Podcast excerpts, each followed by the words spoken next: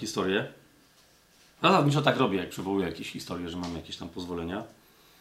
Albo je tak przywołuję, żeby nie trzeba było mieć pozwolenia, ale zapytałem moją żonę, bo to była dosyć specyficzna rozmowa. Dzisiaj, jak jechaliśmy na to spotkanie, i Madzia mnie zapytała, co dzisiaj? Bo ostatnio nawet w rozmowie zasugerowałem, że być może przeskoczymy do listu do Efezjan, ponieważ pewne rzeczy, które są poruszone w liście do Galacjan, też są poruszone w liście do Efezjan i można byłoby wrócić do listu do Galacjan, zacząwszy już list do Efezjan. Ale jednak zdecydowałem, że nie, jeszcze będziemy potrzebowali dwóch spotkań dzisiaj tego studium i w przyszłym tygodniu, żeby dopełnić tematykę listu do Galacjan. Dlaczego? No chociażby dlatego, że ten temat, który chcę dzisiaj poruszyć, jest de facto tematem osią listu do Galacjan, więc czemu by czekać do listu do Efezjan, nawet jeżeli list do Efezjan również go podejmuje. Niemniej, jaką historię chcę przywołać? Bo Macia mnie zapytała, co dzisiaj, na co jej odpowiedziałem, wiesz co, no, nie, no, no powiem ci co dzisiaj, e, ale jak ci powiem, to nie wiem, czy ci co, cokolwiek da, bo, bo twoja reakcja prawdopodobnie będzie taka jak większości chrześcijan, mimo że jesteś moją żoną i mamy wiele tematów przegadanych i tak dalej, i nadal twoja reakcja będzie taka, że co w ogóle, okej. Okay. Więc mówię, dobra, to ci zaraz powiem, tylko widzisz, bo moja decyzja była jaka, że musimy naprawdę wejść głębiej w to zagadnienie.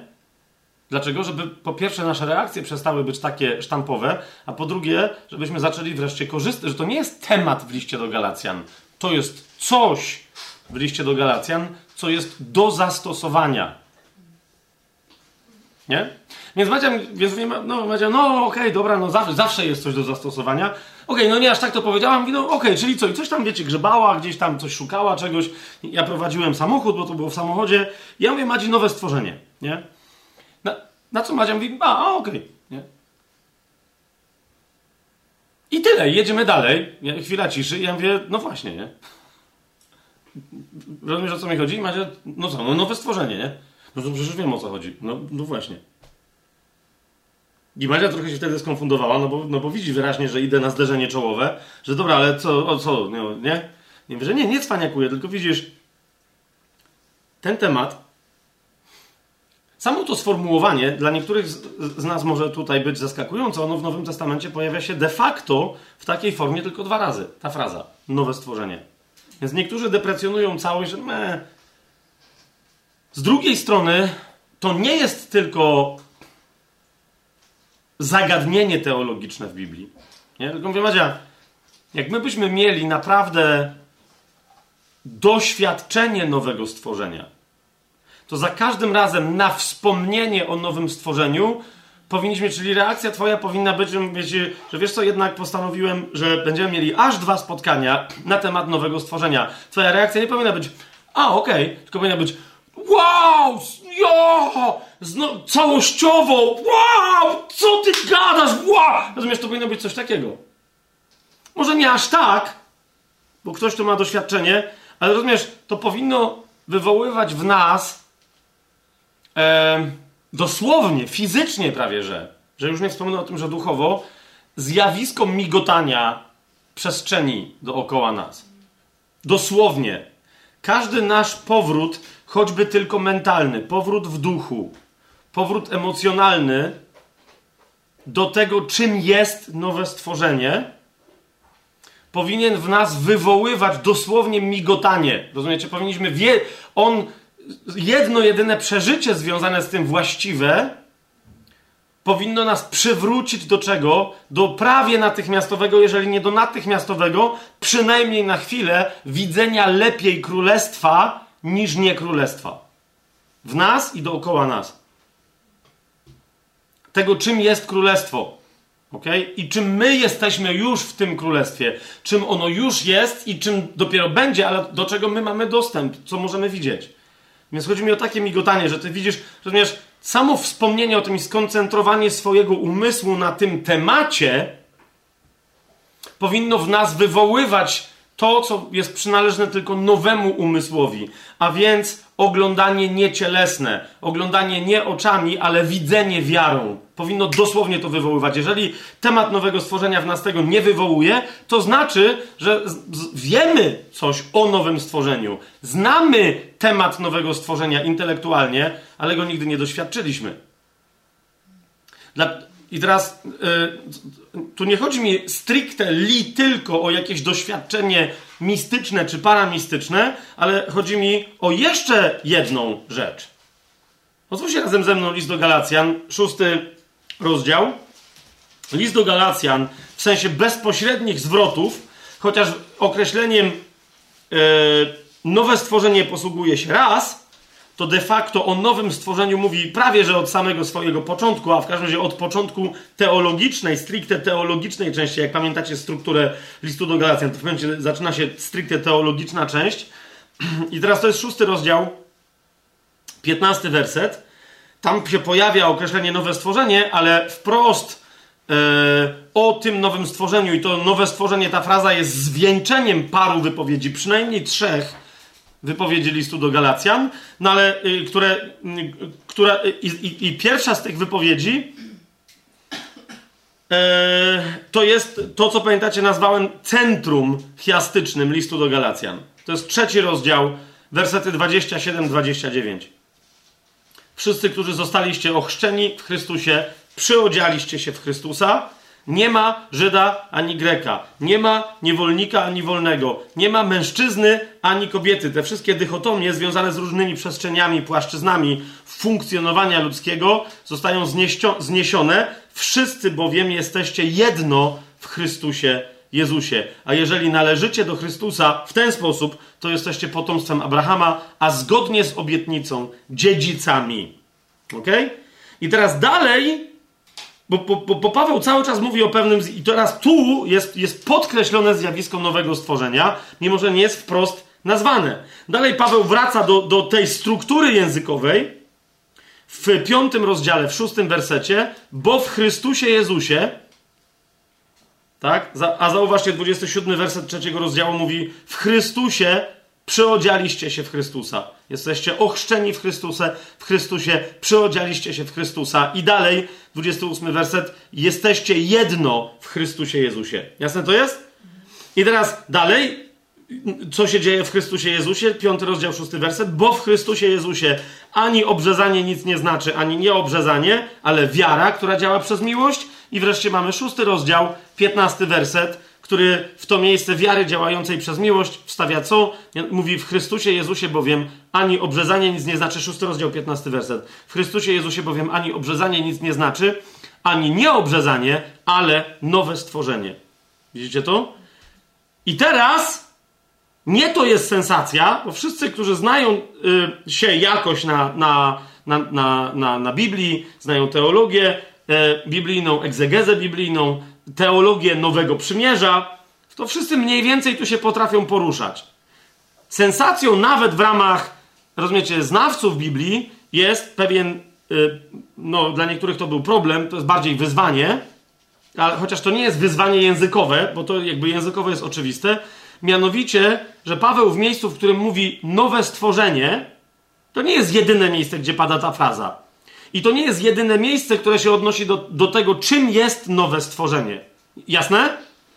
Ale to jest jedyne miejsce, gdzie Paweł na jednym wydechu mówi, że nowe stworzenie nie jest tylko bytem samym w sobie i naturą tego bytu, ale uważajcie, ale że jest zasadą, według której powinniśmy funkcjonować, która będzie nam gwarantować czerpanie z wszystkich korzyści tego, czym jest nowe stworzenie. Zwróćcie uwagę, 16 werset, czyli 15 werset mówi, że nic się nie liczy, tylko nowe stworzenie, a na tych wszystkich, a więc mamy dalszą część zdania, a na tych wszystkich, którzy według tej zasady postępować będą, pokój i miłosierdzie i na Izraela Bożego. Według jakiej zasady? Zasady nowego stworzenia. My dzisiaj o tym więcej nie będziemy mówić, E, chociaż nie wiem, czy w ogóle będziemy się jakoś wielce rozgadywać, bo od końca XIX wieku, e, kiedy ktoś na to zwrócił uwagę jaśniej, a ktoś inny powiedział, no może nie o to chodzi, że to jest zasadą, to wtedy się odbyła debata, która się odwołała de facto do rozumienia tego fragmentu bardzo starożytnego, do pierwszego, y, drugiego i trzeciego wieku. Więc, jak mówię, od końca XIX wieku lingwistycznie mamy rozwiązaną tą niby zagadkę. Czy mianowicie, kiedy Paweł mówi że o, o stosowaniu jakiejś zasady, to czy rzeczywiście chodzi o to, że tą zasadą jest nowe stworzenie? Tak? I wielu znawców do, mówi, że no dokładnie tak. Dokładnie o to chodzi. Nowe stworzenie jest zasadą, regułą. Zaraz jeszcze powiemy, czy ta zasada rzeczywiście jest zasadą, bo tu się dopiero zaczynają fantastyczne elementy. Ale najpierw to jest to. A więc rozumiecie, w momencie, kiedy, kiedy, kiedy, kiedy ja mówię, będziemy teraz, dzisiaj i następnym razem rozważać nowe stworzenie, to będziemy rozważać to, to czym jest nowe stworzenie, tak? jaką ma naturę to, co jest nowym stworzeniem, oraz co to znaczy, że to nowe stworzenie jest zasadą. Tak? Bo, bo zwróćcie uwagę, na tych wszystkich, którzy będą, szósty rozdział listu Galacjan, szesnasty werset, werset, na tych wszystkich, którzy będą postępować według tej zasady. Pokój i, i miłosierdzie i na Izraela Bożego. Jeszcze dodam dodatkowo, że jeżeli ktoś z was ma, z nas, ma na sercu, ja wiem, że wszyscy mamy, i z wszystkich chrześcijan, jeżeli ktoś szczególnie, wszyscy powinni mieć, nie wszyscy mają, ale ci, którzy świadomie mają na sercu sprawę Izraela etnicznego, potem jest pytanie, czy tu jest mowa o Izraelu etnicznym, gdy jest mowa o Izraelu Bożym. Okej, okay, to jest następna sprawa. Według mnie to nie jest tak, że jeżeli tu nie ma mowy stricte o Izraelu etnicznym, to że nie ma w ogóle mowy o Izraelu etnicznym. Tak? Bo Izrael Boży przynajmniej w części musi się składać z tak zwanej resztki Izraela, która jest resztką etnicznego Izraela. Czy ja dalej mówię tak, że wy rozumiecie o co mi chodzi, czy się. Okej, okay, nie? Więc tu nadal chodzi o Izraela etnicznego też. Może nie w całości, ale przynajmniej w części. A jeżeli w części, no to w takiej, jaką się da uratować z całego Izraela, a więc być może, być może jakimś cudem może chodzić o całego Izraela. Tak? W każdym razie, ta zasada mówi o tym, że kto będzie według niej postępować, ma pełny pokój i miłosierdzie, a w pewnym sensie, gramatycznie rzecz ujmując, jeszcze raz mnie nie będę w to wchodzić, nie, jakby, to nie jest tylko tak, że na tych spada pokój i miłosierdzie i na Izraela Bożego, ale że powiedziałbym, że przez to, że są tacy, którzy na siebie sprowadzają pokój i miłosierdzie w pełni, to ci sprowadzają ten pokój i miłosierdzie na Izraela Bożego. Ok? Jeszcze raz, nie będę teraz wchodzić w gramatykę tego zdania, ale jeszcze raz, zobaczcie, ani obrzezanie, ani nieobrzezanie nic nie znaczy. Obrzezanie to znaczy przynależność de facto, rozumiecie, do prawa mojżeszowego, a więc do, nawet niekoniecznie będąc z urodzenia Żydem, do Izraela etnicznego, wyznającego religię judaistyczną. To jest obrzezanie. Nieobrzezanie jest bycie nie Żydem. Nie nale- jest, oznacza nienależenie do Izraela etnicznego. Tak? A Paweł mówi, zauważcie, czy ktoś jest Żydem, czy nie jest Żydem, czy chce się stać Żydem, czy nie chce się stać Żydem, to nic nie znaczy, ponieważ to, co ma znaczenie, to jest tylko nowe stworzenie. Widzicie to, 15 werset? A nowe stworzenie nie jest tylko faktem, ontologicznym, czyli odnoszącym się do Twojego faktycznego stanu, bycia, zasady, na podstawie której istniejesz, ale to jest też zasada funkcjonowania, dzięki której, będąc nowym stworzeniem, możesz mieć cały czas pełny pokój i miłosierdzie, a przez to, że Ty będziesz mieć pełny pokój i miłosierdzie, przez to będzie go też mieć cały Izrael Boży. Ok? Więc rozumiecie, powiedziałbym, czujecie, co się dzieje? I teraz jest pytanie, czy my rzeczywiście jako chrześcijanie doświadczamy czegoś takiego? Ja na końcu dzisiaj mam napisane, na końcu tego dzisiejszego studium, zasada nowego stworzenia z Galacjan 6, 15, 16. Mam to dosłownie, mam to napisane dużą. Widzicie, widzicie, jaką małą literą tu napisałem. A tu teraz powiem jak Paweł, zobaczcie, jaką dużą literą tu napisałem. Nie, żebym bez okularów to pisał, tylko specjalnie. Zasada nowego stworzenia z Galacjan 6, 15, 16. Nie? Czyli w ogóle zasada nowa, ale wyrażona w tym, Galacjan, że jest zasadą w Galacjan 6, 15, 16, mam napisane tutaj i podkreśliłem sobie jeszcze trzema kreskami. Ta zasada, czyli postępowanie według tej zasady, uważajcie, gwarantuje, gwarantuje, po pierwsze, wolność od starego człowieka, łamane starego stworzenia w całości. Rozumiesz? Czyli zachowasz zasadę nowego stworzenia i to ci gwarantuje bezbolesne, bez żadnej walki, uwolnienie i trwanie w wolności od starego człowieka i w ogólności od całego starego stworzenia. Całej starej natury wszystkiego. I dwa, gwarantuje ci, po drugie, pewność wzrostu nowego człowieka na co dzień. To ci gwarantuję. I teraz ja wiem, że teraz zabrzmie trochę jak wiecie, jest więcej. Jakbym coś reklamował, rozumiecie, ale, ale tak, to jest gwarancja bezwysiłkowa. No nie wiem, jak to mam inaczej powiedzieć. Czyli skoncentrowanie całego swojego wysiłku. Teraz jest pytanie, czy w ogóle musisz jakiś wysiłek koncentrować.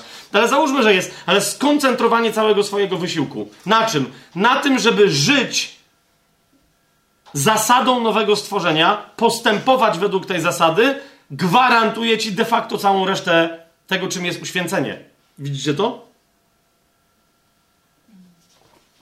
Teraz, więc widzicie, e, jak, jak, jak, jak mówię nowe stworzenie, to powinno się w tobie odezwać co entuzjazm człowieka, który żyje tą zasadą i mówi: No, to jest jedyna rzecz, o którą chodzi. Yes, sir! A my nie mamy takiej reakcji, tylko jest, będziemy dzisiaj mówić o nowym, o nowym przymierzu, o nowym stworzeniu. Przepraszam. I wszyscy. Mhm. To jest bardzo. To jest dojmujący temat. To jest ważka sprawa. Dla niektórych nowe stworzenie to jest, wiecie, to jest taki. Porozmawiajmy o nowym stworzeniu. Nie? Kiedyś dosłownie miałem taką rozmowę i właśnie to zauważyłem, że ktoś mówi, ach, będziemy tam, wiesz, pić mleko, porozmawiajmy o rzeczach nie? Porozmawiajmy o nowym stworzeniu. I to miała być rozmowa teologiczno, filozoficzno, ontologiczno, epistemologiczna. Sprawdźcie sobie, co to jest epistemologia, nie będę teraz tego, ale rozumiecie, o, o, o bycie, o wartościach, o... E... No okej, okay, wszystko fajnie, ale jakby to... Nie o to chodzi.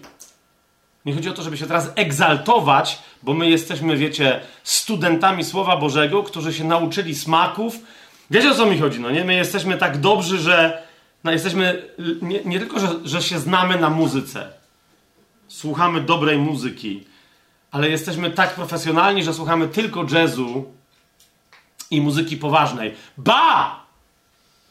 Nie? I bo dla niektórych to jest nowe stworzenie, to jest takie, wiesz... My czasem mamy wieczór, tak wiesz, że się spotykam, wieczór konesera, słuchamy wtedy dobrego jazzu atonalnego. I wtedy wszyscy, o, okej. Okay. To już wtedy należy powiedzieć, to na tym to już się, na tym to się nie znam. To już tak daleko się nie zapędziłem. Ale wiesz, to jest, rozumiesz, że to jest nowe stworzenie. Rozumiesz, o co chodzi? Tak? Taki temat w Biblii, to rozważamy. Albo więc ludzie podchodzą do tego prostacko i mówią, a, nowe stworzenie, czyli my jesteśmy, a, okej, okay, idziemy dalej, no nie? Albo to jest temat, nie, nie, nie rozumiesz o co chodzi, i wtedy to jest temat, wysublimowany temat do egzaltowania się teologicznego w Biblii. To jest w ogóle co innego. Po pierwsze, to jest realne doświadczenie, które, rozumiesz, jeżeli zaczynasz je mieć, naprawdę powoduje, że ślepniesz fizycznie, ale zaczynasz mieć przebłyski, przynajmniej, albo czasem stałe. Dla niektórych wręcz, ja nie będę teraz w to wchodził, chociaż może dzisiaj trochę tego sięgnę, ale mówię wam, wejście przez słowo, przez wiarę w temat, w zagadnienie zasady nowego stworzenia, znam osoby, nawet mam wrażenie, że ja raz czy drugi miałem taką sytuację, ale po prostu o, może otworzyć ci wizję, która będzie nie e, wytworem Twojej wyobraźni pod wpływem ducha, ale będzie czymś, co się nazywa w mistyce czy, e, czy w teologii profetycznej, biblijnej i tak co się nazywa wizją otwartą. Czyli niezależną od, od Twojego starego człowieka. To nie jest coś, że ktoś zamknął oczy i miał wtedy oświecenie pochodzące od Boga, które sobie wyobraził jako coś. Rozumiecie, o co mi chodzi? I wtedy mówi, że miał wizję czegoś. Nie, tylko będziesz mieć otwarte oczy i przy otwartych oczach dosłownie zobaczysz co innego. Zobaczysz świat duchowy, obecny i przyszły. Dosłownie możesz mrugać oczami, możesz przecierać i będziesz widzieć przez jakiś moment trwający lepiej to, co jest prawdziwe, bo duchowe, niż to, co, co jest, co jest yy, doczesne i co szczeźnie w związku z tym, co zanika. Dosłownie fizycznie będziesz mieć wizję, lub też możesz nie mieć wizji, bo niektórzy też trochę wiecie, myślę, że ograniczają kwestie wizji otwartych do wizji wizualnych. Gdy tymczasem są też rzeczy, które ciężko nazwać wizjami, no ale jak to nazwać? Możesz mieć otwarte słuchowisko, nie wiem jak to inaczej nazwać. Dosłownie słyszenie nie tej rzeczywistości, które słyszenie głosu Bożego i tak dalej, dosłownie prawie fizyczne, tak? Lub też otwarte doznanie innego rodzaju, nie wizualno-słuchowe, ale rozumiesz, realne doznanie bycia obecnym w królestwie. Więc to jest to, jak ja mówię, nowe stworzenie i ty jak to masz, albo chcesz to mieć, to mówisz wow! A będziemy się dzielić dokładnie tym, jak to osiągnąć. Jak pyk. Jak to mieć na wyciągnięcie ręki, bo to jest jedna z rzeczy, o których list do Galacjan to jest interesujące. Nie mówi do Galacjan, tylko mówi, że już im to było powiedziane i czemu byliby aż takimi kretynami, żeby z tego rezygnować, a wchodzić pod prawo, które już pomijam, że niczego nie może, to jeszcze jest nudne. Jest nud, to jest nud, nuda. Nuda! Nie, to nie taka nuda, że wiecie, jak w filmach Bergmana, no nie? Starych, czarno-białych, że stoi człowiek.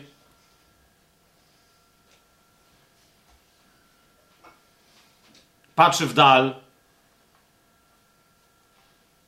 Po jakiejś minucie, wiesz, takie, to jest tyle. Nie, no, ale nie to, że w japońskich filmach jeszcze czasem zawieje wiatr, czy dym przeleci, czy jakiś deszcz spadnie. To nie nic, nic. Po prostu jest człowiek i fakt nawet, że ty wiesz, jak mówi klasyk, że on czeka na zboże, jeżeli wiecie do jakiego klasyka nawiązuje, to jak nic nie zmienia, bo myślisz, aha, on czeka na zboże, no ale i co? Nawet gdyby w tym momencie, nie wiem, rozumiesz, prawo, poza tym, że nic nie może, jest bardziej nudne niż ta scena, gdyby się miała ciągnąć w czarno-białym kolorze przez 16 minut. Taka.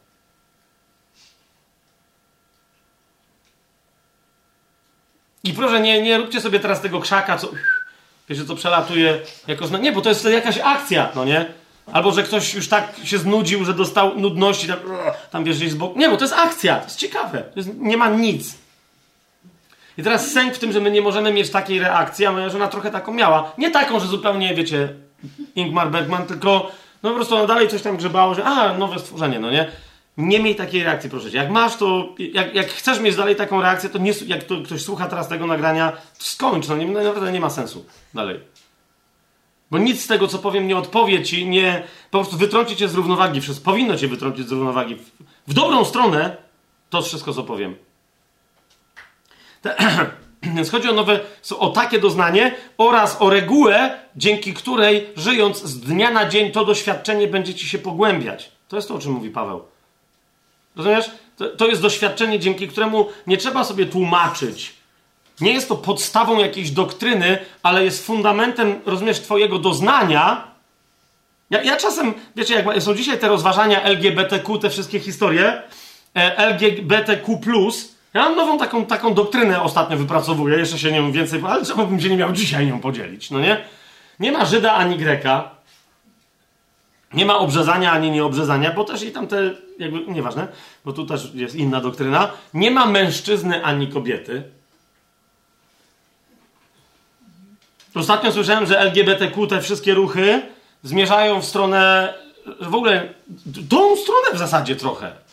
Karykaturalnie, ale jednak. No, nie chodzi o to, że, że, że ktoś był męskim męskim czymś, a w ciele męskim, a czuł się kobietą i potem przeszedł. Chodzi o to, no im tam cały czas chodzi o to, że nie ma płci, no nie? Ale że jest jakaś fizykalność, są binarności, antybinarności, abinarności, whatever. Chodzi mi o to, że na końcu ja taką doktrynę powoli wypracowuję, że jest LGBTQ, ale na końcu jest plus. Wiecie o co chodzi, no nie? Że plus, że tam się dodaje te wszystkie literki na różne dziwactwa. Ale ja chcę powiedzieć, że na końcu te, tego wszystkiego, no te literki ci się gdzieś tam skończą na Z, potem się możesz kapnąć, że jest jeszcze Z i Z, jak masz alfabet polski załóżmy, ale kiedyś nawet się Z kończy i możesz mieć dziwne jeszcze jakąś literę typu symbol jakiś dolar, czy symbol euro. Wiecie o co mi chodzi? funta brytyjskiego, ale nawet to ci się skończy i tam nadal jest jeszcze jeden plus, którym jest krzyż. A on kończy całą tematykę, która się zaczęła od LGBTQ. Jak kończy? Tak, że jesteś kompletnie nowym stworzeniem, uważaj, które nie jest ani Żydem, ani Grekiem, ani obrzezańcem, ani nierzezańcem, ani mężczyzną, ani kobietą. I już teraz. Fajnie by było, próbowałem to wywołać, ale nie da się. Jakby mi teraz oko tak zaczęło latać, tak nerwowo. Tak, o, o, wiecie o co mi chodzi? Ale, ale popatrzcie, gdzie my, ale zobaczcie, gdzie my jesteśmy i zobaczcie, co docelowo diabeł będzie próbował, już próbuje atakować. To jest jego ostateczny cel. Wiecie co?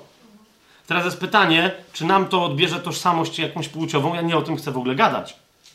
Ale z drugiej strony, w pewnym sensie, to jest dokładnie to, o czym bym chciał rozmawiać.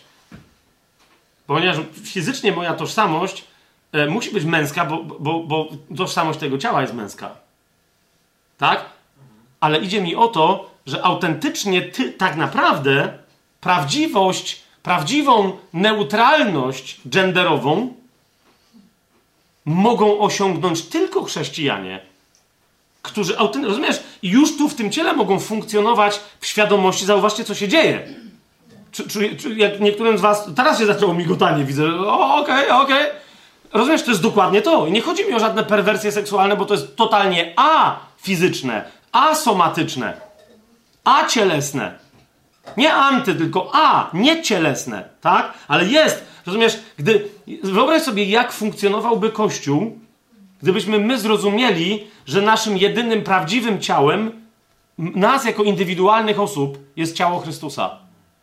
A to jest, rozumiesz, a to jest ciało, które ostatecznie nie jest ciałem, które umarło na krzyżu, ale jest ciałem zmartwychwstałego Chrystusa, które nie jest ciałem ani męskim, ani kobiecym. Jest ciałem, w którym my następnie też wszyscy indywidualnie będziemy funkcjonować w zmartwychwstaniu, ale rozumiesz, to jest coś zupełnie innego, wolnego od tendencji rozdziału, rozdziału płciowego, bo ani się będą żenić, ani za mąż wychodzić. A więc będziemy funkcjonować fizycznie, ale na zasadzie duchowej, a cielesnej. I teraz sęk w tym, że do tego umysłu, do tego sposobu myślenia, do tego sposobu postrzegania, do tego sposobu widzenia rzeczywistości, rozumiecie, my mamy dostęp teraz, to jest część zasady nowego stworzenia. Rozumiesz, że ty możesz się poruszać w świecie jak sam we własnej osobie. Zaznaczam ten wyraz jak, żeby potem ktoś się nie przywalił, nawet z was niepotrzebnie, sam się nie przywalił do czegoś, nie przylgnął i nie wytworzył jakiejś dziwnej doktryny, ale tak, my dlatego możemy się poruszać w tym świecie jak Duch Święty. Jak Hagia Pneuma, święta ducha. Ducho święto. Chodzi mi o to, że Duch Święty nie jest onem, onym, oną. To znaczy jest on, kto się narodził z ducha, jest duchem. Łapiecie, co jest grane? Więc ty, kapujesz, kiedy ty myślisz dalej o duchowych rzeczach jako mężczyzna, a nie jak mężczyzna, jako kobieta, a nie jak kobieta, to masz problem. Hmm? Jak wychodzisz z myślenia jako, a dalej myślisz jak, bo tu mówię, nie, ja duchowo nie jestem mężczyzną, ja duchowo nie jestem kobietą, ale dalej myślisz jak mężczyzna, czy jak kobieta, to nadal źle myślisz. I to jest potężna część myślenia, od której musisz się wyzwolić. Nie jesteś ani tym, ani tym. Docelowo, kompletnie, nie będziesz w ogóle, nie będziesz mieć nawet takiego doznania. Ale teraz w pierwszej kolejności nie jesteś mężczyzną ani kobietą. To jest część tej zasady. Wyobraźcie sobie, jakby to było wolne, przeżywać typowo kobiecą fizycznie rzecz, albo typowo męską fizycznie rzecz, czy duszewnie, z punktu widzenia ducha, który nie jest mężczyzną ani kobietą. I teraz jeszcze raz, kurde, gdzieś ja to daleko, ale, ale, bo próbuję, wiecie, was obudzić do tego, bo ja nie będę teraz o tym mówił, ale wiecie, po zachęcić, zainspirować do, do tych rozważań, które teraz są przed nami, bo nie zaczniemy od tego. Ale dla, no rozumiecie, najprostsze, najbardziej zdawałoby się trywialne, czasem najtrudniejsze rzeczy, takie codzienne, dokładnie z tego wynikają.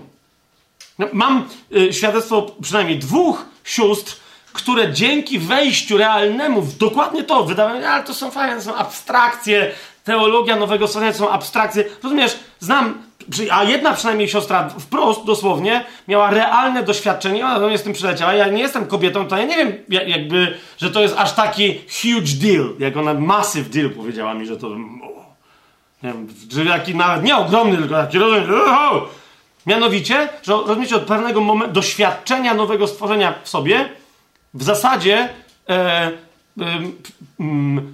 jej okresy stały się bezbolesne. I teraz jakby ja nie wiem, jakby co to zna, a on miała wcześniej zasadnie, wiecie, jakieś leczenia w związku z tym związane, coś tam, wycięte e, czasem tydzień czy nawet półtora tygodnia w miesiącu z życia i tak dalej. I dla niej, rozumiecie, wejście w to docelowo spowodowało, że rozumiecie, czyli mówiąc najprościej, teraz psychosomatycznie, że się tak wyrażę, doświadczenie, kim naprawdę jest w pierwszej kolejności, przede wszystkim i wyłącznie, czyli że jest duchem, jest nowym stworzeniem, spowodowało przemianę jej fizycznego doznawania czegoś tam, w tym wypadku typowego dla kobiety. Znam paru braci, sam też być może się na, następnym razem, być może tam pewną myślą podzielę. Jest, to jest ciekawe, że jak y, się rozmawia, jak mówię mężczyznom o kobietach, że tam jest na przykład, wiecie, typowe dla kobiet, na przykład jest takie, że my nie wiemy, nie mamy pojęcia na ten temat, to jest co? To jest na przykład okres i wszyscy no okej, okay, rzeczywiście, to nie mamy pojęcia na ten temat. E, nie będę teraz, wiecie, jakby się rozwodził na ten temat, ale wiecie, co jest odpowiednikiem takiego męskiego tematu, jakby takie, takiego, co jest męskim odpowiednikiem takiego kobiecego tematu? No, będzie ciekawe dla niektórych z Was, może odkrywcze. Czyli co jest takie bardzo kobiece? No okres nie jest jedyną taką typowo kobiecą rzeczą, do której mężczyźni nawet po prostu nie są w stanie e, się zbliżyć wyobrażeniowo. No bo na przykład taką rzeczą jest też poród, bycie w ciąży, jest dużo, nie? Ale ciekawe, że na tym samym poziomie pseudozrozumienia, czyli niezrozumienia, co u kobiet okres, uważajcie, z drugiej strony znajduje się męska porządliwość. No, jedna siostra za... Hmm, to jest oświecające, nie? Ale to jest jedna z rzeczy, które jest ciekawe, jak kobiety często sobie uzurpują prawo do rozumienia, co to jest, a nie macie na ten temat najmniejszego pojęcia. I dlatego Pan Jezus do kobiet, w ogóle Biblia do kobiet na ten temat w ogóle nie mówi. Dlaczego? Bo to nie jest wasz problem. A mówi do mężczyzn, bo to jest problem. E, to, to, nie, to, jest, to jest nasz problem, znaczy jako mężczyzn. I teraz znowu, wielu mężczyzn tu z tym po nowonarodzeniu i tak dalej, z, tym ma problem. I, i, I, bolesny. I to jest ból, dosłownie, czasem fizyczny, nie będę teraz w to wnikać. Ale teraz co się dzieje? Więc teraz, okej, okay, teraz, teraz do braci trochę przemówię, wyobraźcie sobie coś takiego. Nie? Uwolnienie, nie, nie zupełnie od tego, bo te, kiedyś jak zacząłem o tym mówić, to jeden gość do mnie przyszedł i mówi, Fabian, to ja nie chcę nowego stworzenia w moim życiu. Mówię, okej. Okay. E, ja myślałem, że wiecie, jakieś głupie, a on mówi, stary, no bo co mi się ma, żona nie podobać? To jakby to... Więc będę teraz precyzyjny w tym, co wiem. Wyobraź sobie takie przeżywanie duchowe tego, że się jest nowym stworzeniem, że cię uwalnia od tego wszystkiego, co stanowi problem w pożądaniu typowo męskim. Teraz na facetów patrzę, wie, wiecie o co mi chodzi? Czyli nie kompletnie uwolnienie od tego, że po prostu, że ci się żona podoba, że coś tam, że ją bardzo chętnie weźmiesz za rękę, a za nogę zaciągniesz do łóżka. Dobra, żartuję teraz. E, ale, ale, ale uwolnienie od tego, co w ramach tego naturalnego i nie wcale złego pociągu, rozumiecie o co mi chodzi? Co zaczyna się stawać problemem dla każdego mężczyzny. Nie? A właśnie Pan Jezus facetom mówi, jeżeli porządliwie mężczyzna spojrzy na kobietę, to, to już się u niego zaczyna cudzołóstwo. Załóżcie, takiego problemu nie ma u kobiet i nawet nie ma co tłumaczyć kobietom, dlaczego tak jest. Bo potem y, najlepsze, że wiecie, że są feministki chrześcijańskie, które krzyczą, że to jest jeden z seksistowskich fragmentów w Biblii, bo co, bo my niby czegoś takiego nie mamy? No nie. No jakby, no to jest tyle. No, no nie. To, to jest tak, jak ja bym wyszedł i krzyczał, że, że co to jest, że porównywanie, no, odnoszenie się do, tylko do kobiecych doświadczeń, że to jest tak, jak kiedy kobieta rodzi dziecko, a co, my nie mamy takich doświadczeń? No nie, no nie mamy. No nie. Ostatnio ponoć jakaś Polka, polska posłanka się strasznie zacietrzewiła i się zarzekała, że istnieją biologiczni mężczyźni, którzy urodzili dzieci z lewicy, i nawet na lewicy tam niektórzy wtedy, jakby wiecie, Tak sobie, bo ja nie, nie widziałem tego, na, ale ponoć ona to gdzieś w telewizji mówiła i tak sobie wyobrażam, że jak tam stał z nią, stał z nią jakiś tłumek innych posłów, to oni wtedy, wiecie, wyszli poza kadr, że jakby, okej. Okay, yy. Bo ja rozumiem, że są jakieś operacje, wiecie, że kobieta biologiczna przechodzi tam te jakieś operacje i ona jest, załóżmy, że trans mężczyzną, no ale nadal w środku jakby wszystko ma kobiece, wiecie o co mi chodzi. Jak biologicznie mężczyzna miałby czym urodzić? Uchem? No jakby weź, weź. Więc po prostu są pewne rzeczy, które przynależą do. Nie mówimy teraz o żadnych genderach, tylko mówimy o seksach. Mówię teraz o języku angielskim, nie mówię o płciach nie, nie biologicznych, tylko o biologicznych. I biologicznie, no po prostu istnieją pewne różnice, i jednym z elementów tej różnicy, biologicznie rzecz ujmując, absolutnie fizycznie, żeby teraz nie było, że tam gdzieś się zapędzam za daleko, u mężczyzn jest to, że z fizjologii męskiej wynikają pewne problemy, także nawet etyczne, związane z porządliwością, ale z fizjologii, dosłownie nie z duszy, tylko z ciała mężczyzny. A ono wpływa na duszę męską tak, że, że, że, ten, że ta dusza może wpłynąć na ducha. Więc jakby, wyobraźcie sobie, że cała masa rzeczy, związanych z tym, że ktoś jest Żydem albo Grekiem, że jest etnicznie pochodzenia żydowskiego albo nieżydowskiego, że przynależy do narodu wybranego z jego obietnicami, albo jest poganinem i nie ma takich obietnic naturalnie, z tego, że jest mężczyzną albo kobietą, że brał udział w takich czy innych obrzędach religijnych, albo że nie brał. Wyobraźcie sobie, że od tych wszystkich rzeczy, które nas wiążą z, z, wszystkim, co jest tym, co postrzegamy dookoła siebie jako, jako stworzenie, ale stare stworzenie, Wyobraźcie sobie, że istnieje zasada, według której kiedy będziemy żyć, to nas od tego wszystkiego uwolni. I nie musimy się zmagać z uwalnianiem się od tych rzeczy, bo ta zasada nas uwolni. Druga rzecz. Jak już was zachęciłem. Hmm? Przyjrzyjmy się samemu temu wyrazowi, bo jest dosyć interesujący. W liście do Galacjan w szóstym rozdziale, w szesnastym wersecie. Mianowicie Paweł pisze tam, a na tych wszystkich, którzy będą postępować według tej zasady.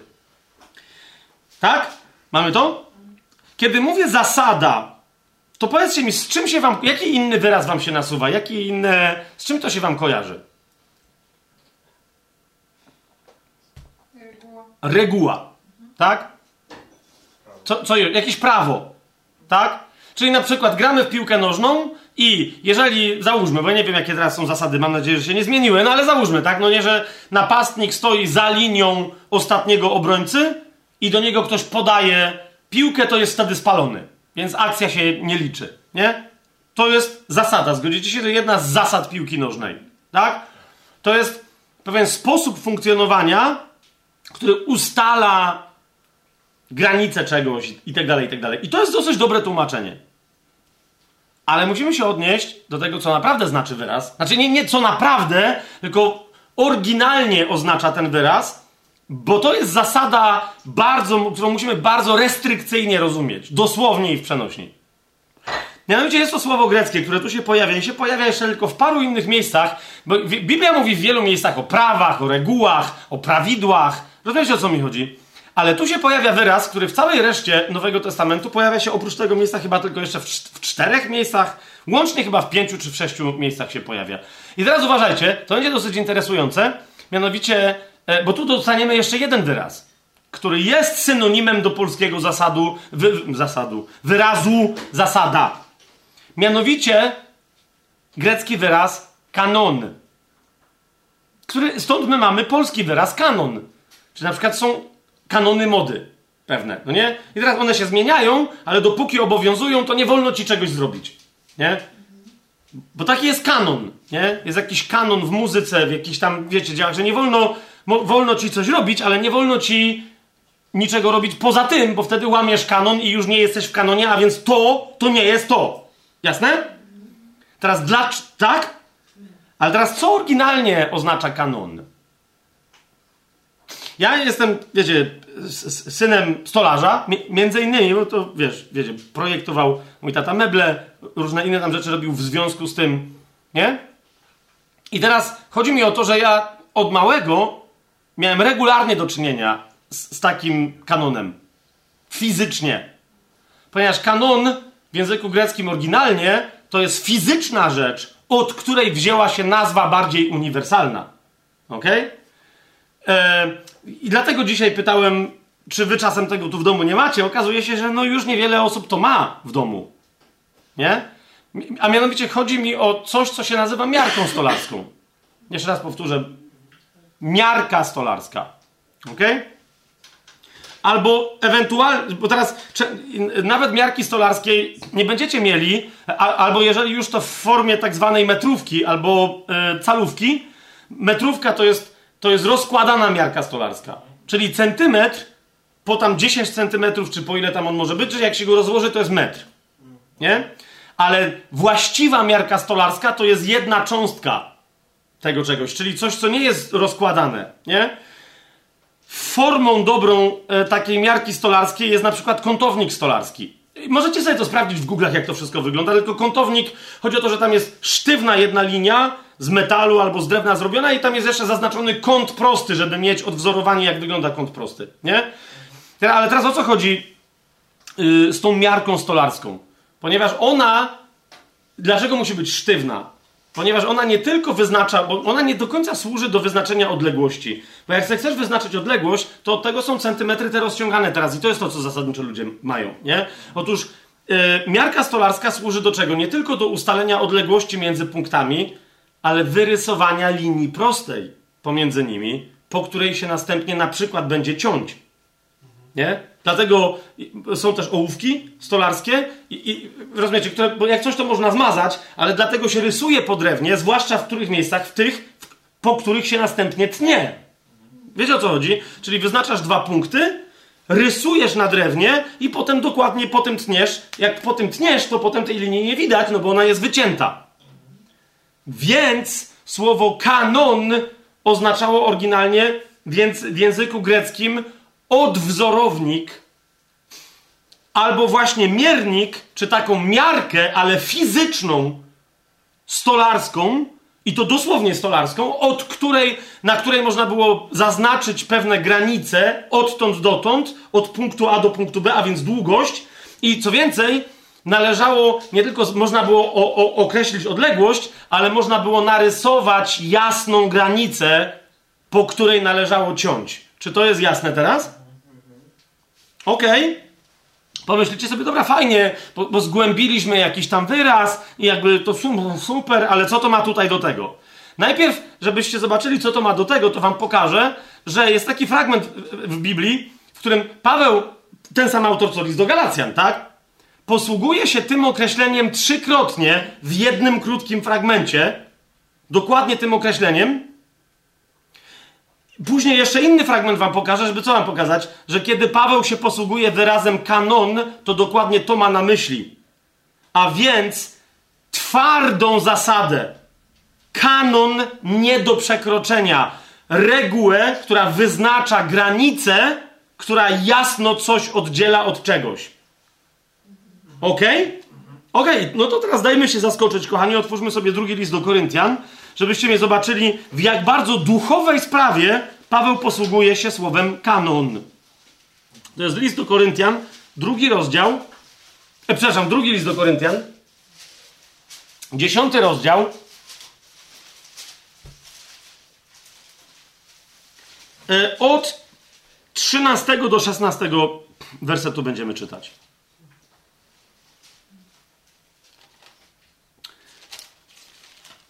Mamy? Okay, to zaraz patrzcie, co się tu dzieje i pomyślcie, co... Załóżcie, ja wiem, że to po polsku jest trochę trudno przetłumaczyć. Zaraz wam powiem, jak, jak myślę, że byłoby trochę klarowniej, żeby ten wyraz, bo to nie jest złe tłumaczenie, żeby to było jasne w UBG. To jest bardzo dobre tłumaczenie. Tylko trochę nie do końca widać znaczenie tego wyrazu zasada, kanon, który nam się potem pojawia jako określenie na nowe stworzenie. Ok, więc to jest drugi do Koryntian, 10 rozdział, od 13 do 16 wersetu. Czytamy tak. Ale my nie będziemy się chlubili ponad miarę, ale według miary zasad, które Bóg nam wymierzył, miary, która sięgnęła aż do Was. Nie przekraczamy bowiem ponad miarę samych siebie, jakbyśmy nie dotarli aż do Was, bo przyszliśmy aż i do Was z Ewangelią Chrystusa. I nie chlubimy się ponad miarę z pracy innych, ale mamy nadzieję, że gdy wzrośnie w was wasza wiara i my wzrośniemy obficie wśród was zgodnie z naszymi zasadami, żeby głosić Ewangelię poza waszymi granicami, nie chlubiąc się na cudzym obszarze tym, czego już inni dokonali. Sami widzicie, że jest tu troszeczkę mowa o jakichś granicach, ale fizycznych wręcz. Nie? Teraz y, ja wam zaznaczę, gdzie się znajduje wyraz kanon. Kanon, czyli zasada. I on, co najlepsze, y, z jakichś tajemniczych powodów, nie wiem naprawdę dlaczego, pojawił się w tym tekście w liczbie mnogiej. A, a on tu nie jest w oryginale w liczbie mnogiej. Ok? On jest w liczbie pojedynczej. W tłumaczeniu pojawił się w liczbie mnogiej, jako zasady. Nie wiem dlaczego, bo, bo nadal mogłaby to pozostać tylko i wyłącznie jedna zasada. Ale wyobraźcie sobie, gdybyśmy zamiast słowa zasada dali coś mocniejszego. Wyobraźmy sobie, że wiecie, że istnieje pewien wzorzec fizyczny, tak jak są wzory miar i wag tam w tej francuskiej, yy, nie? Tam są wzory miar i wag, a więc jest wzór jakiś, ale w sensie fizycznym wzorzec, że tam yy, twierdzisz, że twój odważnik waży kilo, jedziesz tam do tego miejsca, kładziesz to na wagę wraz z czym? Z wzorcem kilograma, wtedy wiesz, że aha, rzeczywiście mam kilogram. Jedziesz ze swoim metrem, dokładasz tam to do fizycznego wzorca metra i wtedy wiesz, czy twój metr to jest metr, czy nie. Jasne to jest? Więc nazwijmy sobie tą zasadę, ten kanon, to, yy, tą, tak, nazwijmy to sobie wzorcem, ale pamiętajcie w głowie, że to jest wzorzec fizyczny. Czy może tak być? To teraz uważaj, to jest ten kanon, zasada, która potem się okazuje być zasadą nowego stworzenia na przykład. W tym wypadku to jest po prostu, nazwijmy to sobie wzorzec. Tak? To jak brzmi ten tekst? I będę teraz czytać od 12 wersetu 10 rozdział. Paweł pisze tak. Nie śmiemy bowiem zaliczać siebie do niektórych, ani porównywać się z niektórymi, którzy polecają sami siebie. Nie mają bowiem rozumu, gdyż mierzą się własną miarą i porównują się sami ze sobą. Miejcie cały czas w głowie jakiś fizyczny centymetr albo coś. Ok? Oni się mierzą własną miarą, porównują się sami ze sobą. Co to znaczy? Że z siebie robią wzorzec. Czegokolwiek. Tak? I oni do siebie przykładają inne rzeczy. Widzicie to?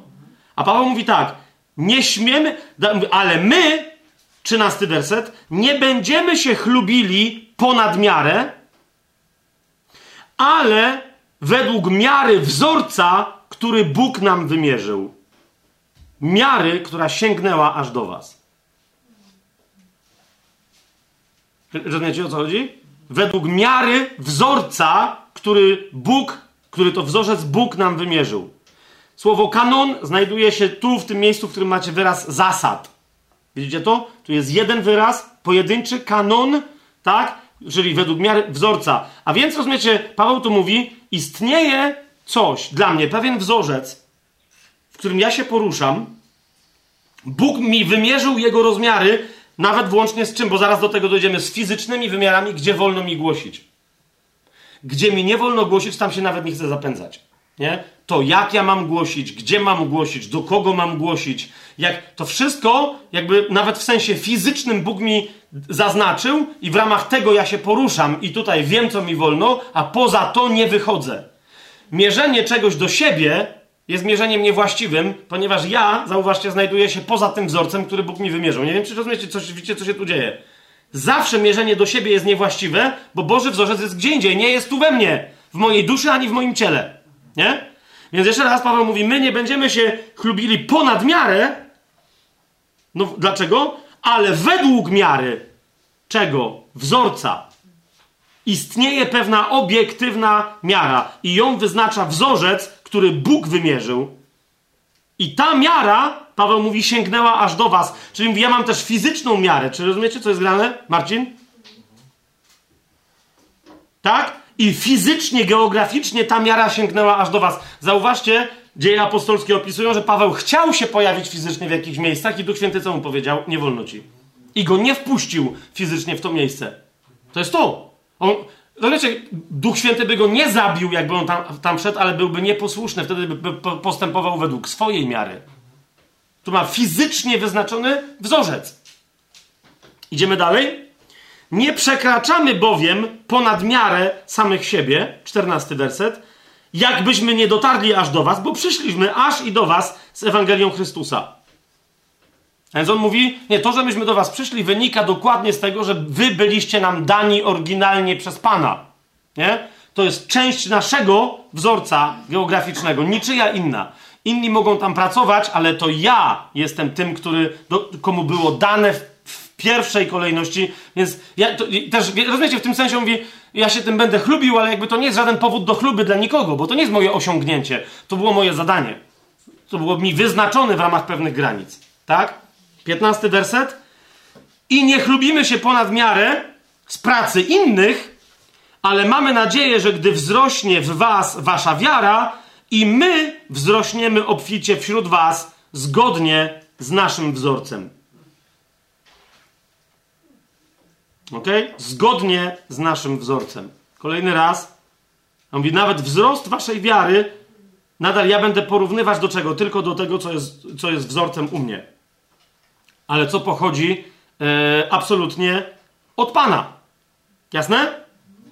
Szesnasty werset, żeby głosić Ewangelię poza waszymi granicami, nie chlubiąc się na cudzym obszarze tym, czego już inni dokonali. Oryginalnie to brzmi, żeby głosić Ewangelię poza waszymi granicami, nie chlubiąc się na cudzym wzorcu tym, czego już inni dokonali. Hmm? To się pojawia po raz trzeci. Widzicie, tu nagle było e, niech, na, na, na cudzych zasadach. Nie? Więc tu ktoś zamienił. Sprawdźcie sobie w oryginale. Tam jest ten sam wyraz kanon. Nie? Więc zauważcie, pojawia się trzy razy wyraz zasada, ale oznacza ona wręcz na przykład geograficzną zasadę. Tu ci wolno, tam ci nie wolno. Tu ty masz głosić Ewangelię, nikt inny. I z tego się możesz chlubić, ale jakby z czego się masz chlubić, jak to było tobie dane jako zadanie? I dlatego Paweł mówi, ja nie będę szedł gdzie indziej jako pierwszy głosiciel, bo to, bo to jest dane komuś innemu. Mam co? Jasny kanon, który mnie odcina od tamtych terenów, po prostu. Ale, mnie, ale jednocześnie daje mi ten teren. Jasne? Popatrzcie teraz razem ze mną jeszcze na list do Filipian, bo to jest jeszcze jedno zastosowanie tego wyrazu kanon, list do Filipian, trzeci rozdział. Tak?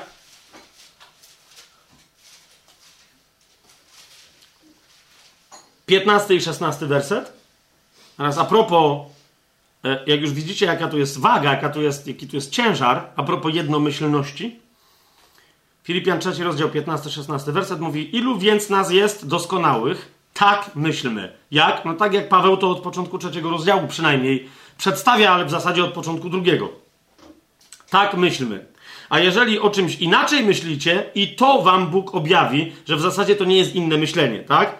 Jednak w tym, do czego doszliśmy, uważajcie, 16 werset, postępujmy według jednego wzorca i to samo myślmy. Postępujmy według jednego wzorca. Istnieje pewna przestrzeń, gdzie my możemy mieć różne, ale rozumiecie, są granice, za które nie wolno nam wyjść. Jak ktoś za nie wychodzi, czyli mamy, rozumiecie, po prostu przyłożone do deski miarę, wzorzec, zakreślone ołówkiem, pod kątem prostym tu, potem tu, słuchajcie, i odcinamy całą resztę, to co zostaje, w tej przestrzeni możemy się poruszać. Tak? Jed, to jest jeden kanon, jeden wzorzec. Jasne? Więc zobaczcie, wróćmy do listu do Galacjan, szósty rozdział. Co tu się dzieje? Jeszcze raz. Szósty rozdział, piętnasty i szesnasty werset. W Chrystusie Jezusie bowiem ani obrzezanie nic nie znaczy, ani nieobrzezanie, ale nowe stworzenie.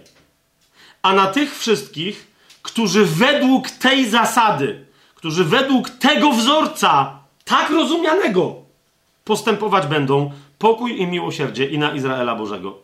Kapujecie? Nowe stworzenie nie jest abstrakcją teologiczną, ale jest zasadą funkcjonowania, jest miarą, która stanowi wzorzec, tak jak fizycznie stanowi wzorzec miara stolarska.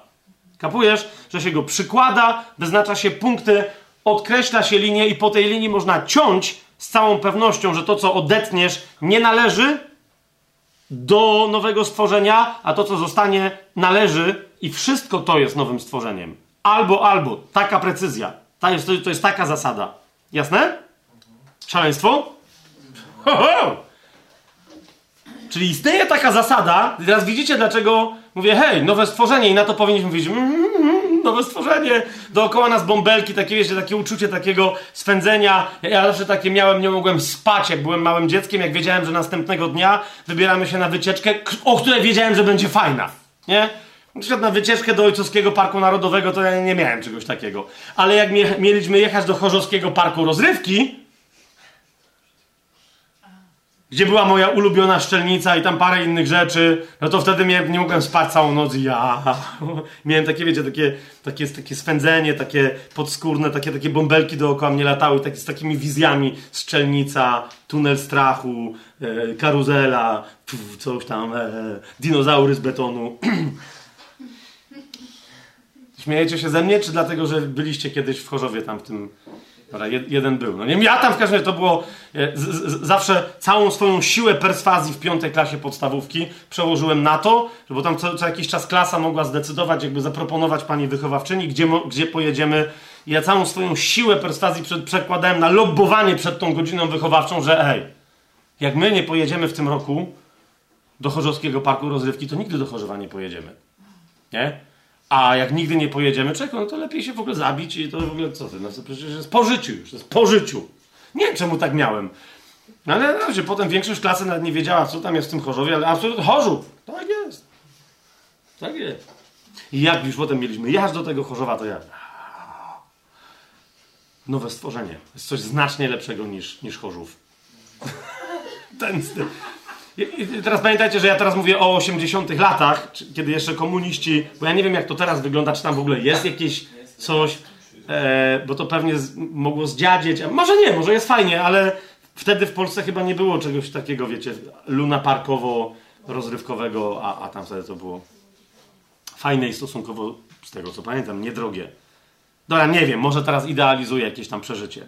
Dobrze, więc, jak już zrobiliśmy wprowadzenie, to teraz się pomodlimy. Może zrozumiecie moją modlitwę, może nie, bo ona będzie bardzo krótka. Na wstępie do dzisiejszego studium, bo to w ogóle było tylko.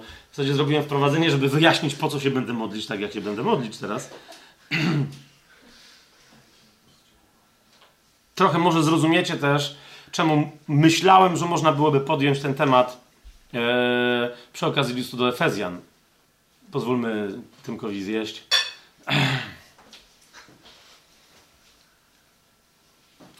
Bo, bo widzicie, nigdzie, tylko w liście do Efezjan, nigdzie nie ma aż dwóch modlitw, nigdzie w Biblii, które de facto, jak się im przyjrzysz, są skierowane na to, i ich celem jest wywołanie, teraz powiem wprost, e, w chrześcijanach pełnej świadomości tego, czym jest nowe stworzenie. Nie, nie, niczego innego, żeby to było jasne. Wiesz, że są dwie modlitwy, które często się cytuje i ludzie potem mówią, o co to tam chodzi. Są dwie modlitwy, które są skierowane na. Paweł mówi, wszystko macie, ale jednego nie macie. I to jest coś, o co ja się za was modlę i zawsze wy się powinniście modlić. O co? O pełną świadomość tego, czym jest w was nowe stworzenie. Sęk tylko w tym, że Paweł w liście do Efezjan nie mówi, nie posługuje się określeniem nowe stworzenie, tylko rozbija to określenie na te wszystkie składowe części, tak? Mianowicie i, i zamiast yy, mówić teraz, co tu się dzieje, to ja się po prostu od razu pomodlę na bazie tych fragmentów, czyli na bazie pierwszego rozdziału listu do Efezjan. Od 17 do 19 wersetu. Pierwszy list, e, pierwszy rozdział listu do Efezjan. Swoją drogą pierwszego listu do Efezjan, bo przecież wiemy dobrze, że w Biblii znajdują się dwa listy do Efezjan. Jeden jawny, a drugi nieco utajniony. Niektórzy tutaj zwykli byli sobie robić żarty, no nie, jak chcieli kogoś wpuścić w maliny, że drugi list do Efezjan, drugi rozdział. Tak, to żart się nie zaczynał od, w momencie drugi list do Efezjan, tylko że ten drugi list do Efezjan ma jakiś drugi rozdział. Tak? Wszyscy wiedzą o co chodzi? Czy drugi list do Efezjan się znajduje w księdze objawienia? jest nie listem Pawła Apostoła, tylko listem Pana Jezusa. Tak, do kościoła efeskiego. I on nie ma dwóch rozdziałów. Ma tylko jeden. No. Więc, ale list do Efezjan, pierwszy list do Efezjan, Pawła Apostoła, pierwszy rozdział, wersety 17 do 19 i ten sam list do Efezjan, trzeci rozdział, od 14 do 19 wersetu. Trzeci rozdział od 14 do 19 wersetu. Ojcze, dzisiaj,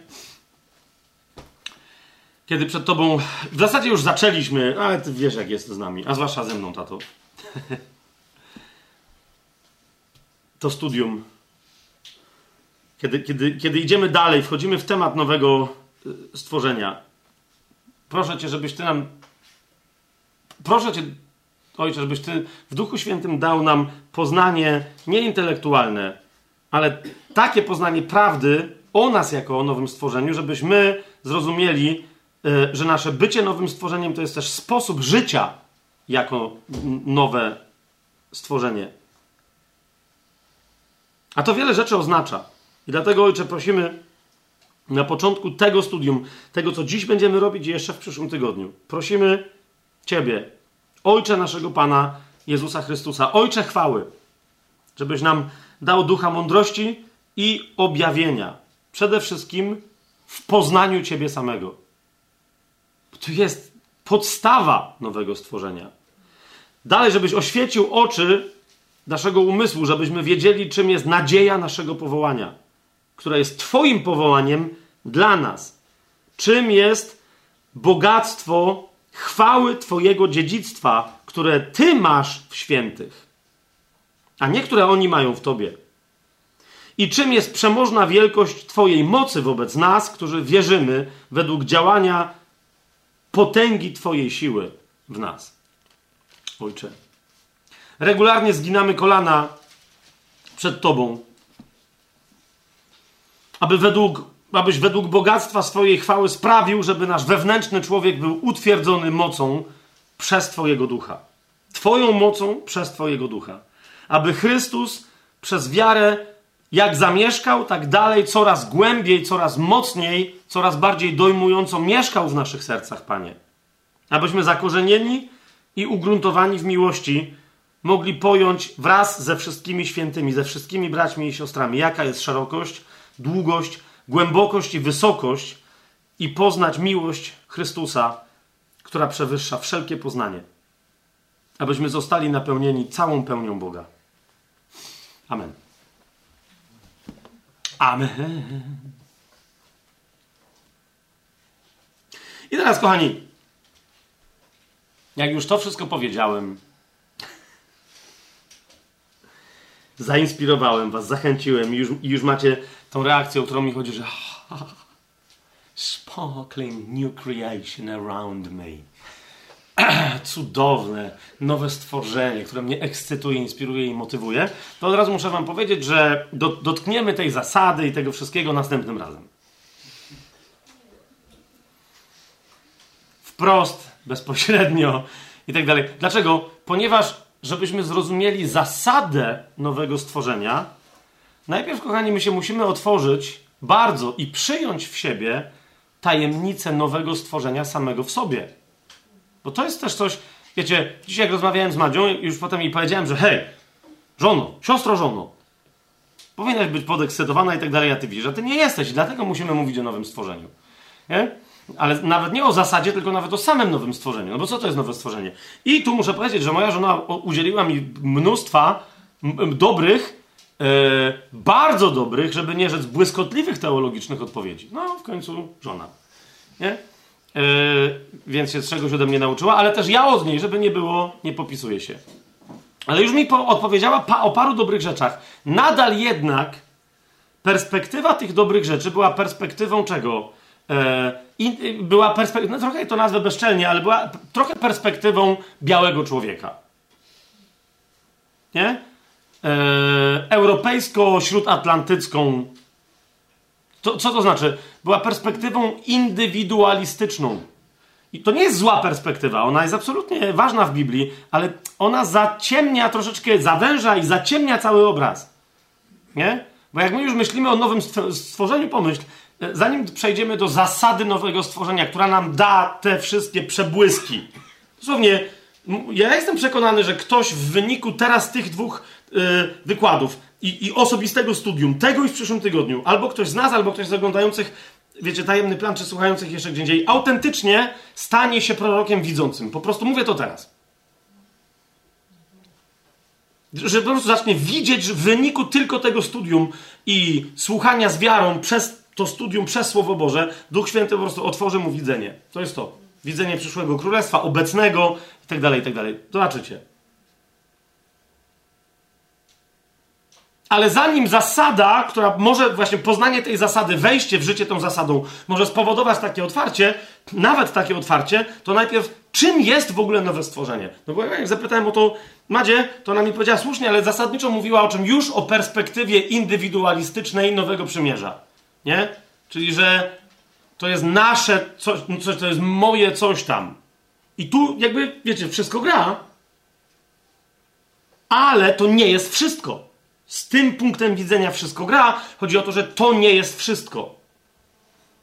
Więc odpowiedzmy sobie na pytanie.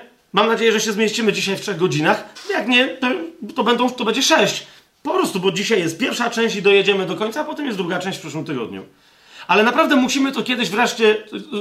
Ja dzisiaj naprawdę oszczędziłem E, oszczędziłem, to nie jest oszczędzenie, ale chodzi mi o to, że powycinałem masę fragmentów. Dlaczego? Ponieważ zdaję sobie sprawę, w jak wielu momentach wcześniej naszego studium, w poprzednich dziesięciu sezonach, w jak wielu momentach fragmenty tego, o czym dzisiaj będę mówił, wyjaśniałem szerzej. Więc my już dzisiaj bazujemy, i moje założenie jest takie, że my tu dzisiaj bazujemy, i to jak my jesteśmy, to ja wiem, że my tu bazujemy na poprzednich dziesięciu sezonach i na jeszcze innych osobistych naszych spotkaniach, innych nauczaniach, nie należących do regularnego tajemnego planu i tak dalej. Jasne to jest?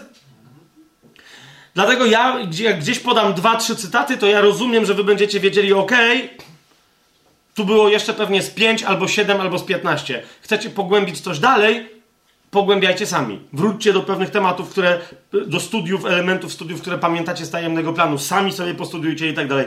Rozumiecie? Niektórych tematów wręcz nie rzucę ani jednego cytatu, tylko rzucę tematy. Raz, dwa, trzy, cztery, bo to będzie założenie na, a propos tych tematów będziemy coś robić w przyszłości, a już sporo zrobiliśmy w przeszłości. Dzisiaj nie ma potrzeby, żeby to wyjaśniać.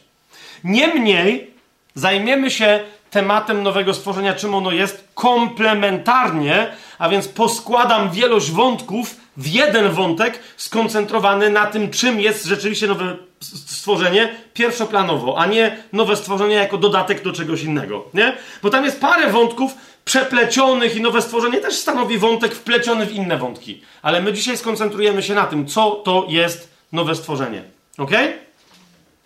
Po pierwsze, miejcie świadomość, że jeżeli mówimy nowe stworzenie, i o tym nie będę teraz mówić, tylko miejcie świadomość, jeżeli istnieje nowe stworzenie, to znaczy, że istnieje jakieś stare stworzenie. Nowe stworzenie jest skontrastowane z automatu ze starym, tak? Czyli, no i teraz stare stworzenie to jest co? No to jest zasadniczo historia, która się zaczyna od pierwszej Mojżeszowej, od Księgi Rodzaju, od Bereshit, od na początku Bóg stworzył niebo i ziemię. Tak? To jest wszystko, cokolwiek się dalej dzieje, to jest, to jest stworzenie. I w odniesieniu do tego stworzenia, do całej tej historii, tego wszystkiego, co tu rozumiesz jako stworzenie, na swoją drogą rozejrzyj się dookoła. Większość tego, co widzisz fizycznymi oczami, to jest dalej kontynuacja tego stworzenia oraz wprost toż stworzenie. Jeżeli ja teraz pukam palcem wskazującym prawej ręki, to jest to stworzenie. To Bereshit pierwszy rozdział, pierwszy werset i tak dalej, Księgi Rodzaju, pukam w to, to to jest stworzenie jakiegoś stworzenia, które, wiecie, to jest cały czas dookoła, to, to co nas otacza, to jest to, co widzimy oczami, to, świat, to światło, natura tego światła, to wszystko to jest to stworzenie, stare stworzenie. Kiedy będziemy mówić nowe stworzenie, to jest wszystko inne niż to. Te rzeczy, które nas otaczają, którymi my jesteśmy i tak dalej, to wszystko, jeżeli będziemy mówić, to, są, to mo, może tylko posłużyć do stworzenia pewnej metafory przenośni porównania, żebyśmy sobie jakoś wyobrazili nowe stworzenie. Ale nowe stworzenie jest czymś kompletnie innym od wszystkiego, co należy do starego stworzenia. Jasność? Fantastycznie. I teraz. W, w, e, nowe stworzenie pojawia się jako zapowiedź w Starym Testamencie. I kochani, kiedy będziemy mówić zasada nowego stworzenia, proszę Was, pamiętajcie o tym, o czym teraz zacznę mówić. W całości o tym wszystkim. Ok? Ja będę się odnosić i tak dalej, ale pamiętaj, bo na końcu e, czym skorupka za młodo nasiąknie, tym na starość trąci. Pamiętaj, nowe stworzenie nie tylko oznacza ciebie jako nowego człowieka w wyniku nowonarodzenia. Ok? Skąd my to wiemy? No z tego, co teraz będę czytać. Spójrz, otwórzmy sobie yy, Izajasza, księgę, no bo kogo? Na początku wszystkich proroków, poza Torą, która niczego takiego nie obiecywała, 42 rozdział, w ósmym i dziewiątym wersecie czytamy: Ja, Jahwe, a jest to moje imię, a mojej chwały nie oddam innemu, ani mojej czci, rzeźbionym posągom. Oto ten, tenże ja, ja Jahwe, co ogłaszam? Oto nastąpiły już pierwsze rzeczy a ja ogłaszam nowe. Zanim się zaczną, daję wam już o nich słyszeć. Ok? Czyli rozumiecie, jest księga Izajasza. Jest? Tak? Jest? I w niej nagle Bóg mówi coś takiego. Były pierwsze, zobaczcie, pierwsze rzeczy. Co to są pierwsze rzeczy? No wszystko to, co, co istnieje w wyniku Księgi Rodzaju. Tak? A Jakwe mówi, a ja teraz ogłaszam zupełnie nowe rzeczy. Jeszcze ich nie ma, ale je ogłaszam. Zwróćcie uwagę, 42 rozdział Izajasza. Teraz oczywiście tu nie ma mowy o nowym stworzeniu wprost, ja wam tylko mówię, że się zaraz pojawi mowa o nowym stworzeniu. Ale ona się zaczyna tutaj. Druga bardzo istotna rzecz, na którą wam zwracam uwagę. Otóż kiedy Pan zapowiada nowe rzeczy, nowe stworzenie, jeszcze nie posługując się tym określeniem, ok? Jest to jednocześnie rozdział, który jest pierwszą z pieśni cierpiącego sługi Jahwe. Czyli zapowiada Mesjasza jako najpierw Mesjasza cierpiącego. 42 rozdział, zauważcie, od początku zaczyna się Oto mój sługa. Oto przedstawiam wam mojego sługę, którego wspieram. Oto mój wybrany, którego sobie upodobała moja dusza. Dałem mu swojego ducha, on przyniesie sąd narodom. I tak dalej, i tak dalej. Widzicie to? I teraz w wyniku tego Jachwę mówi w dziewiątym wersecie, oto nastąpiły już pierwsze rzeczy. A ja teraz ogłaszam nowe. Jedną z tych nowych rzeczy jest zupełnie nie tylko, że Mesjasz, bo to nie jest do końca nowa rzecz, ale to, że ten Mesjasz będzie cierpiący, zwróćcie uwagę, to jest nowość. Tak? Teraz co interesujące, my nie będziemy tego tematu w ogóle rozważać, ale proszę rozważcie go sobie sami, jeżeli poczujecie się wezwani do tego przez Ducha Świętego. Otóż jednym z elementów bardzo istotnych, tematów ogromnych, przynależnych do tematu nowego stworzenia, przynależnych, a więc, rozumiecie, jest, jest zbiór, który się nazywa nowe stworzenie i pod zbiorem tego stworzenia jest co? Pieśń nowa, albo też nowa pieśń. Okej? Okay? Zauważcie pierwsze miejsce, gdzie Pan wprost mówi, że są stare rzeczy, ale pojawią się kompletnie nowe w wyniku stworzenia, tak jak wszystkie stare. W dziesiątym wersecie po dziewiątym Pan mówi: Śpiewajcie Jachwę nową pieśń, Jego chwałę od krańców ziemi. Wy, którzy się w morzu pławicie i wszystko, co w nim jest, wyspy i ich mieszkańcy. Niech podniosą głos pustynia i tak dalej, i tak dalej. Śpiewajcie Panu nową pieśń. Jak zauważycie w Księdze Objawienia, wyrazem nowego stworzenia jest co? Oto zaśpiewali nową pieśń. Śpiewanie nowej pieśni. A temat nowej pieśni w samym Starym Testamencie, chociażby w Księdze Psalmów, e, jest niesłychanie profetycznie rozwinięty. Nie? Więc jeszcze później nie będziemy dzisiaj w ogóle dotykać tematu nowej pieśni i przez niego przechodzić, jakie on ma znaczenie i co tu się dzieje. Ale wam tylko zwracam uwagę, potem jeszcze podsumuję e, parę takich tematów nowych rzeczy, nie? których nigdy wcześniej nie było a które się mają pojawić, albo które się już pojawiły, ale wciąż ich nowość jest nie do końca wypełniona. Więc ja jeszcze je podam, tu wam tylko zwracam uwagę. Ale najważniejsze dla nas w tym momencie jest co? 42 rozdział Księgi Izajasza, 9 werset. Oto nastąpiły pierwsze rzeczy, a ja ogłaszam nowe. Zanim się zaczną, daję wam o nich słyszeć, lub też jak tłumaczy UBG, dam wam jeszcze o nich słyszeć. W Księdze Izajasza w 43 rozdziale jest już wprost powiedziane, dosłownie wprost jest powiedziane o nowym stworzeniu. W jaki sposób? To jest 18 i 19 werset. Otóż Pan tam mówi, również w określonym kontekście, ale on na razie teraz dla nas nie jest taki bardzo istotny, bo chodzi mi na razie o samą zapowiedź nowego stworzenia. Rozumiecie, żebyście zrozumieli? No, jak Paweł mówi dwukrotnie nowe stworzenie, to on ma na myśli kompletnie wszystko to, co teraz rozważamy. Tak? Czyli Pan mówi tak, nie wspominajcie przeszłych rzeczy, na starodawne nie zważajcie. Oto ja czynię nową rzecz i zaraz się pojawi. Czy nie poznacie tego? No, to jest dobre pytanie. Ona się pojawi, ale jej pojawienie się niekoniecznie będzie łatwe do rozpoznania. Ok? Teraz Izajasz 48 rozdział, wersety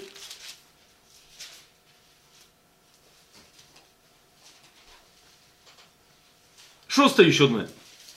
Tam się Bóg nabija z tych, którzy wielbią bożki, uprawiają religię, w ramach których są jakieś figury i tam inne rzeczy. I mówi, że no jedną z takich rzeczy y, dziadowskich w tych waszych religiach jest, że udajecie, że to są bogowie, a co to są za bogowie, jak oni nie potrafią przewidzieć przyszłości. A ja mówię, co będzie w przyszłości i to się staje. Nie? Więc końcówka szóstego... Yy, Szósty werset to jest końcówka tej myśli i przejście do następnej. Mianowicie, słyszałeś o tym, spójrz na to wszystko. Czy wy tego nie opowiecie? A propos tych, że, że nie mówią przyszłych rzeczy, nie, nie przepowiadają przyszłości, e, rzeźbione posągi, ani religie z nimi związane. I na to wszystko dalej w szóstym wersecie Paweł mówi: Teraz natomiast ja już ogłaszam nowe i tajemne rzeczy, o których nie wiedziałeś. W sensie, ty Izraelu i tak dalej. No ty, czytelniku teraz tych słów, ty, proroku, ogłaszam nowe i tajemne rzeczy, o których nie wiedziałeś. Teraz są stwarzane, a nie od dawna. Rzeczy, o których przed tym dniem nic nie słyszałeś, żebyś nie powiedział, oto wiedziałem o tym. Wiecie, co się dzieje? Pan mówi, ja teraz ogłaszam moją wolę i stwarzam rzeczy, o których nawet nikt nie prorokował do tej pory. Jasne? Widzicie? Trzy, można tego więcej zapowiedzi, że będzie nowe stworzenie. Wszystko cokolwiek, gdzieś pojawi się coś absolutnie nowego. Czyli co? Teraz, kochani, pierwsza rzecz, bardzo istotna, podobnie zresztą jak to miało miejsce, zwróćcie uwagę, w oryginalnym stworzeniu. Zamysłem oryginalnego stworzenia, jakby właściwym celem stworzenia dla Boga nie jest co, ale kto, czyli człowiek. Niemniej, zanim pojawia się człowiek, zwróćcie uwagę, dla tego człowieka Bóg stwarza kosmos jako przestrzeń dla siebie i tego człowieka do spotykania się i współżycia, życia ze sobą razem, w miłości, w pokoju, w jedności na wieki. Zgadza się? Bóg stwarza niebo i ziemię, ale to jest jakby myśl, że rozumiecie, żeby człowiek miał wolność ekspresji, wyrażania się i współżycia z Bogiem. Tak?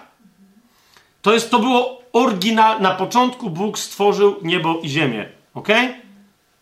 Co jest nowym stworzeniem? Nie centrum nowego stworzenia, nie kluczem do rozumienia nowego stworzenia, ale czymś, bez czego nie ma nowego stworzenia. Jest również niebo i ziemia. Ziemia i niebo. Tyle tylko, że nowe niebo i nowa ziemia, nowa ziemia i nowe niebo to jest tło, wypełnienie i przestrzeń nowego stworzenia. Ok? I naprawdę, jak zobaczycie, jak Izajasz mówi o nowym stworzeniu, jasne, że on tam mówi, ale to, co akurat Izajasz widzi jako w swojej wizji, najwięcej miejsca poświęca czemu? Nie istnieniu nowego człowieka, nie istnieniu nowego ducha, to nawet powiedziałbym, że tak sam nie do końca wie o czym gada, nie nawet istnieniu nowego ludu, a nawet nie istnieniu nowej, obiecanej w pełni krainy, istnieniu królestwa wiecznego, ale istnieniu nowej ziemi i nowego nieba i zasad funkcjonujących tym nowym niebem i nową ziemią. U Izajasza, który najgłośniej mówi o nowym stworzeniu, dla niego nowym stworzeniem jest całe nowe niebo i cała nowa ziemia. Ok? Nowy kosmos, czyli cały nowy świat. Ale rozumiecie, no my nawet dzisiaj właściwie rozumiemy kosmos, czyli jest Ziemia, a cała reszta to jest kosmos.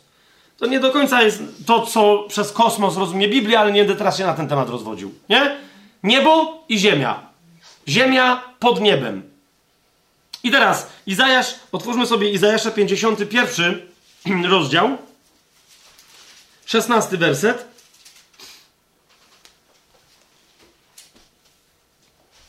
Jak tam mówi, ja włożyłem swoje słowa w twoje usta i w cieniu swojej ręki cię zakryłem, aby osadzić niebiosa i założyć ziemię i powiedzieć Syjonowi, ty jesteś moim ludem.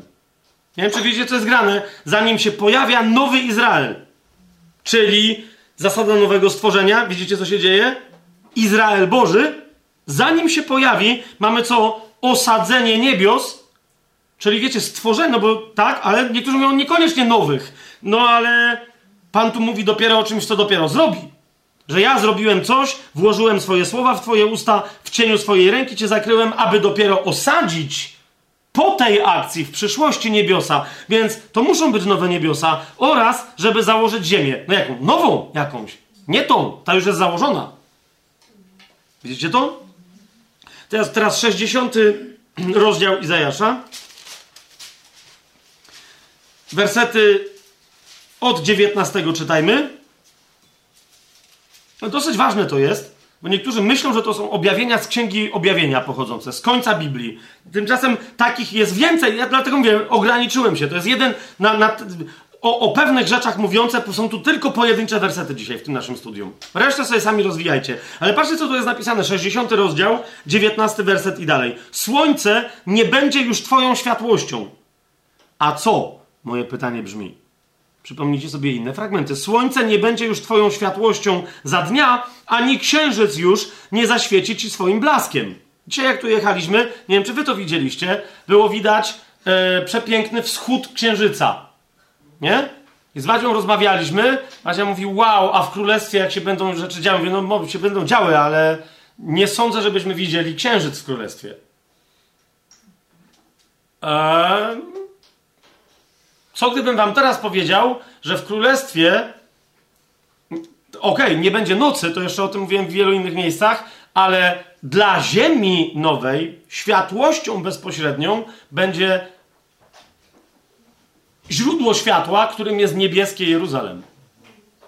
Które może wyglądać jak wschodzący księżyc, tylko będzie znacznie jaśniejsze. W pełni. Bo księżyc zdaje się, że jest w pełni dzisiaj, tak?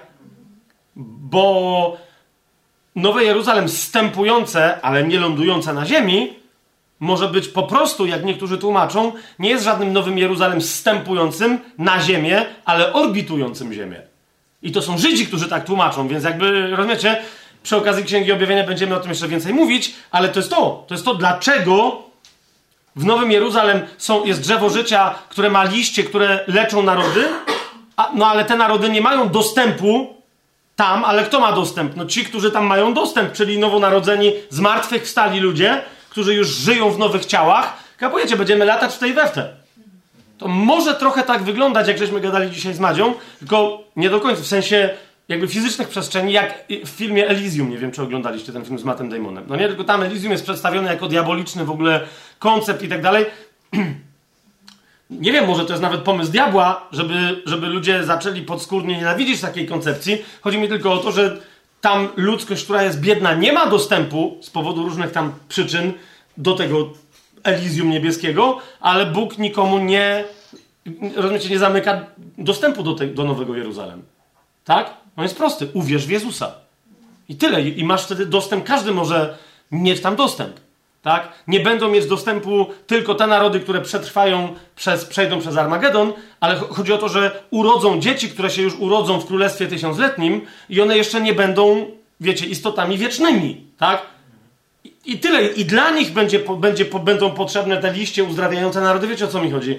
Ale koniec końców po tysiącletnim królestwie wszyscy, którzy się ostaną przy życiu, no, którzy nie wybiorą drogi do Gehenny ognistej, będą mieli dostęp do niebieskiego Jeruzalem. Ale jeszcze raz, jest niebo nowe, jest nowa ziemia i jest nowe Jeruzalem. Nawiasem mówiąc, tak jak nowa pieśń, tak i nowe Jeruzalem jest również częścią nowego stworzenia. Należy do, jest pod zbiorem zbioru nowe stworzenie. Jasne? Ale dobra, bo tu się rozpędziłem, tylko wam pokazuję, ile tu jest wątków, no nie? Niemniej, kiedy mówimy o zasadzie nowego stworzenia, pamiętajcie, że w tą zasadę wchodzi nowa pieśń, nowe życie, nowe niebo, nowa ziemia, nowe Jeruzalem. Już dzisiaj dla nas. Rozumiecie? My nie mamy tam bezpośredniego fizycznego dostępu, bo jeszcze nie jest ta fizyczna rzeczywistość, o czym za chwilę. Ale pewna funkcjonalność już jest dla nas dostępna. Nowej ziemi i, nowe, i nowego nieba. Pamiętacie, jak Biblia mówi o tym, że my mamy dostęp do mocy przyszłego wieku? Czy nie pamiętacie? No, bo pamiętacie, nie, ale jakbym powiedział, a gdzie dokładnie jest, jest mowa o tych, o tych mocach przyszłego wieku, do których mamy dostęp? Bo jest jeden konkretny, jeden konkretny fragment, który dosłownie tak to mówi. Nie? W Nowym Testamencie. To to jest, rozumiecie, to jest cały czas to. Czyli pewnych rzeczy my fizycznie nie możemy doświadczać, bo one są nie w dziedzinie wiary biorącej w posiadanie, ale należą do oczekiwania w nadziei, ale są absolutnie pewne. Natomiast pewna rzeczywistość, z nimi związana rzeczywistość mocy jest już dla nas dostępna. Nie?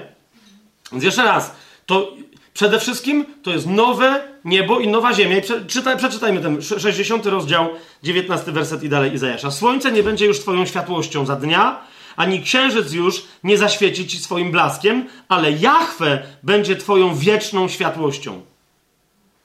Jak? No, do, jeszcze dzisiaj dojdziemy do cytatu, bo on nam będzie potrzebny, żeby zobaczyć, że naprawdę no, koniec Biblii dokładnie o tym samym mówi, ale żebyście rozumieli, że koniec Biblii nie mówi dopiero o czymś, czego nie, no nie od początku, ale jednak czego nie było w Starym Testamencie. To nie jest tak, że dopiero Nowy Testament coś wymyśla. Tak? Nie zajdzie już więcej Twoje słońce, a Twój księżyc nie ukryje się. Pytanie, czy będzie nowe słońce i nowy księżyc, czy też to, co będzie nowego rodzaju źródłem światła, tak jak słońce i księżyc, nie będzie już zachodzić. Co to wtedy będzie oznaczać? Wiecie o co mi chodzi, nie? Ale to jest coś zupełnie nowego. Nie zajdzie już więcej Twoje słońce, a Twój księżyc nie ukryje się, bo Jahwe będzie Twoją wieczną światłością i skończą się dni Twojej żałoby. No właśnie, ale jak? Co to będzie? Bo to będzie fizycznie coś oznaczać także. Cały Twój lud będzie sprawiedliwy. Odziedziczy ziemię na wieki. No więc masz, masz nowe niebo, nowe źródło światła na niebie albo źródła światła i masz nową ziemię. Cały twój lud będzie sprawiedliwy, odziedziczy ziemię na wieki, będzie latoroślą mego szczepu, dziełem moich rąk, abym był uwielbiony. Będzie czym? Będzie dziełem moich rąk, to znaczy, że, ja, że będzie tam lud, który będzie na wzór Izraela stworzony, ale będzie nowym stworzeniem. To jest lud, który będzie wynikiem, będzie dziełem moich rąk, tak jak pierwszy człowiek, pamiętacie?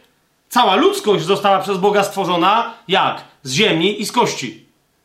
Tak? Adam i Ewa. Znaczy mężczyzna i kobieta i cały Adam jest z ziemi i z kości. Tak? Jest, ale jest dziełem Bożych rąk. Tak? Mężczyzna z ziemi, kobieta z kości. Ale kto operuje? Bóg. Jak? No rękami swoimi. Teraz, że te ręce to jest Pan Jezus i Duch Święty, to jakby to trochę co innego, ale nadal Chodzi mi o sformułowanie. I tu on znowu mówi: stworzę nowe niebo, nową ziemię, nowy lud. To wszystko będzie dziełem moich rąk. To jest nowe stworzenie. Tak? Ale idźmy dalej. Izajasz 65 rozdział. 17 werset. Oto bowiem, żeby już nie było, jest wprost, wyraz stworzenie i tak dalej. Oto bowiem stworzę nowe niebo, niebiosa i nową ziemię i nie będą wspominane pierwsze rzeczy, ani nawet nie przyjdą na myśl. Widzicie, jak Pan wcześniej powiedział, już nie wspominajcie o tych starych rzeczach, bo ja wam mówię, że zrobię nową rzecz. To tutaj Pan mówi, stworzę nowe niebiosa i nową ziemię. Więc nie tylko, że nie wspominajcie starych rzeczy, ale jak już to będzie i się tam znajdziecie, nawet nie pomyślicie o starych. To będzie zupełnie nowa rzeczywistość. Więc mówi, ani nie, nie przyjdą wam, lecz weselcie się i radujcie na wieki wieków z tego, co ja stworzę. Bo oto stworzę Jerozolimę radością i jej lud weselem. Zobaczcie, zanim jest mowa o, nowe, o nowym Jerusalem, o nowym mieście pokoju, o nowym ludzie, jest mowa, stworzę nowe niebiosa i nową ziemię. Widzicie to? I to jest źródłem radości. Weselcie się i radujcie na wieki wieków. To jest nowe stworzenie, które będzie wiecznym stworzeniem. Co to jest? Nowe niebiosa i nowe. Na początku Bóg stworzył niebo i ziemię. Nowy początek będzie oznaczać, że Bóg stworzy nowe niebo i nową ziemię. Widzicie to? Powta dochodzi do odrodzenia, regeneracjo. Jak niektórzy tłumaczyli pewien wyraz w Biblii, jeszcze do niego y, może dzisiaj go gdzieś tam odkryjemy, tak? Regeneracjo. To nie jest coś zupełnie nowego w takim sensie, że, bo wiecie, przed stworzeniem nie było żadnego stworzenia. Tak? Tutaj Bóg mówi: stworzę coś nowego, ale w pewnym sensie trochę tak, jak stwarzałem stare. Nie? 66 rozdział. 22 werset.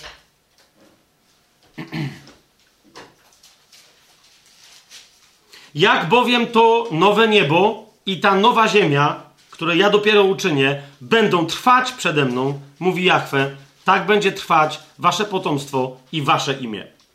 Jest kolejna rzecz, kolejny temat. Czyli tu widzicie, nowe niebo, nowa ziemia, wy, wasz, bo to, to jest zwrot do Izraela, więc nowy Izrael, tak, no, nowy lud, nowy naród, będzie trwać na wieki i będzie trwać wasze imię. Od razu wam z góry mówię, że oprócz tematów nowej pieśni, które i nowej, nowego Jerusalem, których w ogóle dzisiaj nie dotkniemy, jednym z tematów nowego stworzenia, podzbiorów tematycznych, zbioru nowe stworzenie jest zbiór nowe imię. I, I znowu, jeżeli ktoś z Was myśli, że, że nowe imię pojawia się jako hasło, jako związek frazeologiczny, jako wyrażenie tylko w Księdze Objawienia, to od razu Wam mówię, nie, najpierw pojawia się w Starym Przymierzu. I w Księdze Objawienia pojawia się tylko dlatego, że już się pojawia w Starym Przymierzu i jest dostatecznie, wystarczająco wytłumaczony ten zwrot, nowe imię i ten temat, nowe imię, żeby wystarczyło mu w, w Księdze Objawienia się tylko pojawić, bez żadnych specjalnych tłumaczeń, tylko z dodaniem pewnych szczegółów do tematu, który już powinien nam być znany ze Starego Przymierza. Jasne? Nowe imię. Ale tutaj, jeszcze raz, zwróćcie uwagę, yy, nowe niebo i nowa ziemia. Ok? Skoro już mówiłem, otwórzmy sobie księgę y, Dzieje Apostolskie, bo, bo, bo potem y, rzuciłem coś, a potem będziecie szukać, nie będziecie wiedzieli o co mi chodziło. Dzieje Apostolskie, trzeci rozdział.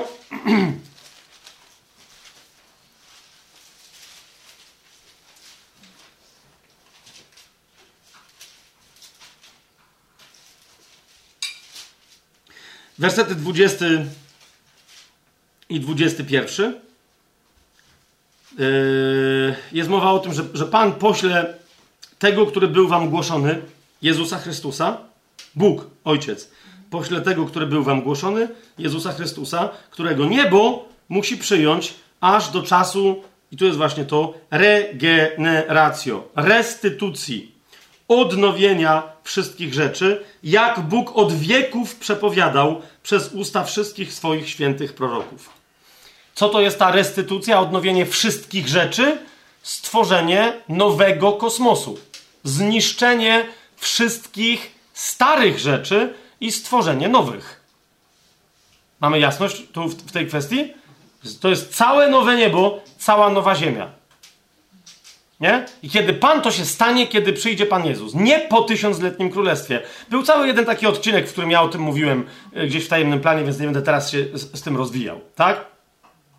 Że, że to niektórzy, to, że pewne rzeczy są opisane dopiero po sądzie Białego Tronu, to nie znaczy, że one się staną dopiero po sądzie Białego Tronu. Bo musimy odróżniać w Księdze Objawienia opisy chronologii od opisów e, stanów pewnych rzeczy. Nie? Więc pewne rzeczy się zdarzą w dzień pański. Co? To, że w ogniu wszystko spłonie. O tym mówi wyraźnie Piotr.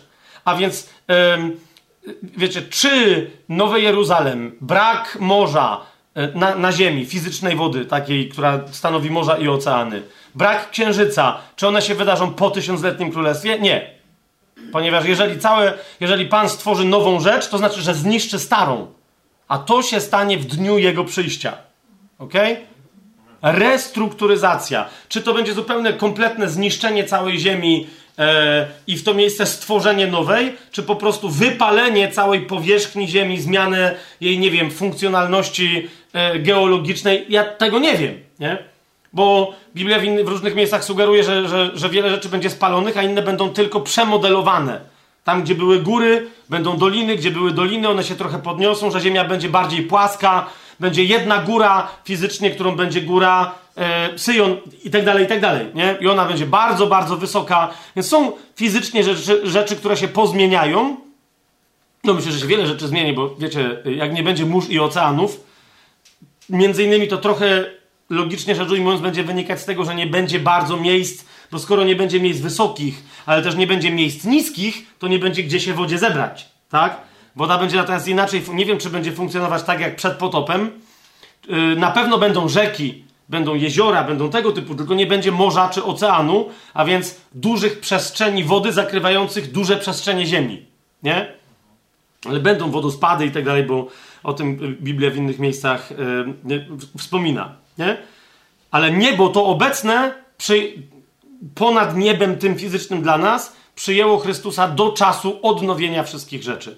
A więc znowu będzie jakieś, wiecie, rzeczywistość, w ramach której będziemy my w nowego rodzaju ciałach, na nowego rodzaju fizycznie nowej ziemi, pod fizycznie, duchowo nowym niebem, ale to nie, to nie będzie funkcjonować według dziś znanych nam zasad fizyki.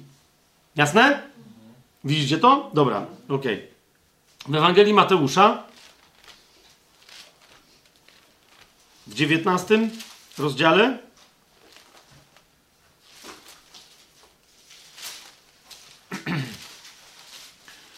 w wersecie 28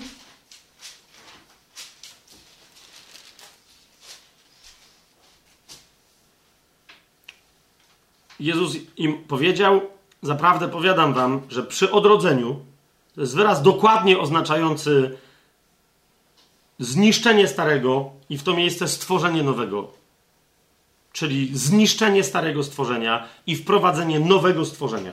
Ok? Jest dokładnie wyraz, który to oznacza. E, sformułowanie także w języku e, hebrajskim. Odrodzenie. Restruk to nie jest restrukturyzacja, to jest odro narodzenie się na nowo, ale całej rzeczywistości, wszystkiego. Więc w tym sensie nie nowonarodzenie, bo widzicie, widzicie o co mi chodzi, że nasze nowonarodzenie musi być jakoś częścią kompletnego odrodzenia, całego stworzenia. My jako nowostworzenie, no właśnie. Zaprawdę powiadam wam, że przy odrodzeniu, gdy Syn Człowieczy zasiądzie na tronie swojej chwały, czyli widzicie, to jest dzień jego powrotu na ziemię, na tron Dawidowy. Żeby zasiąść jako król całej ziemi, widzialnie, oficjalnie i osądzić i od tej pory trzymać całą ziemię w rządach prawości i sprawiedliwości i pokoju. Zaprawdę powiadam wam, że przy odrodzeniu, gdy Syn Człowieczy zasiądzie na tronie swojej chwały i wy, którzy poszliście za mną, zasiądziecie na dwunastu tronach, sądząc dwanaście pokoleń Izraela. Ale tu chodzi o samo to zjawisko odrodzenia. W liście do Hebrajczyków w dwunastym rozdziale, no bo w którym mamy napisane w dwudziestym piątym wersecie i dalej. Uważajcie, abyście nie odtrącili tego, który przemawia. Jeżeli bowiem tamci nie uniknęli kary, odtrąciwszy tego, który na ziemi mówił, tym bardziej my, jeżeli odwrócimy się od tego, który przemawia z nieba. Jest ten, który wiecie, którego trzyma niebo aż do czasu odrodzenia wszystkich rzeczy. Tak? Więc mówi, żebyście się czasem od niego nie odwrócili. Nie odtrącili, ale żebyście się od niego nie odwrócili. To jest część zasady Nowego Przymierza. Kanon Nowego Przymierza, którego głos wstrząsnął wówczas ziemią, uważajcie, a teraz obiecuje, mówiąc, jeszcze raz wstrząsnę, nie tylko ziemią, ale i niebem. A słowa jeszcze raz ukazują usunięcie tego, co się chwieje, jako tego, co stworzone, aby pozostało to, co się już nie chwieje. I to jest nowe stworzenie.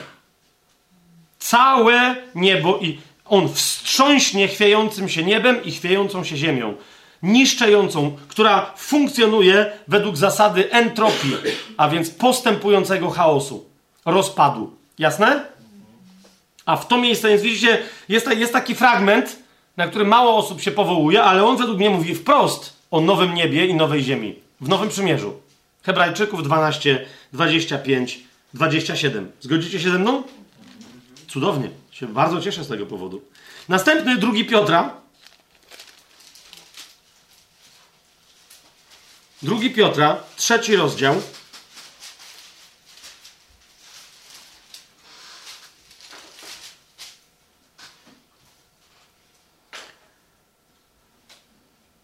Zobaczcie, e, co mówi od dziesiątego wersetu Piotr. A jak złodziej w nocy przyjdzie dzień Pana. To jest powrót Jezusa na ziemię, w którym niebiosa z wielkim hukiem przeminą. Rozumiecie, wszystko, co jest na niebie.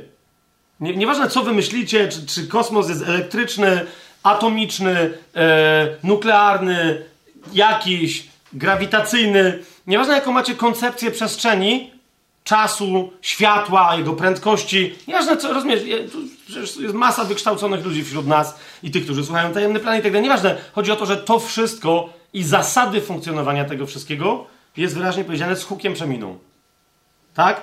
Żywioły, a więc zasady funkcjonowania wszechświata. Atomowe wiązania, wszystko, to oznacza yy, ten wyraz tutaj. Żywioły rozpalone, rozpalone ogniem stopią się, a ziemia i dzieła, które są na niej, spłoną. Ok? To jest dzień pański. I teraz dalej. Skoro to wszystko ma się rozpłynąć, to jakimi wy powinniście być w świętym postępowaniu i pobożności? Ale teraz nie chodzi mi o ścieżkę uświęcenia, tylko patrzcie, co jest dalej. Oczekując i spiesząc się na przyjście tego dnia Boga, w którym płonące niebiosa rozpuszczą się, a rozpalone żywioły się roztopią. Ale my, zgodnie z Jego obietnicą, oczekujemy nowych niebios i nowej ziemi, w których mieszka sprawiedliwość. Jeszcze raz, wiecie, jak ja słyszę czasem ktoś mi mówi, Fabian, te opowieści o królestwie, ale takie fizyczne opowieści o tej nowej ziemi, o tym, o tym nowym niebie, jakby to wiesz, to jest, liczy się nowe stworzenie w nas, nowy duch. Wiesz, to, a to, czy to my będziemy, wiesz, czy będziemy latać jako aniołowie na chmurkach, czy coś. Przepraszam cię najmocniej. Znaczy, nie przepraszam cię. To... Trzeci rozdział, dziewiąty werset. I jeszcze inaczej. Czwarty werset. I będą mówili, co z obietnicą jego przyjścia. Bo odkąd zasnęli ojcowie, wszystko tak trwa, jak od początku stworzenia. Nie, nie trwa. Potop na przykład był czymś, co zmieniło całe funkcjonowanie fizyczne Ziemi. To było to, do czego się odwołuje list do Hebrajczyków, który mówi, że Ziemia została wstrząśnięta ale niebo nie. A teraz zostanie wstrząśnięte i niebo, i ziemia. Rozumiecie? Ale potop to była trochę nie, niekoniecznie odnowienie ziemi, bo to było, umówmy się, zepsucie oryginalnej ziemi. No ale w, w uratowaniu czegokolwiek, żeby uratować niezepsutą ludzkość pod postacią jednego Noego. Tak? Niemniej e, nie wszystko trwa od, tak samo, jak było od początku. I teraz patrzcie, co dalej Piotr mówi. No właśnie, bo ludzie, którzy tak mówią, czego nie chcą przyjąć? Piąty werset. Tego bowiem umyślnie nie chcą wiedzieć, że niebiosa były od dawna i ziemia, ale z wody i w wodzie stanęła przez Słowo Boże, przez które ówczesny świat zalany wodą zginął. No dzisiaj nie żyjemy w tym świecie, który został stworzony. Bo on zginął. Gdzie? W wodzie. Ale ziemia, jeszcze raz. A obecne niebiosa i ziemia przez to, same, to samo słowo są utrzymane i zachowane dla ognia na dzień sądu i zatracenia bezbożnych ludzi. Więc rozumiesz, to jest pierwsze, niewierzenie w to, że te niebiosa i ta ziemia są zachowane na dzień sądu i na zniszczenie, jest częścią przekonań, które mogą cię doprowadzić, że zawsze było tak samo, zawsze będzie tak samo. I tu Piotr ostrzega, mówi, mm, mm. nie? Mówi, my się spodziewamy, że te niebiosa i ta ziemia zginą. Natomiast nie boimy się tego. Dlaczego? Bo, trzynasty werset, my, zgodnie z jego obietnicą, oczekujemy nowych niebios i nowych, nowej ziemi, w których mieszka sprawiedliwość. My, sprawiedliwość Boża, wiemy, że nasze miejsce docelowego zamieszkania to są nowe niebiosa i nowe, nowa ziemia, bo one będą stworzone jako świat do zamieszkania dla sprawiedliwości. Czy rozumiecie, co się tu dzieje? Nowe niebiosa i nowa ziemia. Nie przestanę o tym, nieważne jak długo bym o tym mówił, zawsze będzie według mnie za mało. Rozumiecie? Częścią naszego oczekiwania jest oczekiwanie na powrót Pana Jezusa. My oczekujemy na powrót Pana Jezusa. Ale to oznacza, że my oczekujemy na swoje zmartwychwstanie w ciałach. Do czego? Do trzeciej rzeczy, na którą czekamy. Do życia w tych zmartwychwstałych ciałach z Panem Jezusem, gdzie na nowej ziemi pod, pod nowym niebem. Nowym życiem, śpiewając nową pieśń z możliwością wizytowania, a nawet posiadania swoich domów, zamieszkania w Nowym Jeruzalem i tak dalej, i tak dalej, i tak dalej. Rozumiecie? Teraz, więc, kiedy będziemy mówić następnym razem o zasadzie nowego stworzenia, pamiętajcie, nowe stworzenie nie tylko oznacza to, że ja jestem nowym stworzeniem. Nowe stworzenie oznacza nowe niebio, niebo i nową ziemię. Jak to się ma do mnie dzisiaj żyjącego? No właśnie. O tym będziemy mówić, ale to musimy zaznaczyć. To jest część nowego stworzenia. Od początku Bóg zapowiadał nowe stworzenie jako nową ziemię i nowe niebo. Widzicie to? Co więcej, Księga Objawienia mówi nam, że taka będzie rzeczywiście realizacja docelowo. Księga Objawienia, jak sobie otworzymy w 21 rozdziale, w pierwszym wersecie czytamy Potem zobaczyłem nowe niebo i nową ziemię.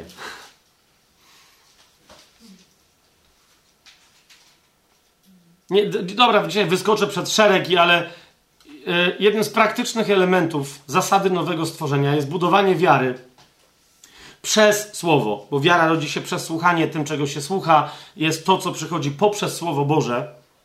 A więc, rozumiesz, to jest między innymi czytanie tego fragmentu, 21, zwłaszcza 21 rozdziału Księgi Objawienia. Bo jak Piotr mówi, my oczekujemy nowych niebios i nowej ziemi, to on mówi o czym? On mówi o rzeczach tam, które widzi. Rozumiesz? O, o, o, bo tam jest taki wyraz grecki, który mówi o oczekiwaniu czegoś, co się w sumie się zna. Nie? Rozumiesz? Nie ma mojej żony, bo gdzieś pojechała. I miała być o drugiej, nie ma jej, nie? I ona, a, a mieliśmy coś razem robić, teraz ja czekam na nią. Rozumiecie? To nie jest tak, że ja nie wiem na co czekam. Nie? Rozumiecie o co chodzi? To jest taki wyraz. My oczekujemy nowej ziemi i nowego nieba. A Jan to mówi wyraźnie: Zobaczyłem nowe niebo i nową ziemię. Hmm? Chcę wam to coś zwrócić uwagę, zanim pójdziemy tam dalej. Księga Objawienia, rozdział pierwszy. Werset pierwszy. Co to jest apokalipsa? Więc z języka greckiego wyraz, który oznacza objawienie. To jest objawienie dane komu, po co? To jest objawienie Jezusa Chrystusa, które dał mu Bóg. Wow! Nie nam. Jemu jako człowiekowi. On sam sobie, jako Bóg, dał objawienie jako człowiekowi Mesjaszowi. Jezusowi, który jest Mesjaszem. Zmartwychwstałemu. Objawienie Jezusa Chrystusa, które dał mu Bóg, aby ukazać swoim sługom, czyli komu? Nam. Aby ukazać, unaocznić, rozumiecie? To, co ma się stać wkrótce. A on to ukazał i posłał przez swojego anioła swojemu słudze Janowi. Czyli Bóg, zobaczcie, co tu się dzieje. Bóg objawia coś Jezusowi, Jezus objawia to swojemu aniołowi, który przynosi to objawienie Janowi, ale docelowo ono jest dla kogo? Dla nas, dla sług Jezusa. I częścią tego unaocznienia jest co? 21 rozdział, pierwszy werset. Potem zobaczyłem nowe niebo i nową ziemię. Po co, siostro i bracia, żebyśmy my też zaczęli widzieć? Nie? I my możemy zacząć to widzieć. Oczekujemy mówi Piotr, czy ty możesz się podpisać? Rozumiesz, pod tym, załóżmy, że to jest oświadczenie Piotra. My, niżej podpisani, oczekujemy nowych niebios i nowej ziemi. Podpiszesz się razem z nim, czy nie? Jeżeli wiesz, że ten wyraz oznacza oczekujemy czegoś, co yy, nie do końca znamy, ale o czym wiemy bardzo dobrze. Czy jesteś osobą, która wie o nowej ziemi i nowym stworzeniu yy, i o, o, nowym niebie tyle, żeby z, z, niecierpliwością i z cierpliwością jednocześnie, z, nie, z podekscytowaniem czekać na tą rzeczywistość, która nadejdzie, na ten nowy kosmos. Potem zobaczyłem nowe niebo, 21 rozdział, pierwszy werset, i nową ziemię. Pierwsze niebo bowiem i pierwsza ziemia przeminęły i nie było już morza. To jest bardzo ważne. Jeszcze raz kolejny Jan zaznacza, tu nie chodzi, to nie jest jakiś duchowy symbol. Mówi, to jest nowa ziemia, która się różni na przykład tym od tej pierwszej, że nie będzie na niej mórz i oceanów. Po prostu. Nie? Ci z was, nie, tu akurat nie, ale są tacy, którzy opłakują. Ja miałem taki moment. Bo na przykład moja żona zawsze lubi latać w góry. Dla niej odpoczynek to jest po prostu zmasakrowanie się 40 km po górach. Dla mnie to jest przeciwny kierunek. Madzia, Tatry. Ja, yy, Bałtyk. Czyli plaża nad morzem. I leżenie na tej plaży. Gdzie by tam człowiek, po czym by chodził, nie? Więc jak ja pierwszy raz w życiu zanotowałem fakt, że morza na niej już nie będzie, na tej nowej ziemi, gdzie będę leżał? Potem się pocieszałem, że.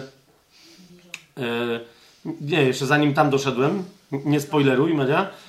Pocieszałem się, że a, bo my tam nie będziemy odpoczywać, tylko tam będziemy non-stop pracować. A potem ktoś mi uświadomił, że ty, ale całkiem spoko jest plaża nad basenem na przykład. Ja częściej w moim życiu leżałem na, na, na plaży nadrzecznej, a nie nadmorskiej. I między nami mówiąc, mam znacznie lepsze skojarzenia z plażami nad rzeką Byliście kiedyś na jakiejś plaży takiej, takiej bardziej dzikiej nad, na, na, nad, nad Wisłą, na, na, na Rabie, na czymś. Wiecie o co mi chodzi, nie? Genialne przecież miejsca. I, I, idzie popływać. Ta woda jest znacznie lepsza niż, niż w morzu, a plaża jest na, na pewno znacznie lepsza niż cokolwiek, czego doświadczyłem nad morzem. Więc potem się uspokoiłem, że a okej, okay, może być plaża nad jeziorkiem, nad, nad rzeką, nad czymś tam, co, co wtedy będzie. Ale chodzi o to, że fizycznie Ziemia przeminęła i nie, na tej nowej nie będzie już morza. Piąty werset powiada, tego 21 rozdziału, a zasiadający na tronie powiedział, zwróćcie uwagę, oto wszystko czynię nowe. Bum! To jest nowe stworzenie. Wszystko czynię nowe. I powiedział do mnie, napisz, bo te słowa są wiarygodne i prawdziwe. Wszystko znaczy wszystko. Jedno z miejsc, jedno z miejsc, w których mamy powiedziane nowe stworzenie, drugie poza listem do Galacjan, to jest co? Drugi do Koryntian, piąty rozdział, siedemnasty werset. Tak więc, jeżeli ktoś jest w Chrystusie, jest nowym stworzeniem. I teraz uważajcie, to, co stare, przeminęło, a oto wszystko stało się nowe. To, co stare, przeminęło, a oto wszystko stało się nowe. Drugi do Koryntian, piąty rozdział, siedemnasty werset. Księga Objawienia, 21 rozdział, piąty werset. Oto wszystko czynię nowe. W kontekście czego? Nowej ziemi i nowego nieba. Kiedy jesteś nowym stworzeniem, to jest pytanie dobre, czy ty jesteś częścią nowej ziemi nowego nieba? Rozumiesz, czy. A jeżeli jesteś, no, no pewnie tak, no bo tam będziemy żyć, ale jaką? Co, rozumiesz? Co to znaczy? Czym dla ciebie jako nowego stworzenia jest nowe stworzenie, które się wyraża w nowej ziemi i nowym niebie. Czym? Tak wam tylko podsunę taką myśl teraz, bo będziemy o tym mówić więcej w przyszłym tygodniu. Jeżeli na ziemi stworzonej Bóg powiedział do człowieka, żeby ją sobie czynił poddaną, hmm? no i człowiek coś pochrzanił, Także ziemia musiała zniknąć w wodzie aż, żeby dotrwać do momentu przyjścia odkupiciela. No teraz pytanie brzmi, jaka będzie Twoja relacja z nową ziemią i nowym niebem? Twoja osobista relacja, nasza wspólna relacja. Będziemy sobie czynić poddanymi tą nową ziemię i to nowe niebo, czy one już będą nam poddane? Jak? Jak? W jakim sensie? Co? Hmm? 25 werset 21 rozdziału Księgi Objawienia. O Jeruzalem jest powiedziane, że w dzień bramy tego miasta nie będą zamknięte, a nocy tam nie będzie. Więc nigdy nie będą zamknięte. Nie? I dalej, 22 rozdział, 5 werset. Nocy tam nie będzie, a nie będzie im potrzeba żadnej lampy, ani światła słońca, bo Pan Bóg będzie im świecił i będą królować na wieki wieków. Pamiętacie, jak sobie czytaliśmy jeden fragment z Izajasza?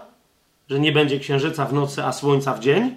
A teraz jest pytanie, jak, ale tutaj jeszcze raz chodzi, dosłownie, wiecie, jeżeli się odwołuje Jan, to jest dokładnie to, i on mówi o tym o dniu i o nocy, to jemu nie chodzi o to, że wszystko będzie duchowe. Tylko mówi, to będą inne, zupełnie inaczej funkcjonować. Bóg będzie tak świecić, nie, bo niektórzy, wiecie, ktoś do mnie kiedyś przyszedł i mówi, Fabian, teraz Ziemia może nie jest płaska, ale wtedy musi być. No bo skoro nie będzie, wiecie, no bo wtedy będzie jedno źródło światła i ono nie będzie, że tak powiem, przelatywać pod spód talerza i będzie świecić tylko z jednej strony, a my będziemy żyć tylko z jednej strony i jakby cały czas będzie, no ja nie wiem, czy to jest tutaj napisane, no może tak będzie, ale wtedy by znaczyło, że będzie jakaś druga część tej ziemi, która będzie w nieustającym mroku. Bez sensu. Nie? Więc to musi jakoś inaczej funkcjonować. Nie wiem jak. Nie mam pojęcia, to nie jest według mnie nigdzie w Biblii opisane. Jak światło się. Czym będzie światło wtedy? Może wiecie, może to nie będzie światło, nasze światło fizycznie się rozchodzące. Nie? Skoro on jest światłością i rozumiecie, wszędzie się będzie rozciągać, my będziemy też istotami duchowymi, my będziemy.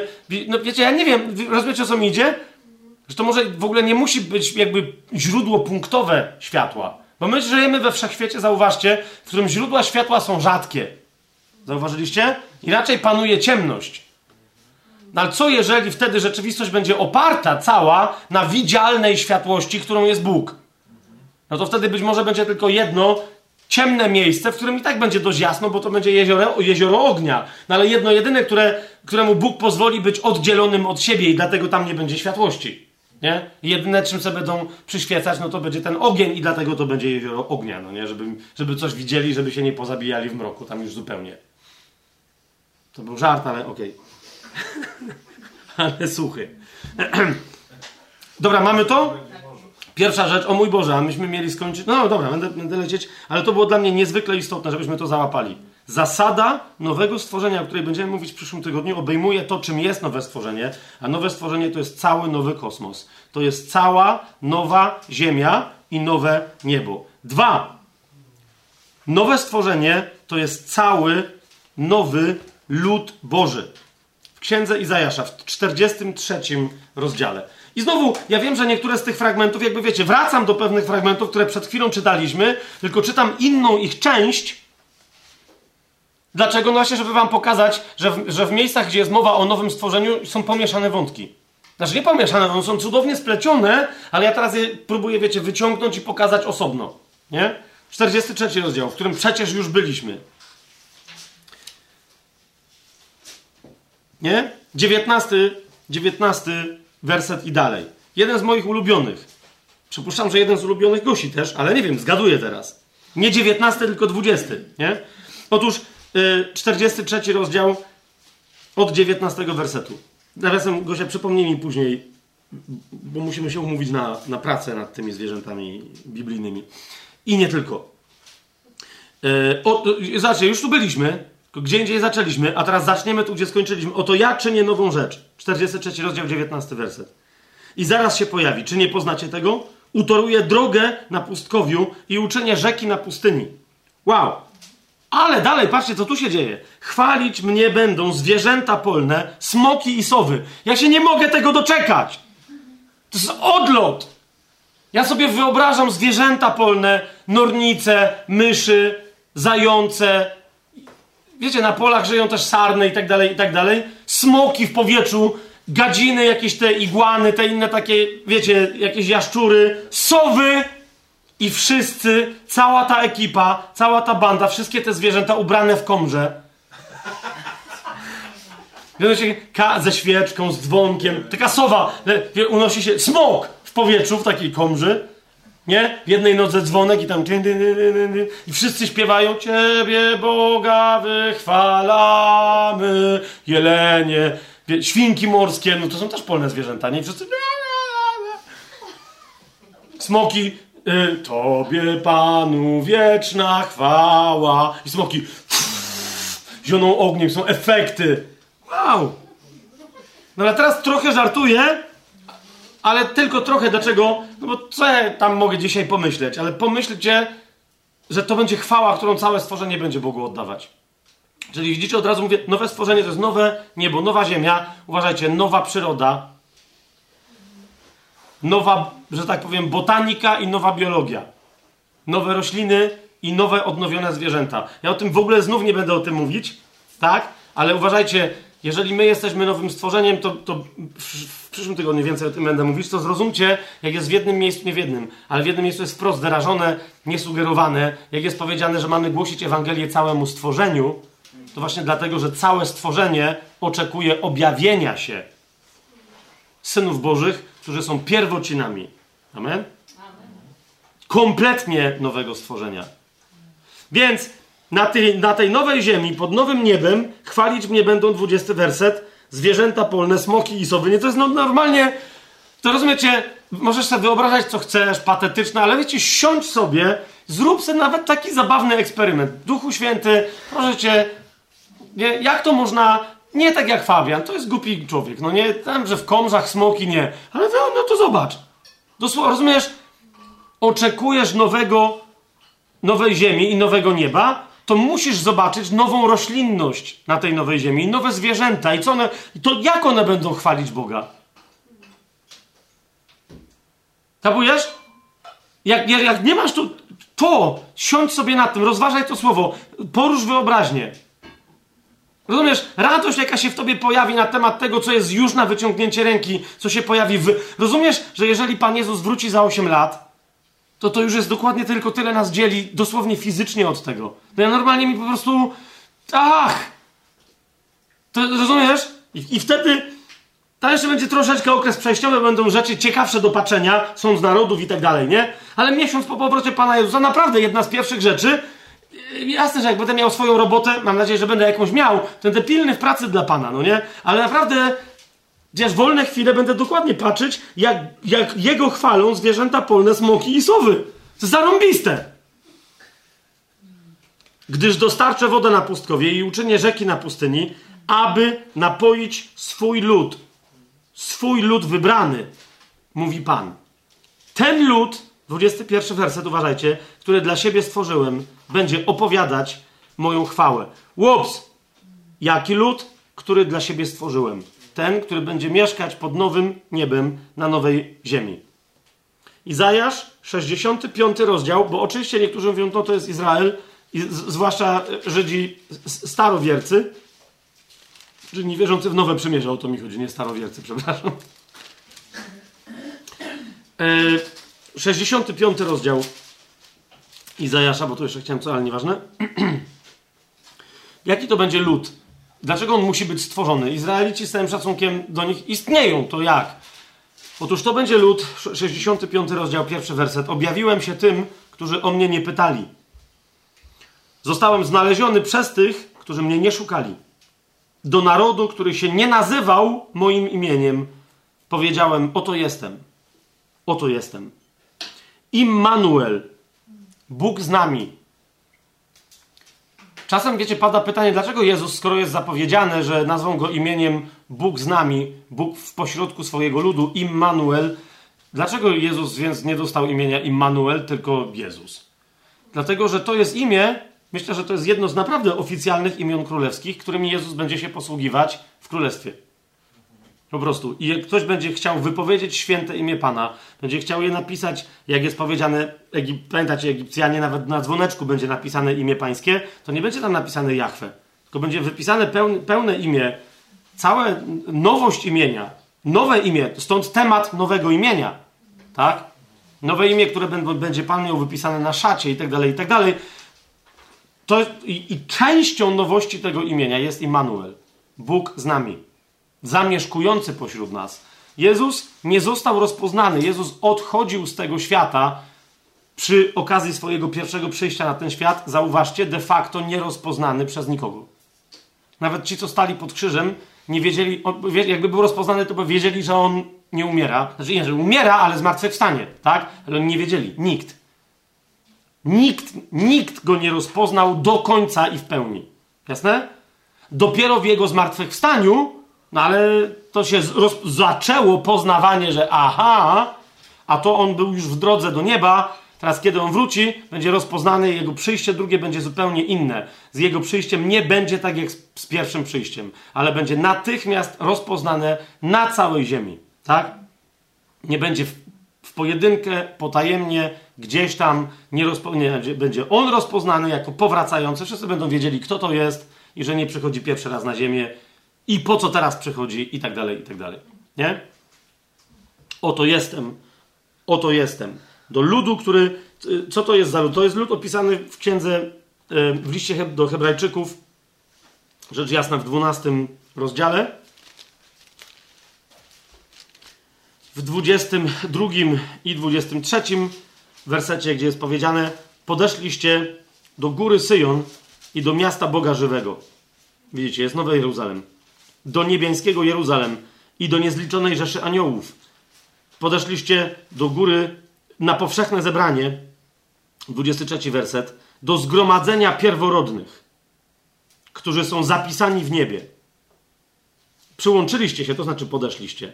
Widzicie, nieważne Żyd, Grek, obrzezany, nieobrzezany, mężczyzna, kobieta, to, to, po prostu to jest, to, to jest stworzony nowy lud, lud pierworodnych, lud zapisanych w niebie. W księdze żywota dodam. Do Boga, sędziego wszystkich, do duchów sprawiedliwych, uczynionych doskonałymi. My więc też jesteśmy duchami sprawiedliwymi teraz, w trakcie czynienia ich doskonałymi. Pierwszy Piotra, przecież, w pierwszym liście Piotra,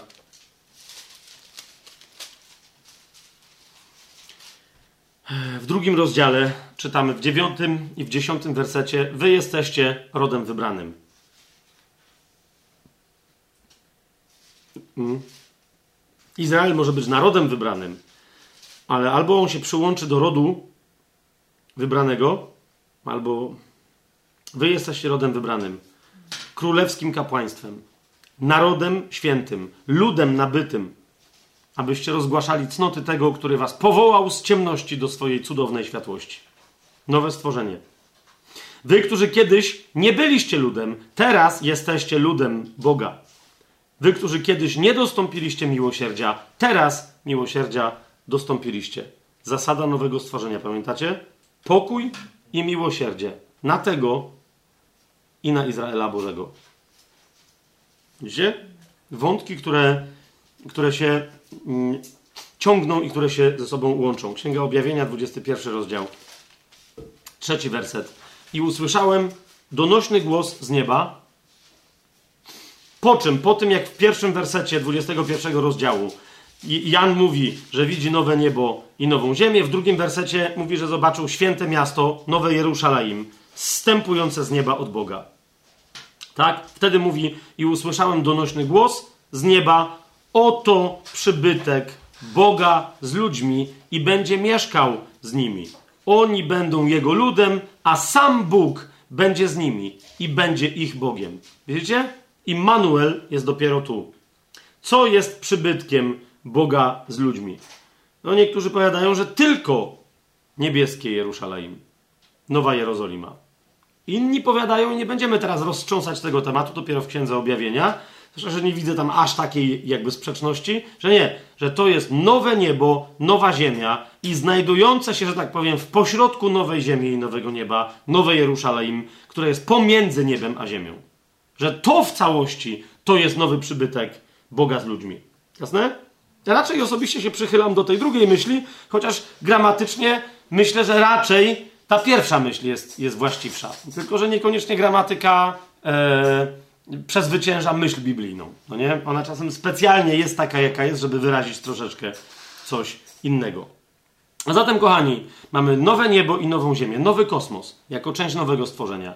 w tym, w tej nowej ziemi i nowym niebie nie będziemy w ogóle dzisiaj roztrząsać i to nie dlatego, że ja przyspieszam, tylko tu mam napisane, ok? Takich tematów jak nowy lud, ja tylko wam pokazałem, że on istnieje, nowy Izrael, nowy lud. Nie będziemy rozważać tematu nowej pieśni, nowego imienia, ani nowej Jerozolimy.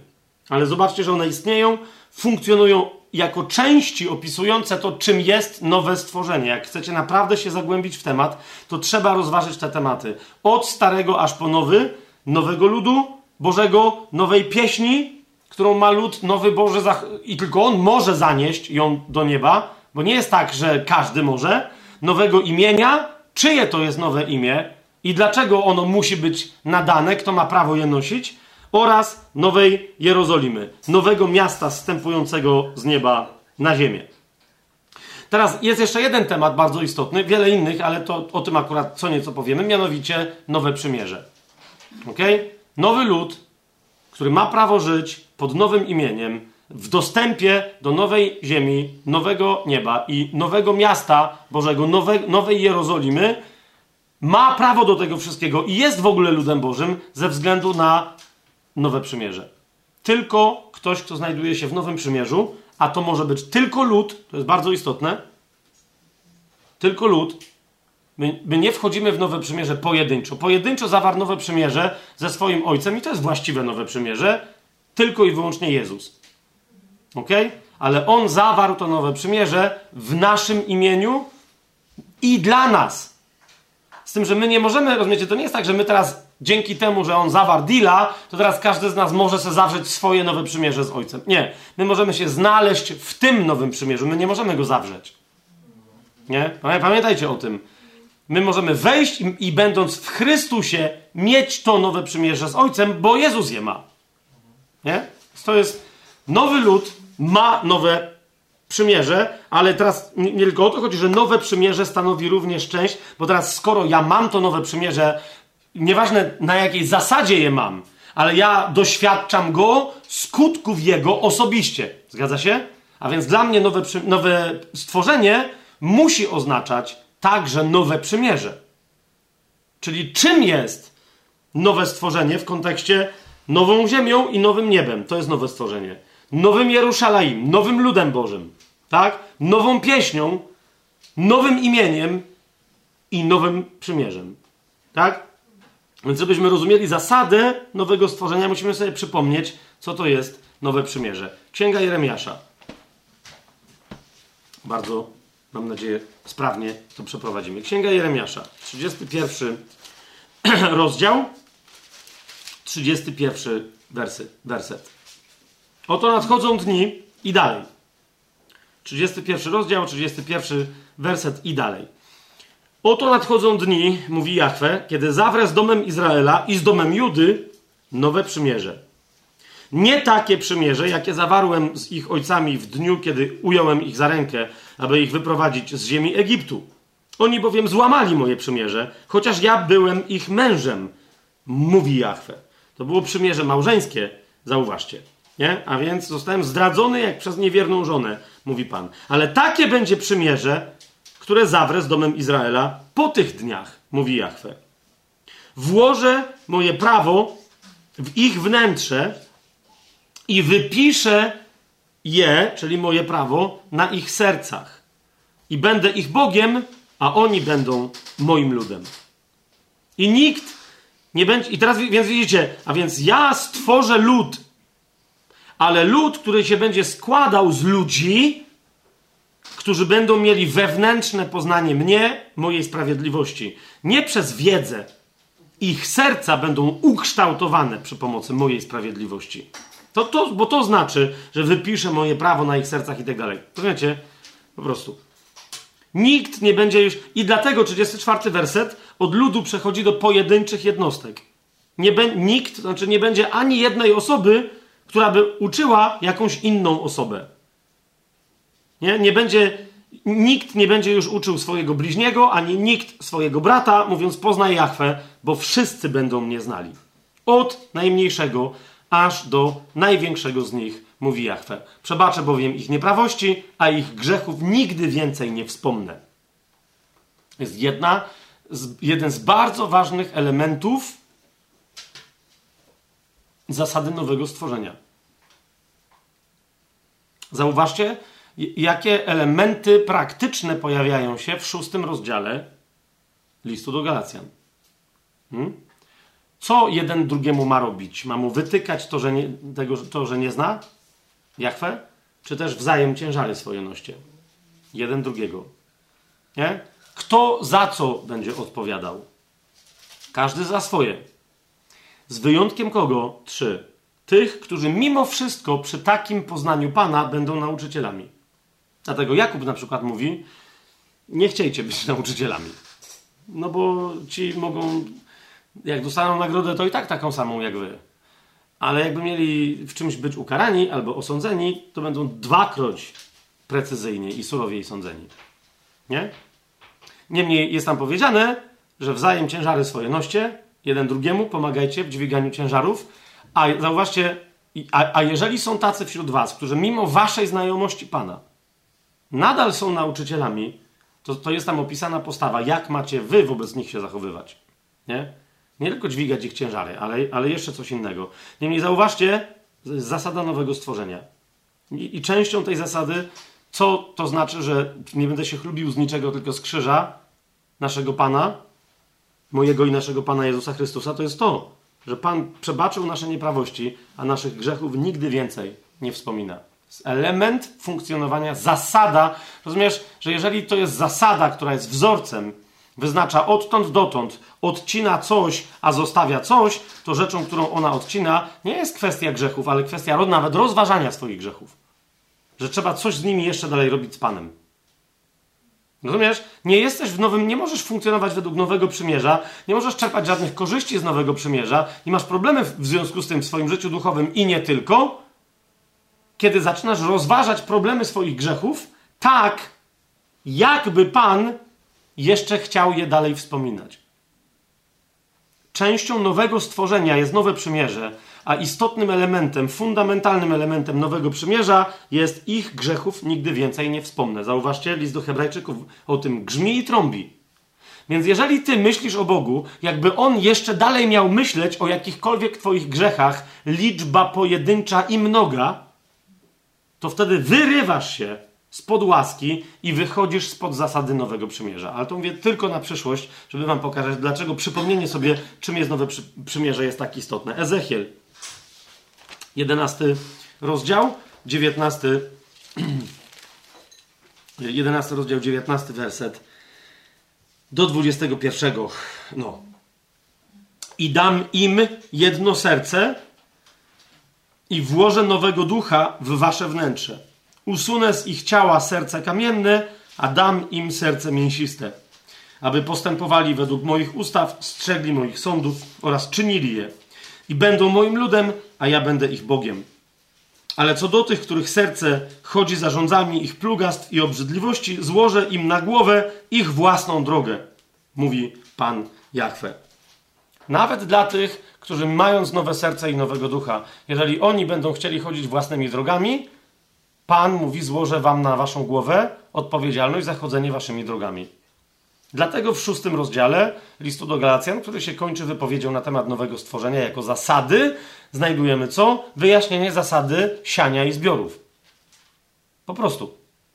Bo Pan mówi, możesz żyć według, nowej, według zasady nowego stworzenia i zbierać fantastyczne tylko duchowe rzeczy. Ale jak chcesz siać z ciała w ciało, żeby zbierać w ciele, to zbierzesz zniszczenie. I ja, mimo tego, że ty duchowo jesteś nowym stworzeniem, nie będę cię przed tym chronił. Dosłownie Pan tutaj, Pan tutaj to mówi, złożę im na głowę ich własną drogę. Ok? Pamiętaj, dobrze zrozum nowe przymierze, żeby potem rozumieć e, zasadę nowego stworzenia. Ezechiel, 18 rozdział. Wersety, powiedzmy, że tylko 30 i 31.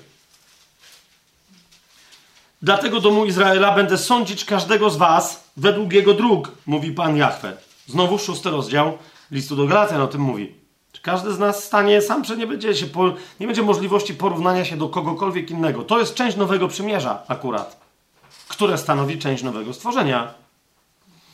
Dlatego domu Izraela będę sądzić każdego z was według jego dróg, mówi Pan Jahwe. Nawróćcie się i odwróćcie się od wszystkich swoich występków, aby nieprawość nie stała się waszą zgubą. Odrzućcie od siebie wszystkie swoje przestępstwa, których się dopuszczaliście i uczyńcie sobie nowe serce i nowego ducha. Czemu macie umrzeć? Domu Izraela. No, wy sobie nie możecie sami zrobić nowego serca i nowego ducha, no bo jak oni to przeczytali, to pewnie zawyli w głos, jak my sobie mamy zrobić nowe serce i nowego ducha? Co? Na szczęście Ezechiel mówi, no nie skończyłem książki, także czytajcie dalej. W 36 rozdziale pisze od 24 wersetu Zabiorę was bowiem spośród narodów, zgromadzę was ze wszystkich ziem i przeprowadzę was do waszej ziemi. I pokropię was czystą wodą i będziecie czyści. Oczyszczę was ze wszystkich waszych nieczystości i ze wszystkich waszych bożków. I dam wam nowe serce, ja. I włożę nowego ducha do waszego wnętrza. Ja. Tak, so, uczyńcie sobie jak. No weźcie ode mnie. Teraz, żeby wziąć, to ja później wam powiem, co zrobić, żeby wziąć. Ale wy nie musicie niczego stwarzać. Ja wam to dam. To jest warunek jeden do spełnienia. Ale na razie on mówi: Ja to wam, ja dam wam nowe serce, włożę nowego ducha do waszego wnętrza. Wyjmę serce kamienne z waszego ciała, a dam wam serce mięsiste. Włożę mojego ducha do waszego wnętrza i sprawię, że będziecie chodzić według moich ustaw i będziecie przestrzegać moich sądów i wykonywać je. Zamieszkacie w ziemi, którą dałem waszym ojcom, będziecie moim ludem, a ja będę waszym Bogiem. A więc operacja indywidualna powoduje, że ludzie stają się czymś, co ich łączy, stają się ludem. Pojedynczy ludzie stają się ludem Bożym. Jasne? To, ale to jest ostatecznie operacja indywidualna. W 37 rozdziale tego samego Ezechiela w 26 wersecie i dalej jest powiedziane: Zawrę też z nimi przymierze pokoju, które będzie przymierzem wiecznym z nimi. To jest nowe i wieczne przymierze. To jest przymierze pokoju. Widzicie? Tych, którzy żyją według zasady nowego stworzenia, co czeka? Pokój i miłosierdzie na nich i na Izraela Bożego. To jest to. Nowe przymierze z częścią nowego stworzenia. Bez nie żyjąc według tej zasady Nowego Przymierza, nie możesz żyć zasadą ogólną, jeszcze szerszą, bo paradoksalnie to jest jeszcze szersze, całego nowego stworzenia. Zawrę też z nimi przymierze pokoju, które będzie przymierzem wiecznym, z nimi osądzę ich i rozmnożę i umieszczę swoją świątynię pośród nich na wieki. Mój przybytek będzie wśród nich i będę ich Bogiem, a oni będą moim ludem. No to to jest to, o czym mówi Księga Objawienia, 21 rozdział. Tak? Co tam, Marcin? Posadzę, przepraszam. Słusznie. Wejście w Nowe Przymierze jest, już to powiedziałem, ono tworzy lud. Nowe Przymierze jest bardzo istotne, ale teraz mamy kolejny nowe coś, mianowicie nowe narodzenie. Ok? Żeby, że, czyli, żeby móc w ogóle doświadczać nowego stworzenia, trzeba się nowo narodzić. Ale przechodząc przez nowe narodzenie, Chodzi o to, żeby następnie funkcjonować według tego, do czego zostaliśmy zrodzeni. Ok? Jak zostaliśmy zrodzeni? Jako kto się urodziliśmy? Czyli, wiecie, Pan mówi, ja to włożę w wasze, ja wam dam nowe serce, nowego ducha i tak dalej. Kiedy się to dokonuje? My wiemy z innych fragmentów Starego, ale zwłaszcza z Nowego Przymierza, że dokonuje się to przez zjawisko, które Biblia nazywa nowym narodzeniem. Gdzie? No przede wszystkim Pan Jezus o tym mówi. Ewangelia Jana, trzeci rozdział.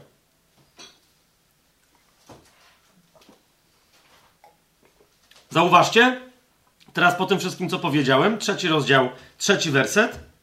Odpowiedział mu Jezus: Zaprawdę, zaprawdę, powiadam ci, jeżeli się ktoś nie narodzi na nowo, nie może ujrzeć Królestwa Bożego. Nowe niebo, nowa ziemia, nowe życie, całość, cała nowość stworzenia jest niemożliwa dla nas do doświadczenia bez narodzenia się na nowo. Całe królestwo nowe i wieczne jest niemożliwe dla nas bez nowego narodzenia. I dalej Pan Jezus mówi, no bo Nikodem go zapytał, jakże może się człowiek narodzić, będąc starym? Może powtórnie wejść do łona swojej matki i się narodzić? Jezus odpowiedział, zaprawdę, zaprawdę powiadam ci, czyli amen, amen, powiadam ci, jeżeli się ktoś nie narodzi z wody i z ducha, nie może wejść do Królestwa Bożego. Są dwie rzeczy, nie może go ujrzeć, a potem nie może wejść. Bez nowonarodzenia. Ani go nie zobaczy, ani tam nie wejdzie. Nowonarodzenie jest kluczem. Co się narodziło z ciała, jest ciałem, więc odpowiada Pan Jezus Nikodemowi, to jest nonsens, żebyś na powrót się rodził drugi raz tak samo. Bo, bo się urodzisz, nawet jakby to było możliwe, to się narodzisz po, po raz drugi z ciała. Wyjdziesz komuś z ciała i będziesz ciałem. Co się narodziło z ciała jest ciałem, a co się narodziło z ducha jest duchem. Więc się nie dziw, że ci powiedziałem, musicie się narodzić na nowo. W domyśle jak? No z ducha. Tak? Dopóki się ktoś nie narodzi z wody i z ducha, nie może wejść do Królestwa Bożego. Stąd, wiecie, ja się bardzo mocno przychylam jednak ku takiemu wnioskowi, bo są dwa wnioski, y, gdy ktoś rozważa piąty werset trzeciego rozdziału Ewangelii Jana. Czy Pan Jezus tutaj mówi o narodzinach z wody i z ducha, jako narodzinach z matki i nowych narodzinach duchowych, czyli momencie usprawiedliwienia, realnego duchowego nowonarodzenia, czy też jest tutaj mowa o chrzcie wodnym i o yy, usprawiedliwieniu przez wyznanie wiary. Przez yy, uwierzenie w sercu nawet. Nie? Ja się raczej przychylam do tej pierwszej myśli, bo ta, myślę, że gdyby Panie, Panu Jezusowi chodziło o tą drugą, że potrzebne jest komuś nowonarodzenie, czyli u, uwierzenie w sercu, wyznanie ustami, a potem ochrzczenie się w wodzie, gdyby tak było, to chyba, chyba podał na przykład inną kolejność. Nie? Ale i, i interesujące jest co? Że on odpowiada y, Nikodemowi o poród z kobiety, który y, jest związek hebrajski frazeologiczny, który mówi o porodzie z wody. Tak? Czyli po, po, prostu, nie? O wodnym rodzeniu. Czyli o tym, że człowiek przychodzi na świat e, przez poród wodny. Narodzenie się z wody. Albo narodzenie się wodne. Tak? No jakby, no co w tym jest dziwnego, tak? To jest to. Więc kiedy on się pyta, czy może człowiek powtórnie wejść do łona swojej matki i narodzić się, Jezus mówi mu, nie, wystarczy, że się raz urodziłeś z wody. Drugi raz się musisz narodzić z ducha. I myślę, że o tym Jezus tutaj mówi, a nie o, a nie o chrzcie wodnym. Są inne miejsca wystarczające, znacznie, które mówią ewidentnie o chrzcie wodnym, ale nie to, jeżeli już to rozważam. Nie to. Jasne? Znaczy inaczej, jeszcze raz, ja nie zamierzam się też kłócić, że absolutnie nie to, ale w kontekście tego, co się tu dzieje, narodzenie się z ciała jest narodzeniem się z wody. Po, prostu. I w mentalności hebrajskiej, i w ogóle, i, i, w naszym też doświadczeniu. Tak? Powtórne narodzenie nie może być narodzeniem się z wody. Zresztą, wiecie, to by łączyło y, nowonarodzenie z chrztem, co niektórzy robią, a to jest błąd. My jesteśmy nowonarodzeni wyłącznie z żadnego aktu ani chrztu, zanurzenia się, wyznania wiary, wyznania Jezusa jako Pana. My jesteśmy nowonarodzeni, a więc usprawiedliwieni. Otrzymujemy nowe serce i nowego ducha przez akt wiary w Jezusa wewnętrzny, bez żadnego zewnętrznego uczynku. Tak? No, więc, yy, więc dlatego narodzenie się z wody yy, to jest według mnie odpowiedź Jezusa Nikodemowi. Najpierw się człowiek rodzi z wody. Zresztą potem taką logikę Paweł też pokazuje na przykład w pierwszym liście do Koryntian w 15 rozdziale, że mówi, ważniejsze jest to, co duchowe, ale i tak zawsze najpierw jest cielesne, a potem przychodzi to, co duchowe. Nie? Więc jakby powtarza tą dynamikę, którą tu Pan Jezus mówi. Narodzenie się z wody jest cielesne, narodzenie się z ducha jest duchowe. Tak? Co się narodziło z ciała, widzicie, kto się narodzi z wody i z ducha. Jeżeli się ktoś nie narodzi najpierw z wody, a potem z ducha. Dlaczego to jest istotne? No bo są tacy, którzy się urodzili z ducha, ale nigdy się nie urodzili z wody. O to mi idzie. I teraz sęk w tym, że nie dla nich jest królestwo.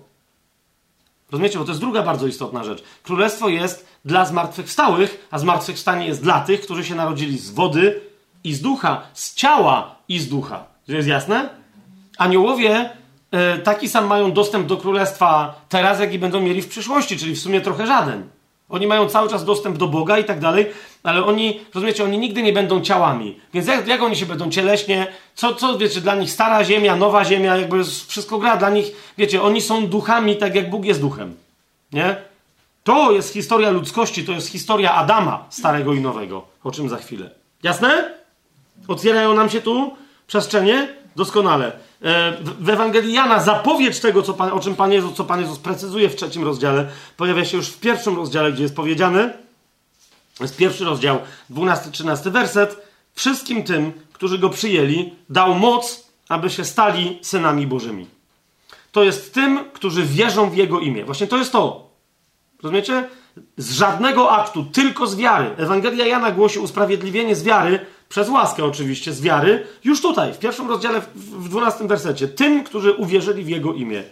Którzy są narodzeni nie z krwi, ani z woli ciała, ani z woli mężczyzny, ale z Boga.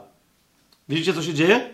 To jest nowonarodzenie, ono jest już tutaj opisane. Oni są nowonarodzeni z ducha, z Boga, z Jego woli. List do Rzymian w ósmym rozdziale powiada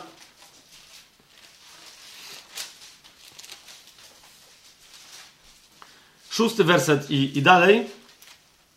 Zamysł ciała to śmierć, ale zamysł ducha to życie i pokój. Nowe stworzenie. Życie i pokój. Dlatego, że zamysł ciała jest nieprzyjacielem Boga, bo nie poddaje się prawu Bożemu, gdyż je nie może. Ci więc, którzy są w ciele, nie mogą podobać się Bogu. Ale wy nie jesteście w ciele, ale w duchu, gdyż Duch Boży mieszka w was. A jeżeli ktoś nie ma Ducha Chrystusa, ten do niego nie należy. Ale jeszcze raz, wy nie jesteście w ciele, ale w duchu. Tak? Wola Boża, nowonarodzenie z ducha jest kompletnie oddzielne od ciała. Dlaczego? Bo ci, którzy są w ciele, nie mogą podobać się Bogu. Po prostu. Całe nowonarodzenie jest narodzeniem duchowym. Wy nie jesteście swoją drogą, zwróćcie uwagę, to jest część rozumienie nowonarodzenia. Pamiętam, że tam ktoś kiedyś Reinhardowi zarzucał, bo on raz czy drugi tak, coś takiego powiedział i ktoś tam od razu zakrzyknął New Age.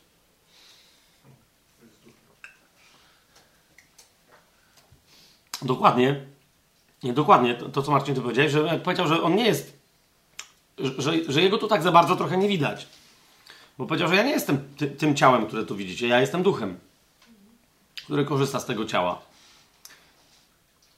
No i tam ktoś potem powiedział, że yy, nawet, nawet pamiętam, że tam ktoś do mnie podszedł i czy ja nie mam z tym jakiegoś tam problemu, bo to ja tak bardzo lubię Reinharda i tak dalej i tu na jego powołanie, na, na, nauczanie się powołuje i tak dalej, a on na moje i, a, ale, no, ale na to chyba się nie mogę tutaj za bardzo zgodzić, nie?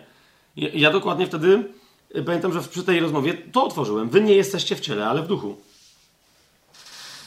No jeżeli Reinhardt, nie, o ile on nie miał czegoś innego na myśli, a nie ma podstaw, żeby uważać inaczej, to miał to na myśli. Natomiast ty masz na myśli coś ewidentnie innego niż tu jest napisane. Czyżbyś, czyżbyś ty był w tym ciele? Nie, jako rozumiesz, czyżbyś, czyżbyś ty był tym ciałem? Bo jasne, że ty funkcjonujesz, ale rozumiesz, albo ty jesteś duchem, który korzysta z przestrzeni starego stworzenia, którym jest między innymi to ciało, albo jeżeli jest jakoś inaczej, to ty wtedy nie działasz w duchu. Kapujesz? A wtedy chociaż częściowo działasz cieleśnie, a działając chociaż częściowo cieleśnie, stajesz jako nieprzyjaciel Boga. Więc rozumiesz, mam nadzieję, że jest tak w życiu Reinharda, jak on mówi, że, nie, że, on, jest że on jest duchem. Tak? A nie tylko, że tak powiedział, a potem, że tak nie jest. Ja mam wręcz nadzieję, że tak jest. Chciałbym, chciał, żebym ja tak mówiąc, żeby potem to było prawdą w moim życiu i w Twoim przyjacielu. Nie? Pierwszy Piotra. Bardzo ważny fragment. Na razie chcę tylko, żebyśmy na niego zerknęli, go sobie przypomnieli, a potem do niego wrócimy. Pierwszy Piotra, pierwszy rozdział, trzeci werset. Błogosławiony Bóg i Ojciec naszego Pana Jezusa Chrystusa, który według swojego wielkiego miłosierdzia, zwróćcie uwagę na wyraz, miłosierdzie. Jak miłosierdzie i pokój są przywiązane do zasady no i Izrael Boży. Do zasady nowego stworzenia, zauważcie, za każdym razem, jak nam wraca życie, pokój albo miłosierdzie. Gdzie? Teraz mamy miłosierdzie przy jakiej okazji? Według swojego wielkiego miłosierdzia zrodził nas na nowo. Do żywej nadziei przez wskrzeszenie Jezusa z i tak dalej, i tak dalej, ale teraz zrodził nas na nowo. Do żywej nadziei. Istnieje pewien aspekt nowonarodzenia, który, rozumiesz, oznacza, że nowonarodzenie jest dla nas czymś, dopóki nie spełni się nasza nadzieja, To jest żywa nadzieja, ale rozumiesz, nadzieja, która się nigdy nie spełni, jest yy, lekkomyślnością, co, co najwyżej, a nie czymś prawdziwym. To jest nadzieja, która się spełni. Teraz chodzi o to, że nowonarodzenie wprowadza cię w nadzieję, a więc w oczekiwanie na coś, a potem jak to się spełni, będzie radością z tego, że ta nadzieja się spełniła. Rozumiecie, o co mi chodzi? A więc nadzieja w pewnym momencie, w sensie oczekiwania na coś się skończy, dlatego Słowo Boże mówi, że są wiara, nadzieja i miłość, ale z tych trzech największa jest miłość i tylko miłość pozostanie, bo Bóg jest miłością, tak? A nadzieja i wiara jako, jako faktory, jako mechanizmy wręcz napędowe naszego działania jako nowego stworzenia, one w pewnym momencie się skończą. Wiara się skończy, to czym ona naprawdę jest, a nie to, co sobie niektórzy wyobrażają, i nadzieja się skończy. Kiedy, y, wiecie, kiedy, nadzieja się skończy, kiedy zostanie wypełnione to, na co mamy nadzieję, a zostanie wypełnione, a wiara się skończy w momencie, kiedy będziemy mieć w zasadzie fizyczny dostęp do, do czego teraz mamy dostęp tylko przez wiarę. Nie fizyczny, no nie? Ale, a, ale dobra, nie, nie, nie wyprzedzam. List Jakuba, tu się troszeczkę wrócimy po tym, jak już niektórzy nie wiedzą o tym, są zaskoczeni, jak mówię, że jest nowonarodzenie u Jakuba i wszyscy, what? Nie tylko u Piotra. Więc jest. To jest pierwszy rozdział Jakuba, 18 y, werset. Ze swojej woli zrodził nas słowem prawdy, abyśmy byli jakby pierwocinami Jego stworzeń.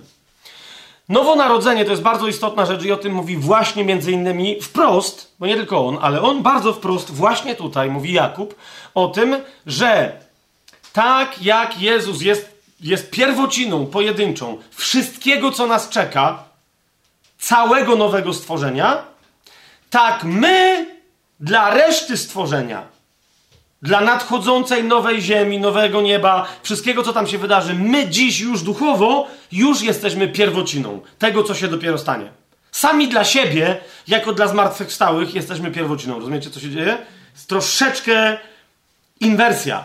Nie do końca, ale, ale wiecie, to jest tak, bo, bo, bo, bo, teoretycznie powinno to być tak, skoro to jest nowa ziemia i nowe niebo, to w cała reszta, czyli na przykład stworzenie człowieka powinno się kiedy odbyć? No jak już będzie nowe niebo i nowa ziemia. Zgadza się? Zgadza się? I tak będzie. Ale zanim. Ania. Ale zanim. Za, ale tylko nie będzie trwało tyle dni, co tam. A nieważne. I tak będzie. Tak sądzę. Ale zanim Bóg stworzył człowieka na ziemi, w, w, wiecie, ja mówię o księdza rodzaju, nie? List do Efezjan nam mówi, że byliśmy przez niego zamyśleni, my istnieliśmy już jako plan w jego, w jego głowie. Tak? Znaczy w jego głowie. znaczy tak.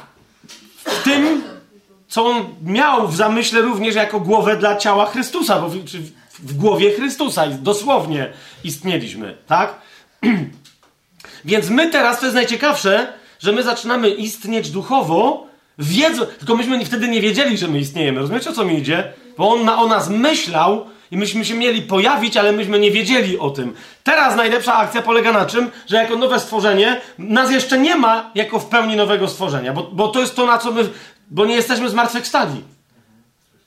Ale my już wiemy, że jesteśmy. Rozumiecie, o co mi chodzi? My to już wiemy.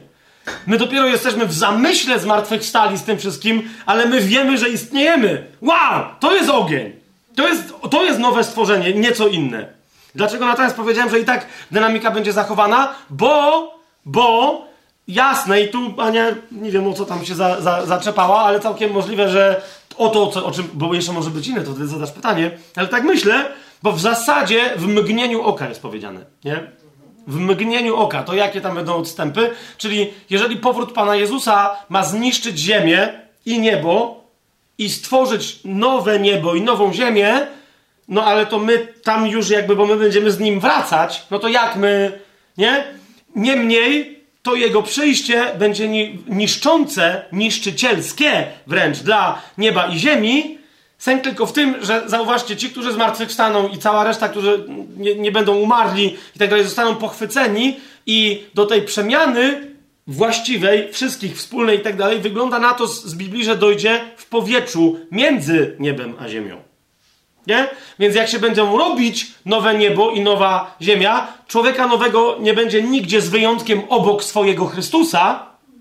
Rozumiecie o co mi idzie? I w tym sensie my wyląd- jak Pan Jezus pierwszy wyląduje na ziemi, więc już On też będzie na ziemi, a my dopiero po nim. Nasza stopa, moja, twoja nie, nie stanie na ziemi wcześniej niż Jego. Rozumiecie o co mi idzie? Więc my wylądujemy razem z Nim później, więc jak, jak już będzie nowe niebo i nowa ziemia, to nie będzie to prawda, wiecie, szósty dzień, ale chociaż nawet wciąż tam kwestia, jak długo my się będziemy unosić w powietrzu, jest dosyć istotna. Bo to, że rozumiecie, że my się objawimy razem z nimi, będziemy przychodzić i tak dalej, no właśnie. Prze, a, a, widzę, że Ania już analizuje swoje tam wersety. O, wy, po, pomyślcie, nie? Bo, bo, bo, bo to, że wiesz, my mamy wyobrażenia, ale, ale niekoniecznie one są, one są wystarczająco szczegółowe, żeby zrozumieć swoje miejsce w tym, nie? Na przykład, wiesz, twoje przychodzenie z Panem Jezusem, jak ono będzie wyglądać? Kto będzie, Pan Jezus będzie na koniu, on nie, rozumiesz, on nie będzie taki lecący, nie? Teraz jest pytanie, ten koń jak przyleci z Panem Jezusem, to koń najpierw stanie i Pan Jezus z niego zeskoczy na Górze Oliwnej. Wiesz o co mi chodzi? Czy ja, ja to jest, nie no bo widzę, że się uśmiechacie, ale, ale, ale pomyśl, nie? Bo wszyscy widzą ewentualnie, na przykład wiecie, niektórzy mają obraz Jezusa wracającego na koniu, ale już lądującego na Górze Oliwnej bez konia. No jest pytanie, no to gdzie on się po drodze stracił, ten koń, nie? Zwłaszcza, że to wcale nie jest głupia myśl, że po drodze koń mógł się zająć czymś innym. Ale to jest drugie moje pytanie. Cała reszta będzie też na koniach, czy nie? My będziemy na koniach, czy nie? Czy może my będziemy na koniach, a aniołowie nie? Albo może aniołowie będą na koniach, ale po co im konie? Rozumiesz? Wtedy jest pytanie, to może jak my będziemy mieli takie Pegazusy latające po niebie, to wiesz, jest pytanie, czy my musimy też z Panem Jezusem wylądować w Jerozolimie? A może my... Rozumiesz? Co się tam... To jest nie? Jeżeli będzie sąd nad narodami, to nie nad nami. Nie? To nie, jest, to nie jest sąd na końcu tysiącletniego królestwa, więc też nie nad zmartwychwstałymi tymi, którzy nie są zbawieni i pójdą do piekła. Oni nie będą wtedy zmartwychwstali. Cała reszta, co zmartwychwstała, już się dołączyła do nas, albo my do nich w pół drogi, więc jakby rozumiecie, więc czyli gdzie my wtedy będziemy, kiedy się będzie dokonywał sąd nad narodami? Dobra, jest powiedziane, że dwunastu apostołów będzie sądzić Izraela. Na dwunastu tronach. No ale to, to nadal jest pytanie, a jak trony będą latające? W sensie, kto kiedy gdzie wyląduje? No co jeżeli na przykład my za nią i z Madzią dostaniemy w, w zarząd nową Syberię na nowej ziemi pod nowym niebem, no nie? I jakimś tam, nie wiem co, lud Ujgurów, na przykład. Ktoś musi latać do Nowego Jerusalem dla tych ludzi, którzy jeszcze będą śmiertelnie no, żyć do 120 lat, ale nadal ktoś musi latać, rozumiesz? Do drzewa życia, żeby zrywać liście, które leczą narody i potem im przynieść. No tak czy nie? Rozumiesz, że to będzie twoja robota. Jeden będzie tam zarządzał, żeby było, wiecie, żeby jedzenie było właściwie dystrybuowane i tak dalej, a ktoś inny będzie lekarskimi rzeczami się zajmował, żeby wszyscy żyli długo i szczęśliwie i tak dalej, i tak dalej. Są konkretne rzeczy tyczące się królestwa. Co więcej, Biblia o nich mówi. Po prostu, naprawdę, o wielu tego typu obowiązkach, zajęciach. Zobaczcie na cały koniec księgi Ezechiela, opisujący ze szczegółami funkcjonowanie nowej świątyni, bo według mnie to jest absolutnie nowa świątynia w królestwie tysiącletnim. Ile, ile tam jest funkcji, zawodów dla także zmartwychwstałych ludzi. Nie? Dla, wiecie, kim są synowie Sadoka i tak dalej, i tak dalej. Pomyślcie o masie tematów, które tam się podnoszą, które są bardzo konkretne. Co jak to jest mowa o kimś z nas tutaj? Rozumiesz, że ty sobie możesz poczytać o swojej przyszłości ekscytującej, tam gdzieś. Natomiast Jakub powiada, ze swojej woli zrodził nas słowem prawdy, abyśmy byli pierwocinami Jego stworzeń. Gdzie? Tu, już teraz. Tu jesteśmy pierwocinami nowego stworzenia. I wróćmy do pierwszego Piotra, do pierwszego rozdziału, do 23 wersetu. Bo tam jeszcze raz jest powiedziane, że jesteśmy nowonarodzeni, mianowicie odrodzeni, 23 werset pierwszego rozdziału, pierwszego listu Piotrowego. Jesteśmy odrodzeni nie z nasienia zniszczalnego, ale z niezniszczalnego przez Słowo Boże, które jest żywe i trwa na wieki. I dodaje nam znowu pewien bardzo ważny element, ponieważ jeżeli częścią nowego stworzenia, istotną, zaczynamy my, nie tylko być nowym stworzeniem, ale wchodzimy w nowe stworzenie, obejmujemy sobą całe nowe stworzenie, to momentem tego początku naszej przygody z nowym stworzeniem i bycia nowym stworzeniem jest moment naszego nowonarodzenia. I my ten moment musimy zrozumieć. Dzisiaj na przykład to, e, że jesteśmy odrodzeni z nasienia nie zniszczalnego, lecz z niezniszczalnego przez Słowo Boże. Nie będę teraz tego wątku rozwijał, ale zauważ, zauważ, jak istotnym elementem nowonarodzenia e, jest, jak ważną rolę odgrywa Słowo Boże. Gdzie? Co to znaczy? Ja, jakie słowo? Głoszenie Słowa Bożego, usłyszenie Słowa Bożego, wyznanie Słowa Bożego, uwierzenie w jakiś fragment Słowa Bożego w swoim sercu? Nie będę teraz na to odpowiadał, no ale pomyślcie. Gdyż wszelkie ciało, 24 werset, jest jak trawa, a wszelka chwała człowieka jak kwiat trawy. Trawa uschła, czyli ciało, a jej kwiat opadł, czyli chwała człowieka. Ale słowo Pana trwa na wieki. A jest to słowo, które zostało wam zwiastowane. Ale jeszcze raz, czyli zauważ, ciało ludzkie się skończy. Chwała cielesna się skończy. A co trwa? A więc słowo jest niezniszczalne. Zgadza się? No to wróćmy. Będąc odrodzeni nie z nasienia zniszczalnego, ale z niezniszczalnego. Przez Słowo Boże, które jest żywe i trwa na wieki. To znaczy, że nasza natura jest jeden z elementów tego, co tu jest napisane. Jest naturą Słowa Bożego. Rozumiecie? Bo tutaj chodzi normalnie o e, spermę ludzką. O, o, ten rodzaj nasienia. Tak? I połączenie się jej z jajeczkiem w kobiecie. Bo tu chodzi o cały naturalny proces ludzkiego zapłodnienia, e, który prowadzi potem do narodzin. Tak? I teraz Słowo Boże mówi: nie, nie, nie. Wy jesteście efektem innego nasienia. Jakiego? Takiego, jakim jest Słowo Boże.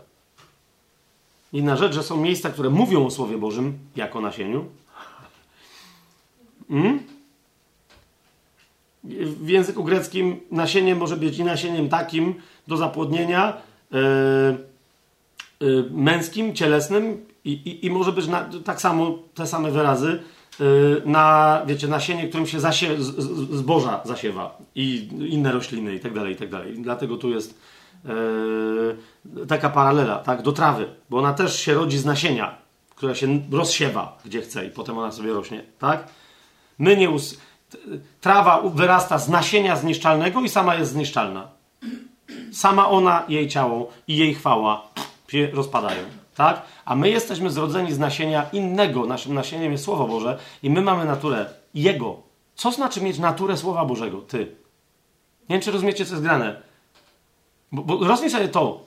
Jeżeli to, rozumiesz nowe stworzenie jako część nowego na, narodzenia, a to oznacza również nowe zapłodnienie, w wyniku którego, na końcu którego dochodzi do nowonarodzenia, nawet jeżeli tam ciąża nie trwa 9 miesięcy, tylko czasem 9 sekund, ale tu jest dokładnie taki proces, to znaczy, że ty dalej w sobie rozwijasz, uobecniasz, manifestujesz co? Słowo Boże. Ludzie dotykając Twojego ducha, dotykają Słowa Bożego. Jak to? Jakim cudem ktoś nowonarodzony może nie kochać Słowa Bożego? Rozumiesz? Nie, nie, nie, jak, jak miałby się nim nie karmić? Karmisz się tym, co, wiesz o co co, co, co jest przez ciebie przyswajalne i tak dalej, i tak dalej. Zauważ, nie samym chlebem żyje człowiek, ale każdym słowem, zwłaszcza człowiek nowonarodzony. Źródłem nowonarodzenia, następna rzecz, jest Chrystus, a w szczególności Jego Pascha, czyli Jego przejście przez śmierć do nowego, zmartwychwstałego życia. Nie będę teraz tego tematu rozwijał, ale Pascha to jest część, zrozumienie Paschy to jest część nowego stworzenia. Ok? Czym jest Pascha? Jezus, i oczywiście wiecie, w samej Biblii rozumienie Paschy jest trojakie. Pascha to jest po pierwsze święto Paschy. Na końcu yy, yy, prześników, tak? Czy na początku Teraz już mi się pochrzaniło. Na początku. I, I, tak, i potem jest początek prześników. Dwa, to jest ofiar, of, nie ofiara, to jest baranek, którego się, którego się zabija. Zabijało ofiarnie w świątyni, ale, ale chodzi mi o to, że się go je w domu. Tak? I on jest nazywany paschą. baranek, którego się je w ramach wieczerzy paschalnej. To jest nazywane e, paschą. Więc Jezus de facto, kiedy jest nazwany barankiem Bożym, który gładzi grzech, jest de facto nazywany paschą. W tym sensie. Rozumiecie, nazwanie Jezus jako baranek to jest Jezus, to jest pascha. Tak? I paschą oczywiście jest też cała wieczerza paschalna i całe jej znaczenie. Tak? Nie tylko całe święto, ale sama ta wieczerza, albo część tej wieczerzy, czyli baranek, którego się je. Ale teologicznie, nawet w ramach teologii judaistycznej, paschą ostatecznie było co? To, co ten posiłek według nich symbolizował, a więc najpierw przejście przez Morze Czerwone. Nie? Wyjście od e, z, z, śmierci, ze śmierci do życia, z pewnej śmierci do zabezpieczonego życia, cudowne przez Morze Czerwone. Przez cudowny Boży ratunek. Tak? Docelowo Pascha jeszcze w niektórych tych koncepcjach oznaczała, że no jakby przeszli przez Morze Czerwone, to powinni wejść do ziemi obiecanej. Pascha jest więc też wejściem do obiecanej ziemi, do obiecanego królestwa. Tak? No ale oni wylądowali na pustyni, więc trochę tam się rozerwały wątki, no nie, teologiczne. Niemniej tak miało być. I teraz widzicie, wszystko to, czyli Żydzi myśleli, że pewnym proroctwem na temat wejścia do ziemi obiecanej i właściwego królestwa, w pewnym sensie proroctwem na temat Mesjasza jest Pascha i ucieczka z Egiptu, przejście przez Morze Czerwone, ale potem się okazało, że te wszystkie wydarzenia były tylko zapowiedzią proroczą Jezusowego przejścia przez Morze Czerwone i przeprowadzenia przez Morze Czerwone nas, czyli przejście przez Morze Czerwone swojej śmierci i wyjście z drugiej strony w cudownym zmartwychwstaniu, które jest naszą drogą, dlatego, której my nie musimy nawet przechodzić. Chodzi o to, że On po to ją przeszedł, żebyśmy my wchodząc w Niego od razu mieli całe przejście. Nie? Dlatego, dlatego Słowo Boże nazywa, poza tym, że nazywa Jezusa barankiem, bo to znaczy nazwanie Jezusa barankiem. Nie tylko, że on, że on gładzi grzech, tak? Ale tam, gdzie trzeba podkreślić całość e, tego przekazu, Paweł na przykład wprost nazywa Jezusa naszą paschą.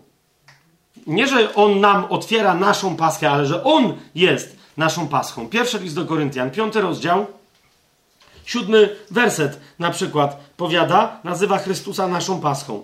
Uczyńcie więc, usuńcie więc stary zakwas, abyście byli nowym ciastem.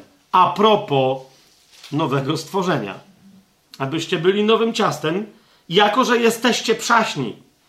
Chrystus bowiem, nasza pascha, został ofiarowany za nas.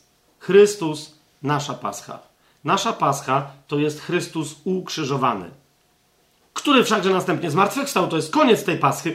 Pesach znaczy przejście w języku hebrajskim. Tak? I Pascha tak samo jest w pismach Nowego Testamentu. E, w języku greckim dosłownie nie Pesach, tylko Pascha. Dokładnie tak jak my mówimy po polsku, tak się pojawia. Ona dokładnie dalej oznacza przejście. Całe to przejście, rozumiecie, Izraela, wyjście z Egiptu, teoretycznie wejście do ziemi obiecanej, przejście przez Morze Czerwone, przedostanie się przez mroc, mroczną noc śmierci pierworodnych. Pamiętacie? Kiedy obmycie krwią baranka od drzwi powodowało, że anioł śmierci nie wchodził, żeby, bo jego to nie interesowało. Zauważcie, Żydzie, nie Żydzie, jego to w ogóle nie interesowało. On miał zabić wszystko, co pierworodne. Wszystkich pierworodnych. Tak? Tylko nie tam, nie miał, nie, po prostu miał się nie interesować tymi, którzy byli w mieszkaniu, które było obmyte krwią baranka, którego odrzwia, drzwi wejściowe były obmyte krwią baranka. Nie? Więc yy, to jest tyle. On po prostu reagował na krew baranka. Nie wiem, czy widzicie, co się tu dzieje. Tak? Dlatego Jezus jest naszą paską. A więc dla nich to była zapowiedź przejścia całego ludu przez Morze Czerwone i tak dalej, i tak dalej, wejścia do ziemi obiecanej, na przykład przejścia przez Jordan, bo to by było kolejne przejście przez wodę i wejścia do ziemi obiecanej po, zbu po zburzeniu, yy, zaatakowaniu i, i, i, zniszczeniu Jericha, ale najpierw to był baranek, jego krew, zjedzenie tego baranka i obmycie swoich drzwi, drzwi swojego domu, jego krwią, kiedy przechodzi anioł yy, śmiercionośny, nie? anioł zabijający pierworodnych, który wtedy nie wchodzi do ciebie i nikt u ciebie nie umiera. Wszyscy są żywi. Nie? Tutaj wyraźnie Jezus z całą tą symboliką proroczą jest wprost nazwany Chrystus, nasza Pascha. Ok? On jest, rozumiecie, nowonarodzenie jest przejściem ze śmierci do życia. Przejściem z życia cielesnego, które się musi skończyć śmiercią, przejściem z życia duszewnego, które musi się skończyć wiecznym potępieniem, do czego? Do życia, które się nigdy nie skończy w szczęśliwości wiecznej. Amen? To jest, to jest nasza pascha. I teraz my jej nie przechodzimy. To nie jest droga, którą dopiero musimy przejść. Dla nas to jest Chrystus, który nas przenosi, dlatego że On sam przeszedł. Jasne? On nas nie przeprowadza jak Mojżesz. O, my w nim jesteśmy przeniesieni yy, na drugą stronę. W liście do Efezjan, na przykład tak jest o tym powiedziane.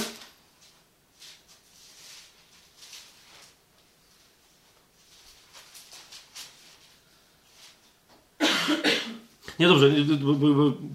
Pierwszy, pierwszy Piotra, bo nie mamy dużo czasu, a pierwszy Piotra, przejdźmy tam, pierwszy rozdział, dziewiętnasty werset. Jeszcze raz, co to znaczy, że Chrystus jest naszą paską? W języku Piotra, nie faryzeusza. Od osiemnastego wersetu. Nie tym, co zniszczalne, srebrem lub złotem zostaliście wykupieni z waszego marnego postępowania przekazanego przez ojców, ale drogą krwią Chrystusa, jako baranka niewinnego i niepokalanego. Równie dobrze można byłoby w tym miejscu powiedzieć, bo Żyd, jak to słyszy, yy, czyta albo słyszy, to nie słyszy baranka, ale słyszy, lecz drogą krwią Chrystusa, jako paschy niewinnej i niepokalanej. Rozumiecie? Drogą krwią Chrystusa, jako baranka niewinnego i niepokalanego, przeznaczonego do tego przed założeniem świata, a objawionego w czasach ostatecznych ze względu na Was.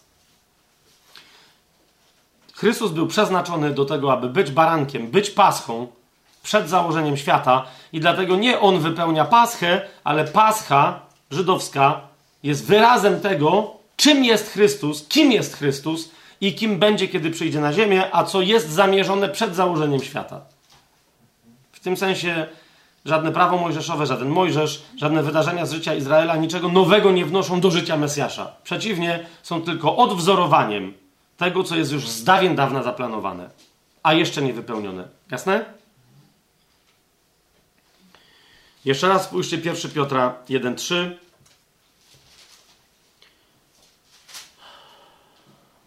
Błogosławiony niech będzie Bóg i Ojciec naszego Pana Jezusa Chrystusa, który według swego wielkiego miłosierdzia zrodził nas na nowo do żywej nadziei, przez co On nas zrodził.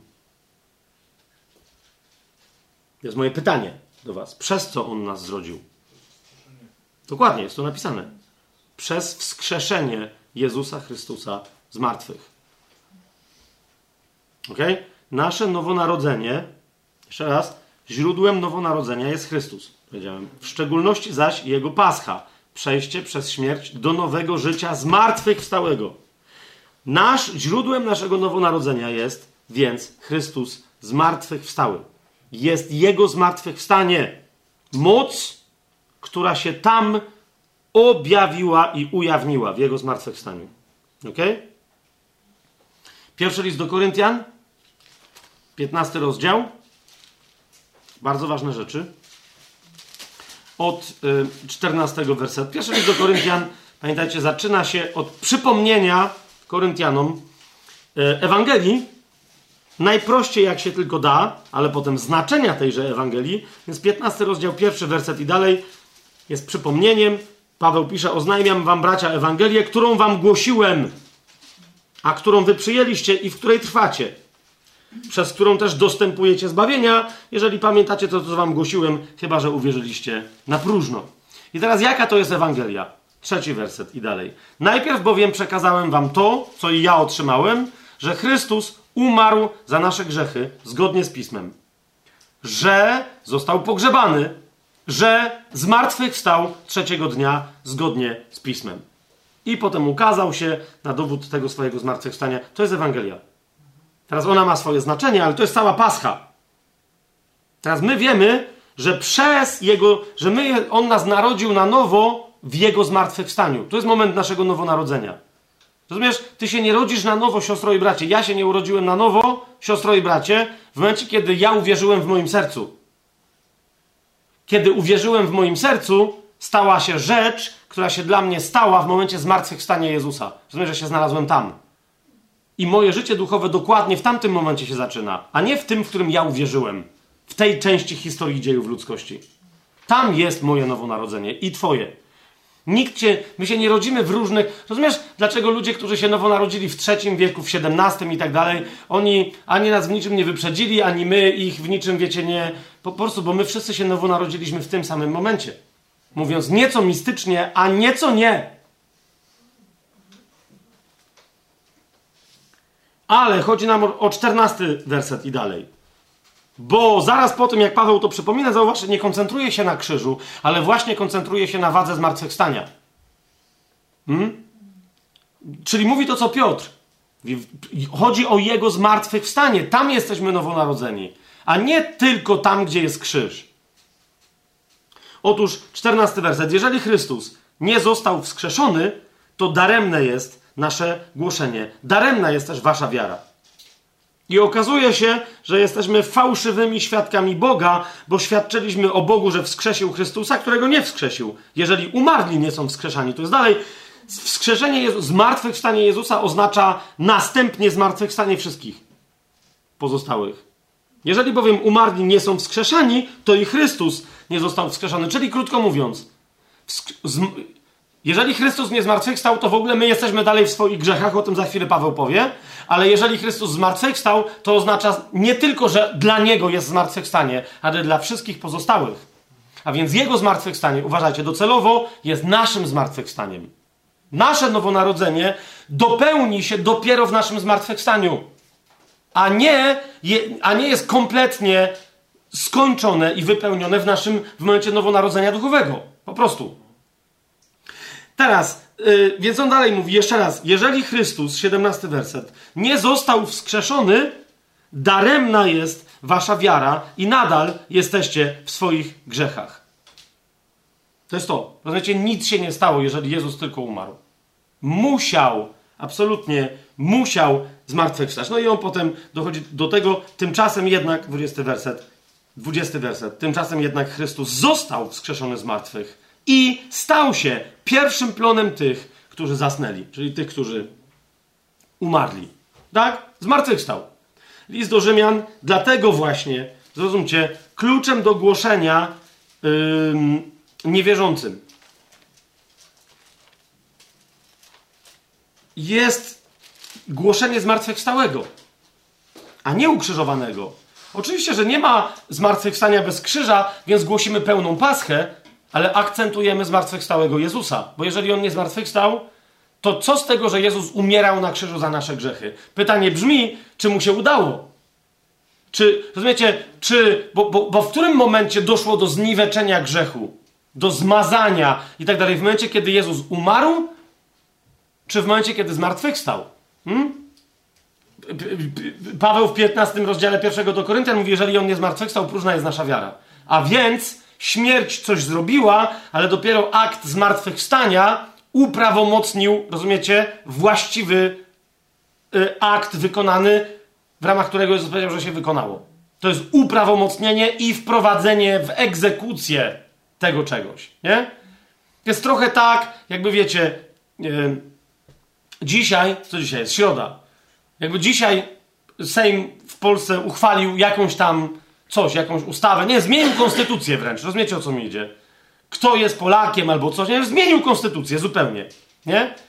Ale ogłoszenie wejścia w życie tego nowego prawa i ono jest już niezmienne. To ono po prostu się nie da, nie? Trzeba mieć stuprocentową większość w parlamencie, żeby w ogóle zmienić to prawo. Coś takiego. Nie? No to teraz weź, jak oni nawet to prawo przepchnęli tylko dwiema trzecimi dzisiaj. Załóżmy, no nie? I teraz czyli ustawili coś, i teraz wchodzi, ale, czyli jest ustawione prawo? Jest, ale ono wchodzi w życie dopiero za trzy dni. Z rana, o godzinie 6 rano. Rozumiecie? Za trzy dni, konkretna jakaś tam data, to kiedy będzie za trzy dni? W sobotę? Coś takiego, nie? Że czwartek, piątek, sobota. Nie, w niedzielę rano. W niedzielę rano. Dokładnie. Więc widzisz, śmierć na krzyżu to jest to uchwalenie zupełnie czegoś nowego, ale wejście w życie tego czegoś nowego to jest wyjście Jezusa z grobu. To jest zmartwychwstanie. Jeżeli On nie zmartwychwstał, próżna jest wasza wiara i do tej pory trwacie w swoich grzechach. Jeżeli, nie, jeżeli tylko umarł sprawiedliwy za niesprawiedliwych, to jeszcze, to jeszcze absolutnie nic.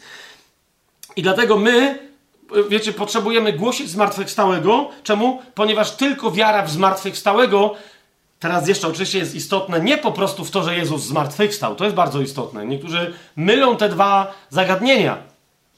Czyli jeżeli ktoś wierzy w to, że Jezus zmartwychwstał, to może wierzyć. To jeszcze go nie zrodzi do życia wiecznego. On ma wie, uwierzyć w swoim sercu w zmartwychwstałego Pana, którym jest Chrystus Jezus. Kapujesz? A więc nie, że Jezus zmartwychwstał, ale że zmartwychwstały jest Panem, którego On przyjmuje. I to jest dopiero w sercu, i to jest jego, to jest dopiero, rozumiesz, to jest akt wiary skierowany do zmartwychwstałego jako Pana. Popatrzcie razem ze mną list do Rzymian, 10 rozdział, 9 werset i 10. Jeżeli ustami wyznasz Pana Jezusa. Niektórzy tłumaczą, żeby to była jasność, jak to.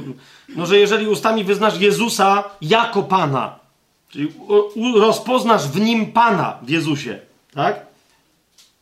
I uwierzysz w swoim sercu, że Bóg wskrzesił go z martwych, będziesz zbawiony. I to ludzie rozgraniczają, mówią, czyli, a potem mówią, no tak, ale odwrotna jest kolejność. Ja się sam zresztą z tym zgadzam. Sercem bowiem wierzy się ku sprawiedliwości, to jest krok pierwszy. Dwa, a ustami wyznaje się ku zbawieniu. To jest krok drugi. Tak? Ale widzicie, na czym polega problem? Że wtedy ludzie wracają do dziewiątego wersetu i mówią tak. Czyli krok pierwszy to jest co? Uwierzyć w sercu, że Bóg wskrzesił Jezusa z martwych. Zgadza się? A potem wyznać ustami Jezusa jako Pana. Nieprawda. Widzisz, dlatego to jest tak skonstruowane chiastycznie 2, 1, 1, 2, żeby było zrozumiane dokładnie jeden. Mianowicie masz uwierzyć w swoim sercu, że co? Że Bóg wskrzesił Pana Jezusa z martwych, a nie Jezusa. Czy to jest jasne? Jeżeli ustami wyznasz Jez Pana Jezusa albo wyznasz Jezusa Panem, wierząc w swoim sercu, że Bóg wskrzesił go takiego z martwych. Jego takiego, jako Pana.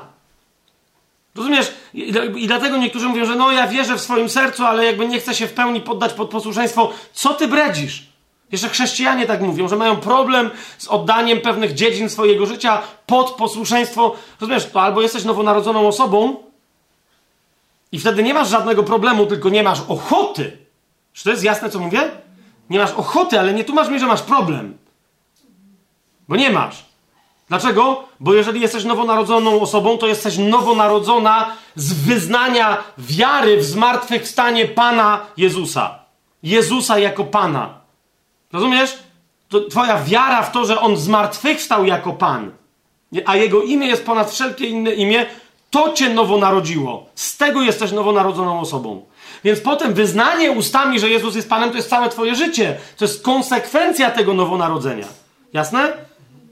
Dlatego to, ta wiara w sercu nas usprawiedliwia, którą my wyznajemy ustami, jak, że Jezus jest Panem. Jaki? No zmartwychwstały. To jest to, co my wyznajemy ustami. Jezus zmartwychwstały jest Panem. To jest ten, w którego my uwierzyliśmy, a nie w którego zmartwychwstanie uwierzyliśmy. Czy to jest jasne? To jest ten, w którego my wierzymy zmartwychwstały Jezus Pan, Syn Boży Mesjasz. Całe nasze wyznanie wiary. My wierzymy Jemu, my wierzymy w Niego, a nie w fakt, który się dokonał w Jego życiu, po życiu, czyli Jego zmartwychwstanie.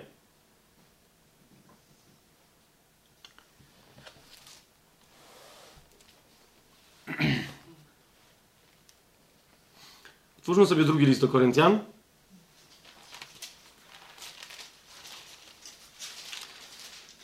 Rozdział 5, 17 werset.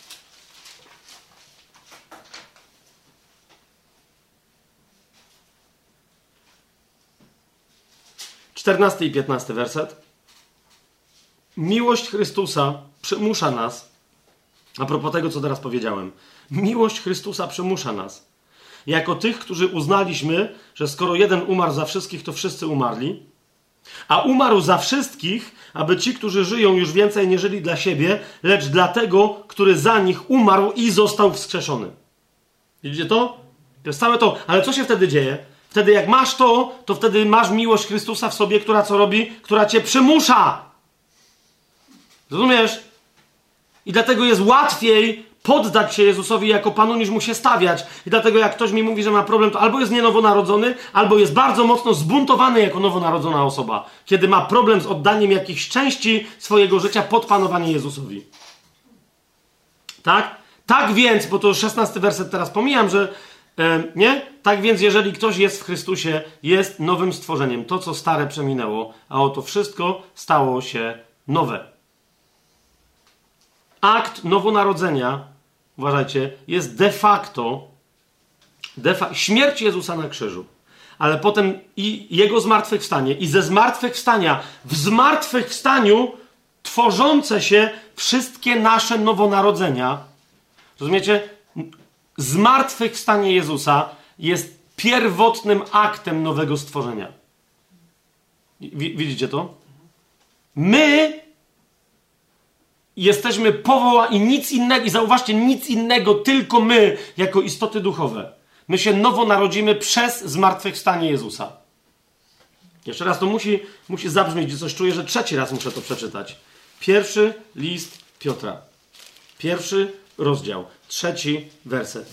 Błogosławiony niech będzie Bóg i Ojciec naszego Pana Jezusa Chrystusa, który według swojego wielkiego miłosierdzia zrodził nas na nowo do żywej nadziei przez wskrzeszenie Jezusa Chrystusa z martwych. Tak?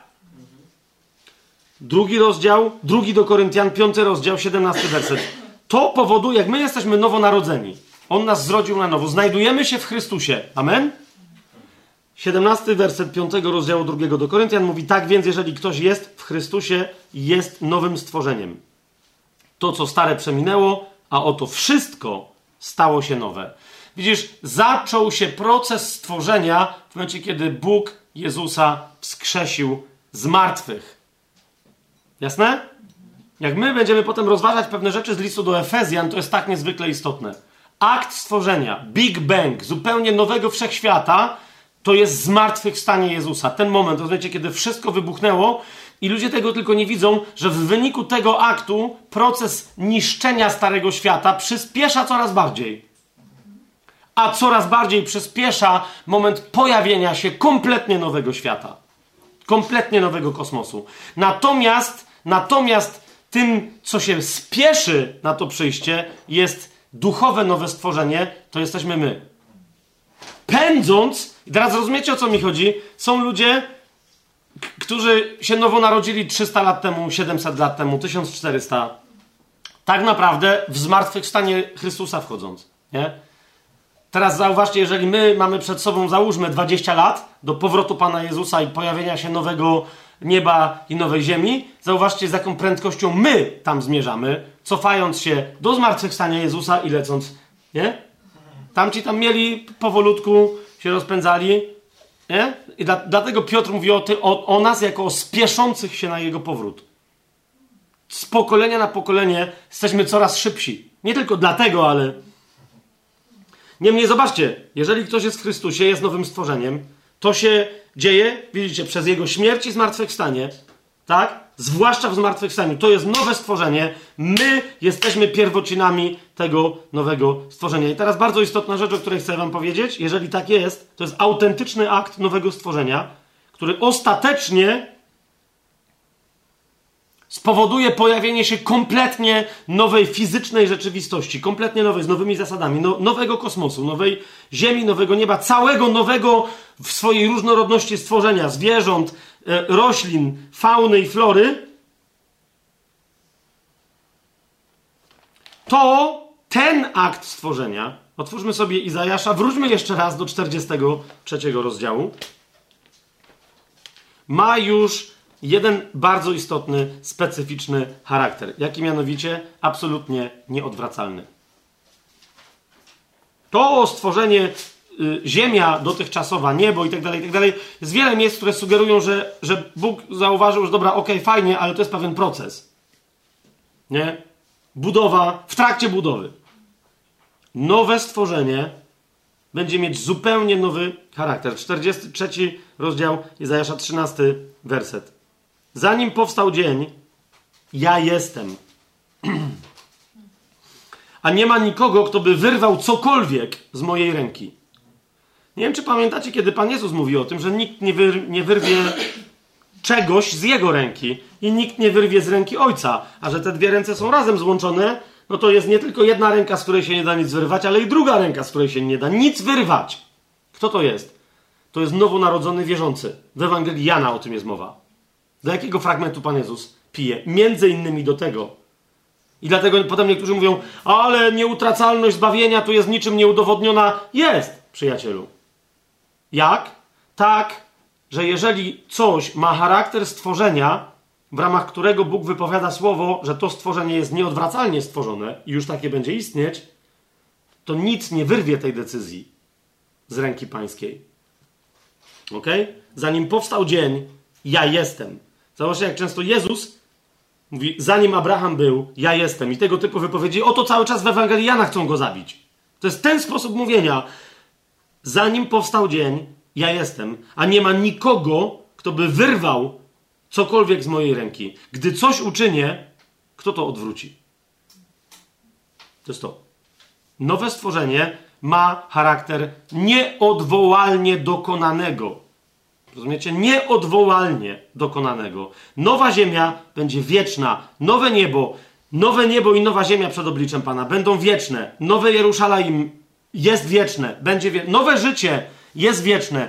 Całe nowe stworzenie, nowa pieśń je, będzie śpiewana Panu na wieki wieków i tak dalej, i tak dalej. Nowe imię jest imieniem na wieki. Rozumiecie? I, I dlatego, jeżeli ktoś jest usprawiedliwiony i dzięki temu jest nowym stworzeniem, nie może nim przestać być. I dlatego nie może utracić tego usprawiedliwienia. Może dostać różne zbawienie, że tak powiem w różnym wymiarze, ale nie może tego utracić. Dlaczego? Bo nie może przestać być nowym stworzeniem. Efektem nowonarodzenia, usprawiedliwienia w duchu jest rozpoczęcie zupełnie nowego okresu w swojej historii, mianowicie historii nowego stworzenia. I dlatego, jak jest powiedziane nowe stworzenie, co stare przeminęło od tej pory, wszystko jest nowe. Jednym z elementów nowego stworzenia jest Twoje nowonarodzenie w jego charakterze nieodwołalnej wieczności oraz kompletnej nowości. Cokolwiek zaczynasz robić w swoim życiu po staremu, co się tyczy nowego życia, jest wyjściem z zasady nowego przymierza. I o tym Paweł mówi w liście do Galacjan, cały czas do Galacjan. I o tym do tej pory, żeśmy sobie tu podczas tych naszych studiów, tego naszego studium trąbili. Na czym polega natura nowego stworzenia? Bardzo szybko, bo o tym wielokrotnie mówiliśmy, ale musimy to przypomnieć. Przede wszystkim, kochani, na tym, że jest to natura nowego Adama.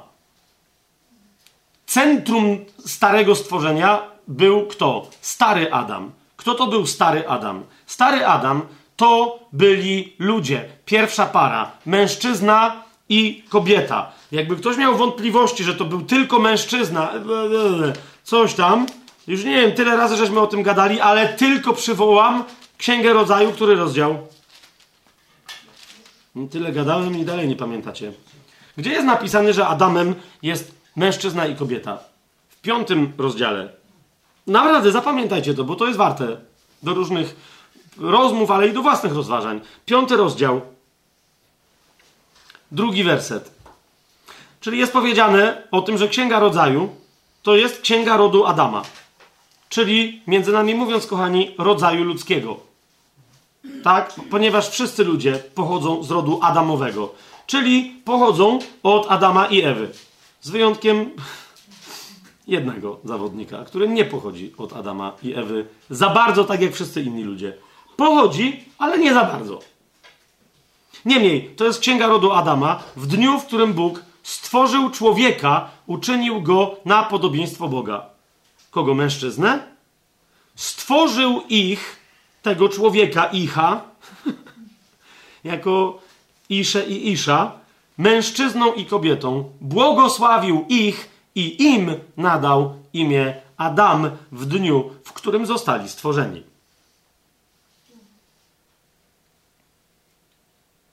Ostatnio ktoś tam do mnie podszedł i rozważał i mówi, że hej, właśnie, ja zawsze myślałem, że kobieta nie była stworzona w tym samym dniu co mężczyzna, bo Adam spał. No i rozumiecie, to było. Ja mówię, no. Rozumiesz? Rozumiesz? A on naprawdę se przesunął kobietę na siódmy dzień, jak już Bóg odpoczywał. I mu się tam coś nie zgadzało, ale przecież tam jest powiedziane, że to, że Adam usnął, to nie znaczy, że była noc. Nie? Zauważcie, w jakich my naprawdę czasem w doktrynach funkcjonujemy, bo mamy wyobrażenie nie, nie wynikające w ogóle z pisma. Nie? Tego samego dnia. Mężczyzna jak Adam to są oni, kobieta i mężczyzna. Adam jest nazywany najpierw sam mężczyzna. Dlaczego? No bo sam jeden jedyny jest całą ludzkością. Ale potem Adam są już oni. On i ona. Co, z tego wszystkiego wiecie co najlepsze? Wiecie co wynika? Że my w zasadzie wiemy, jak miała na imię kobieta, ale tak naprawdę nie wiemy, jak w zasadzie miał na imię mężczyzna. Bo znamy ich nazwisko, jeżeli już. Państwo Adam, ona miała na imię Ewa, ona była Ewa Adam, a on był co? Adam Adam? No nie. No chyba, że. Ale wiecie o co mi chodzi? Znaczy, że ten Adam to nie jest tak naprawdę nazwisko, tylko właściwe imię. A więc cała ludzkość to jest Adam. Czy to jest jasne? Cała ludzkość to jest Adam. Cała ludzkość. To, że ona na początku to, była, to były dwie osoby, ale chodzi o to, że Adam oznacza ludzkość. Dosłownie oznacza bycie ziemianinem. Bycie zrobionym z ziemi i należącym do ziemi. Ale to jest, to jest kobieta i mężczyzna. Tak? I teraz sęk w tym, że yy, yy, widzicie, nowe stworzenie musi, to zawiera w sobie nową ludzkość. Nowy lud powiedziałem. Tak? Więc musi mieć swojego nowego Adama. Nową matkę i nową, nowego ojca. Bum, bum, bum, bum, bum, bum, da, da, da, da, da. Nie, to się od razu rodzi. Co innego, nowego ojca, no okej, okay. no nie? Nowego Adama, no okej. Okay. Ale czekaj, ale jeżeli Adam to jest on i ona, ha, to jest jakaś Matka Boska. No jest. Co jest najlepsze. Co, co więcej, no powoli. Pierwszy list do Koryntian. Chodzi o to, że, że, że yy, więc na czym polega natura nowego stworzenia? Czyli nowonarodzonej istoty duchowej już teraz, na tym, na czym na zawsze będzie polegać. Pierwszy list do Koryntian, 15 rozdział oczywiście rozważa tę kwestię. 45 werset mówi, tak też jest napisane. 45 werset. Macie? Tak też jest napisane. Stał się pierwszy człowiek, Adam, duszą żyjącą, a ostatni Adam duchem ożywiającym. Kto jest ostatnim Adamem? Jezus który, zauważcie, co się dzieje. I, to, jest, to jest masa rzeczy do rozważenia. Ja nie mogę teraz, ale musimy to w jednym. Przepraszam was, to, to może najwyraźniej. Niech to potrwa 4 godziny dzisiaj, ale musimy to wszystko poskładać.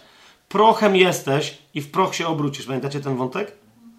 Kto się obraca w proch? Kto umarł i kładzie się w prochu ziemi i w cieniu ziemi, w szeolu. Prochem jesteś i w proch się obrócisz. Ok? Z czego został stworzony Adam? A nowy Adam, kiedy de facto objawia się nowym Adamem i zaczyna tworzyć, w nim powstaje nowa ludzkość, kiedy wychodzi z serca ziemi, z grobu. Niezamieniony w proch, nieobrócony w proch. Nie pozwolisz zniszczeć swojemu świętemu, swojemu sprawiedliwemu. Kapujecie? Całe rozważania Dawida, rozważania Hioba, sobie przypomnijcie. Całą masę rozważań Hioba, który dokładnie to prorokuje. On nie prorokuje o swoim zmartwychwstaniu, bo ma wiele tam takich wątków. Nie mamy czasu dzisiaj tam w ogóle nawet sięgać. Ale prorokuje o zmartwychwstaniu sprawiedliwego, o, ewidentnie o zmartwychwstaniu Adama. Nowego Adama, który powstaje, co jest ważne, z prochu ziemi, wychodzi z ziemi, a więc jest ziemianinem, zwróćcie uwagę. On się nie rodzi z nieba. Chociaż przyszedł z nieba, ale rodzi ludzkość jako dalej pochodzącą z ziemi, choć jest człowiekiem niebieskim, a więc ludzkość, która odziedziczy ziemię. Rozumiecie, jako swoje dziedzictwo będzie ziemska ludzkość dalej, ale będzie mieć charakter, naturę niebieską. Zobaczcie, 45 werset i, yy, i dalej. Stał się pierwszy człowiek, Adam, duszą żyjącą, a ostatni Adam duchem ożywiającym. Zmieniła się zasada funkcjonowania, ale nie o tym nie teraz. Jednak pierwsze nie jest to, co duchowe, ale to, co cielesne, a potem duchowe. Pamiętacie? Człowiek się musi narodzić z wody i z ducha. Mimo, że duchowe jest ważniejsze, najpierw dla nas, jako dla ludzi, jest cielesne, a potem duchowe. Pierwszy człowiek z ziemi, ziemski. Drugi człowiek, pan z nieba. Hmm? Jaki jest ten ziemski, tacy i ziemscy. A jaki jest niebieski, tacy i niebiescy. A jak nosiliśmy obraz ziemskiego, tak będziemy nosili obraz niebieskiego. Widzicie, sęk w tym, że w paru miejscach Biblia sugeruje, yy, a może nawet i wprost mówi, że yy, żaden z ludzi ze względu na grzech Adama nie był tak doskonały jak Adam, czyli pierwsi mężczyzna i kobieta. Nie? Nikt pewnym sensie trochę ich wspólna, wspólne lata życia jako małżeństwa, e, ilość ludzi, których spłodzili, ilość wnucząt, prawnucząt, praprawnucząt, pra, pra, pra, pra, pra, pra, prapów, których się doczekali, jest nieporównywalna z czymkolwiek innym. Ich potencjał, rozumiecie, jakby nikt nigdy długość życia, w zasadzie prawie nikt z, cało, nikt z całością tego potencjału, który oni sobą reprezentowali, nikt się z tym nie do, do tego, nikt nie, nawet się nie zbliżył do tego, nie? Dobra, byli tacy, co się zbliżyli do wieku Adama i tak dalej, ale to nie o to mi teraz chodzi. Chodzi mi o całość mocy, jaką oni reprezentowali swoim życiem, mimo że było upadłe. Wszyscy następni byli podobni do Adama i Ewy. Czy to jest jasne, co, co, co mówię? Yy, no ale to, to było coraz większe słabnięcie, coraz większe znę, znędznienie. Nie? Więc my nosimy obraz ziemskiego Adama cieleśnie. Mężczyźni i kobiety. Ale będziemy nosić obraz nowego Adama. Nie? To, to jest to, co kompletnie. Zauważ, może Adam był większy ode mnie, dosłownie fizycznie, czy od ciebie, od nas wszystkich. Są pewne koncepcje żydowskie, w ramach których oni czytają w Biblii, że Adam mógł być wielokroć wyższy niż my jesteśmy i że dokładnie ta cecha się ujawniła w Nefilimach i dlatego oni mogli być olbrzymami. Nie będę teraz, nie będę teraz w to, w to wchodził, bo to nie ma znaczenia. Nie? Może się okazać, że naprawdę jakbyśmy zobaczyli Adama i Ewę, nie jacy oni teraz są, czy jacy zmartwychwstaną, tylko chodzi mi o to, wiecie, jacy byli jako stworzeni. Bylibyśmy, za, bo całkiem możliwe, że zakochani. Wiecie o co mi chodzi? Zaczęlibyśmy piękno, majestat, siłę, żywotność, Nieśmiertelność, bo oni byli do tego stworzeni od początku, nie do tego, żeby umarli. Nie? Więc, no, a my to widzimy, to, to jak patrzymy nawet teraz po sobie, no ładni jesteście, fajnie, naprawdę, ale wiecie o co chodzi, no. No tacy ładni jesteście, że mi się tylko jedna tak naprawdę podoba i się z nią ożeniłem, no nie? A też miała różne sytuacje i momenty, no nie? Tak? My niby, no, no silni w miarę jesteśmy, tak? No ale nie, niby jakąś tam chwałę nosimy, ale nie? Zasada nowego stworzenia może przez nas przebić, prześwietlić przez, nasze cielesno, przez naszą cielesność, może prześwietlić kogoś znacznie wspanialszego niż pierwszy Adam. Pierwsza kobieta i pierwszy mężczyzna. Mianowicie ostatecznie pierwszego mężczyznę i kobietę i po prostu nowe stworzenie, którym jest nowy Adam. Amen? List do Hebrajczyków w szóstym rozdziale. w 20 wersecie, na samym końcu powiada, to jest bardzo istotne, że nowy Adam, mimo że, wiecie, fizycznie się narodził, no właśnie, to jest pytanie, jak on się narodził. Yy, chodzi o to, że, no właśnie, przeczytamy, 20 werset 6 rozdziału. Mowa jest o Jezusie, który jako poprzednik wszedł dla nas, tak? Jezus. Wszedł dla nas, stawszy się najwyższym kapłanem na wieki, według porządku Melchizedeka. Niektórzy tłumaczą na wzór Melchizedeka. No teraz jest pytanie, czy on wzorował się na Melchizedeku, czy Melchizedek na nim, czy wręcz jest to poważne zagadnienie teologiczne, którym się zajmiemy, jak dojdziemy do listu do Hebrajczyków, czy być może Melchizedek, któremu Abraham, pamiętacie tę postać, któremu Abraham oddaje dziesięcinę, y, są niektórzy tacy, którzy, jest mnóstwo takich teologów, egzegetów, bardzo poważnych w historii biblijnej egzegezy, którzy mówią, że Abraham spotkał się osobiście z Jezusem jako Melchizedekiem. Nie? Że takie tytuły, jak król Szalemu i tak dalej, i tak dalej, świadczą o tym oraz jeszcze coś. Co? Zobaczcie, siódmy, siódmy rozdział. Ten bowiem Melchizedek, król Szalemu, kapłan Boga Najwyższego, wyszedł na spotkanie Abrahama wracającego po rozgromieniu królów i pobłogosławił go. Jemu też Abraham wydzielił dziesięcinę ze wszystkiego. Jest on najpierw, według tłumaczenia, ten Melchizedek, królem sprawiedliwości. Czujecie ten tytuł? Potem też królem Szalemu, co znaczy król pokoju. I teraz trzeci werset. Bez ojca, bez matki, bez rodowodu, nie mający ani początku dni, ani końca życia, ale upodobniony do Syna Bożego, pozostaje kapłanem na zawsze. Eee, nie? I niektórzy mówią, no więc to był Jezus. I potem, jak zobaczysz w Grece, co się dzieje, no ale jak przyjdziemy do listu do Hebrajczyków, to zobaczymy, co się tu dzieje, bo tu się bardzo ciekawe rzeczy dzieją. Mnie tylko chodzi o co? Że opis Jezusa, bo niektórzy powiadają, nie, to jest tylko taki symbol, czyli nie o to, że Melchizedek nie miał ojca i nie miał matki, nie miał rodowodu i nie miał, yy, nie miał yy, początku dni i tak dalej. Chodzi tylko o to, że on jest tak opisany bez rodowodu, a to powoduje, że nie wiemy, kto był jego ojcem i matką i tak dalej, ale wniosek jest jaki? Że Jezus, zauważcie, szósty rozdział, dwudziesty werset, że Jezus jest bez ojca, bez matki, bez rodowodu, nie mający ani początku dni, ani końca życia. Tak? Że On jest Synem Bożym, który pozostaje kapłanem na zawsze. O to chodzi. No ale jak Jezus nie ma ojca, nie ma matki, jak przecież wiemy, że ma? No, no wiemy?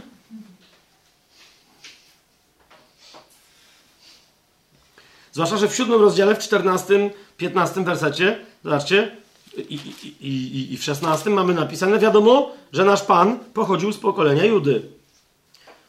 O którym to pokoleniu odnośnie kapłaństwa Mojżesz nic nie mówi. Jest to jeszcze bardziej oczywiste, skoro na podobieństwo Melchizedeka pojawia się inny kapłan, który stał się nim nie według cielesnego przykazania prawa, ale według mocy niezniszczalnego życia. A więc widać, że Jezusowi nie przeszkadza to, że on przyszedł cieleśnie z pokolenia Judy, ale że staje się, to tylko pomaga całej sprawie.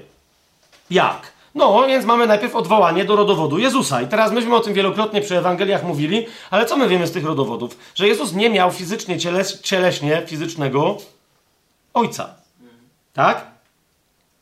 Wciąż jednak mówimy, no ale miał matkę, no a ta matka pochodziła od Adama i Ewy.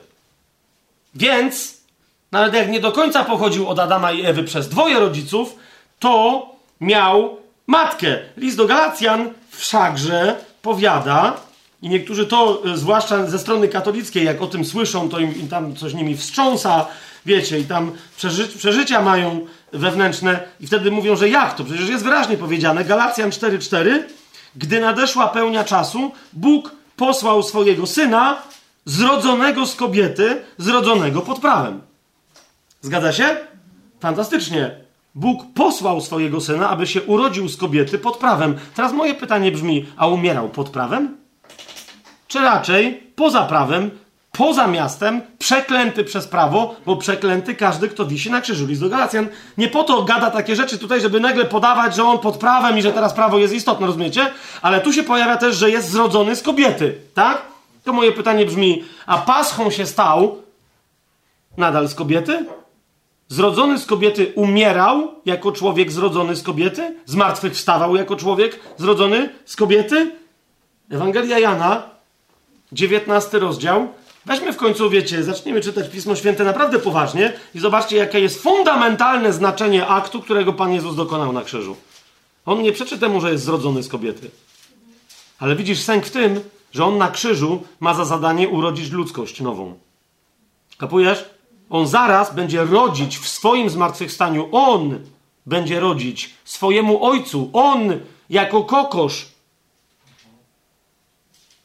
I dlatego on nie może mieć matki. On musi być kapłanem na wieki, jako Melchizedek, który nie ma ojca, nie ma matki, nie ma początku swoich dni, bo istnieje od zawsze. Więc co robi? Dokładnie tak, jak ktoś przez akt może nabyć autentyczne, fizyczne w rozumieniu hebrajskim synostwo. Pamiętacie, mówiliśmy o tym. Akt. Ja ciebie adoptuję jako mojego syna. I od tej pory co się dzieje? I od tej pory nagle Jakub tworzy zupełnie nowe pokolenia, bo, bo jego akt, on ich nie spłodził fizycznie. Pamiętacie, wziął dwóch synów Józefowi. Pamiętacie to? I od tej pory są nowe pokolenia i nikt tego nie kwestionuje w Izraelu. Rozumiecie, o co mi idzie? On powiedział, to są moi synowie. Bam! Czy jest to pełny akt prawny adap- adopcji? Jest. To są moi synowie. Jakbym ich zrodził? Takim samym aktem można się pozbyć dzieci. Można, można je, wiecie, odrzucić i je wykląć. Tyle, nie mam nic z nim, to nie są moje dzieci. Czyje one są? Nie, nie, nie moje. Niech, niech sobie je ktoś adoptuje. Ja ich nie urodziłem, ja ich nie spłodziłem. Tak? Jezus dokonuje takiego samego aktu, ale w drugą stronę. To jest dziwne. Mianowicie pozbywa się matki. Dobra, teraz trochę nie, nie tyle się jej pozbywa, co jakby demonstruje. No bo zobacz, jeżeli ja pozostanę dalej Twoim synem, to ja dla Ciebie jednej nie mogę być matką. Nie wiem, czy rozumiecie? Jeżeli mój, moja posługa ma objąć całą ludzkość, to ja muszę być rodzicielem, rodzicielką dla wszystkich. Ja. Tak? Docelowo tą rodzicielką staje się Nowe Jeruzalem, które zstępuje z nieba, którym jest zamieszkanie świętych w oczekiwaniu na zmartwychwstanie tych, którzy przed nami odeszli i czekają na powrót Pana Jezusa. To jest nasza matka. List do Galacjan o tym mówi, pamiętacie? Że my mamy matkę w niebie. Kto nią jest? Chrystus. Wraz z całą rzeszą tych, którzy są świadkami. Całe nowe niebieskie Jeruzalem. Cała oblubienica którą my się z czasem. To jest najlepsze, że my się z czasem zamienimy we własną matkę. To jest trochę odlot, ale nie, nie rozważajmy teraz tego, no nie? Co jest tylko istotne, że ten, który się zrodził z niewiasty, nie umierał jako zrodzony z jakiejkolwiek niewiasty. Zauważcie. 19 rozdział Ewangelii Jana, 26 werset. Gdy więc Jezus zobaczył matkę, czyją? No swoją i ucznia, którego miłował, stojącego obok, powiedział do swojej matki, jeszcze raz jest powtórzone, co? Rozumiecie, to jest akt, zupełnie dosłownie akt, prawie że stwórczy. Nie? Bo on mówi do swojej matki, tylko że to nie jest akt stwórczy, bo on się, tak powiem, stawia w innej pozycji. Nie? Powiedział do swojej matki, właśnie to jest, co, co się mówi do matki? Mówi się matko. W hebrajskim, w greckim, w całej tamtej kulturze mówi się matko. A on do niej mówi, jeszcze raz to samo, co na początku Ewangeliana, pamiętacie? Mówi do niej kobieto. Hmm? Kobieto, oto twój syn. Potem powiedział do tego ucznia, którego miłował, oto twoja matka. I od tej ucz godziny uczeń wziął ją do siebie, co jest potwierdze potwierdzeniem, faktycznie skonsumowaniem aktu prawnego. Tak jak było wtedy rozumiane skonsumowanie aktu małżeńskiego, że się małżeństwo ze sobą yy, fizycznie przespało, tak? Wszyscy są ze mną dalej? Tak, tu w tym sensie Jezus coś powiedział, jakby uczeń poszedł swoją drogą, a matka swoją, to by było ne, ale oni potwierdzili, że oni, oni się z tym zgadzają. To jest od tej pory jego matka, a to jest jej syn. Nie? Rozumiecie, y, y, to jest interesujące, co się też wtedy stało, ponieważ niektórzy wnioskują, i według mnie całkiem słusznie, że to był akt w ogóle przeniesienia że tak powiem, macierzyństwa na zupełnie inną rodzinę, ponieważ Jezus wtedy, że tak powiem, spowodował, że ta matka przestała być nie tylko jego matką, ale kogokolwiek, kto się tak narodził. Nie wiem, czy, czy wiecie, co to oznacza. Bracia Jezusa i siostry nadal żyli, ale ich nie było tam pod krzyżem. Nie bez przyczyny w Ewangelii Jana, rozumiecie? Bo po co? Nikt inny o tym nie wspomina. A z jakiegoś powodu Jan wspomina, że bracia Jezusa w niego nie wierzyli no to jest dokładnie on jako pierworodny, rozumiecie, co wtedy, co wtedy robi? Uwalnia matkę od nich, niezależnie od tego, co oni potem zrobią. Nie od siebie, ale też od nich przy okazji. Bo mówi, to jest, to jest teraz twoja rodzina, nie? I on teraz przychodzi i mówi, to jest moja matka, a wy kto jesteście? My jesteśmy jej dziećmi. To jest moja matka. Ja jestem jej synem, a wy nie jesteście moimi braćmi. Co, co wy od niej chcecie? Rozumiecie o co chodzi? Oddaje jej najlepszemu w tym momencie możliwemu synowi. To, że my potem wiemy przynajmniej o jednym bracie Jezusa, że się nawrócił, to wiecie, my nie wiemy, czy to koniecznie był najstarszy po Jezusie, nie? Jakby tam jakiś inny pierworodny się dorwał, wiecie, do rządzenia Marią jako kobietą, Jezus tu wykonuje genialny gest. Ale co jest istotne? Że on sobie nie znajduje żadnej innej matki. Tak? Kobieto, oto twój syn. Potem powiedział do ucznia, oto twoja matka. I od tej godziny uczeń wziął ją do siebie. Potem Jezus, widząc, że już wszystko się wykonało, wiecie co się dzieje? To jest ostatni z aktów, których on teraz, teraz mogę zacząć rodzić. On mówi, teraz mogę zacząć rodzić. Zupełnie nowe, absolutnie nowe pokolenie. List do, teraz niektórzy naprawdę wciąż się szokują, co Jezus rodzi, to jest jakaś feministyczna teologia, że Jezus, co? Jezus jest chłopem. Ehehe. No nie wiem, no może jest chłopem, ale jeżeli Jezus jest nazywany Zofią, czyli mądrością, że On jest naszą mądrością, Sofia jest naszą mocą, rozumiecie, to jakby On jako logos nie, nie ma płci. On się wcielił w konkretną płeć. Ale jeżeli my, będąc zrodzeni i stworzeni oryginalnie jako płciowi, tę płeć stracimy, rozumiecie o co mi chodzi? To czemu my nadal mamy patrzeć na Jezusa jako na płciowca? List do Hebrajczyków, drugi rozdział, powiada, że w ramach tego aktu, w którym Jezus wypowiada najpierw słowa, oznajmię Twoje imię moim braciom, pośród zgromadzenia będę Ci śpiewał, to jest list do Hebrajczyków, drugi rozdział, dwunasty werset. Kiedy Jezus mówi, jo, jo, jo, kiedy Jezus wypowiada te słowa na krzyżu, on je wypowiada w sposób niemy, ponieważ jest to fragment, przypomnę wam, 22 psalmu. Tak? Oznajmię Twoje imię moim braciom, pośród zgromadzenia będę Ci śpiewał. Jest to wyjątkowo piękny śpiew, który dla ludzi niesłyszących duchowo słyszą jedynie agonię umierającego człowieka. Rozumiecie? Skowyt duszącego się umierającego. I czują wstrętny zapach śmierci. Ale dla tych, którzy są z ducha, którzy patrzą na to wszystko z drugiej strony krzyża, oni tam słyszą piękny śpiew, który opowiada imię Jahwe swoim braciom i siostrom, który pokłada w Bogu nadzieję, ale który w końcu mówi na tym krzyżu, trzynasty werset, oto ja i dzieci, które dał mi Bóg. Ło, to jest cały czas wypowiedź Jezusa. Oto ja i dzieci, które dał mi Bóg. Księga Izajasza, e, ósmy rozdział, zobaczmy na to. Księga Izajasza, ósmy rozdział, osiemnasty werset. To jest dokładnie e, ten cytat. Oto ja i dzieci, które Jachwę mi dał. Ale zobaczcie, co jest dalej. Oto ja i dzieci, które dał mi Jachwę. Jesteśmy znakami i cudami w Izraelu. Od Jachwę zastępów, który mieszka na górze Syjon. Jesteśmy znakami i cudami. Pokolenie absolutnie, rozumiecie, to jest nowe stworzenie. To, są, to jest znak i to jest cud. Dzieci, Chrystus, który on to zapowiadał, za chwilę zmartwychwstanie, to jest znak i cud. I my w nim. My jesteśmy znakami i cudami. Jako osoby nowonarodzone, zmartwychwstałe w nim. Otwórzmy sobie Psalm 22, bo jeszcze jedną rzecz chcę wam tam zwrócić uwagę na coś. Nie po to, żeby pokazywać skąd pochodzi tylko zauważcie, że w Psalmie 22 Pan Jezus wołający z krzyża, bo to jest jego wołanie z krzyża, ponieważ na krzyżu się dusił, więc nam przez proroka wcześniej przedstawił, co będzie mówił na krzyżu. Z tym, że ponieważ nie mógł mówić, no to powiedział to wcześniej, ale zaczął mówić: Eli, Eli, lema sawachtani.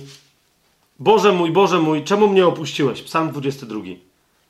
I wszędzie, gdzie jak słyszymy, że Jezus tak zakrzyknął, czemu cytaty we wszystkich miejscach w języku greckim przywoływane są bezpośrednio pochodzą z języka hebrajskiego biblijnego. Żeby zaznaczyć, że to nie jest wołanie, że Jezusowi o coś chodziło i mu się pomieszało w głowie i krzyczał po hebrajsku, tylko że zaczął, zaczął psalm 22.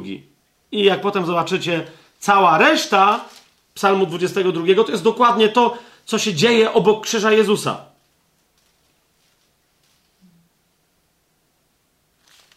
Zobaczcie 22 psalm, 14 werset. Rozpłynąłem się jak woda, rozłączyły się wszystkie moje kości. Moje serce stało się jak wosk i roztopiło się w moim wnętrzu. 15 werset. Moja siła wyschła jak skorupa, a mój język przylgnął do podniebienia. Położyłeś mnie w prochu śmierci. Psy bowiem mnie osaczyły. Obległa mnie zgraja złoczyńców. Przebili moje ręce i nogi. Mogę policzyć moje wszystkie kości. A oni patrzą na mnie, przypatrują się, dzielą między sobą moje szaty i o moją tunikę rzucają mój los. Więc jeżeli ktoś mówi, że na krzyżu Jezus zakrzyknął Eli, Eli, lema sabachtani, to moje pytanie brzmi, czy to nie znaczy, że mówi całą resztę? Kto w takim razie miałby, mógłby w czasie teraźniejszym wypowiedzieć te słowa i kiedy? W jakim innym momencie wszechdziejów, powiedzcie mi. Ale potem Słowo Boże świadczy, że Jezus wiele innych rzeczy mówi z tego psalmu. No na przykład to. Nie?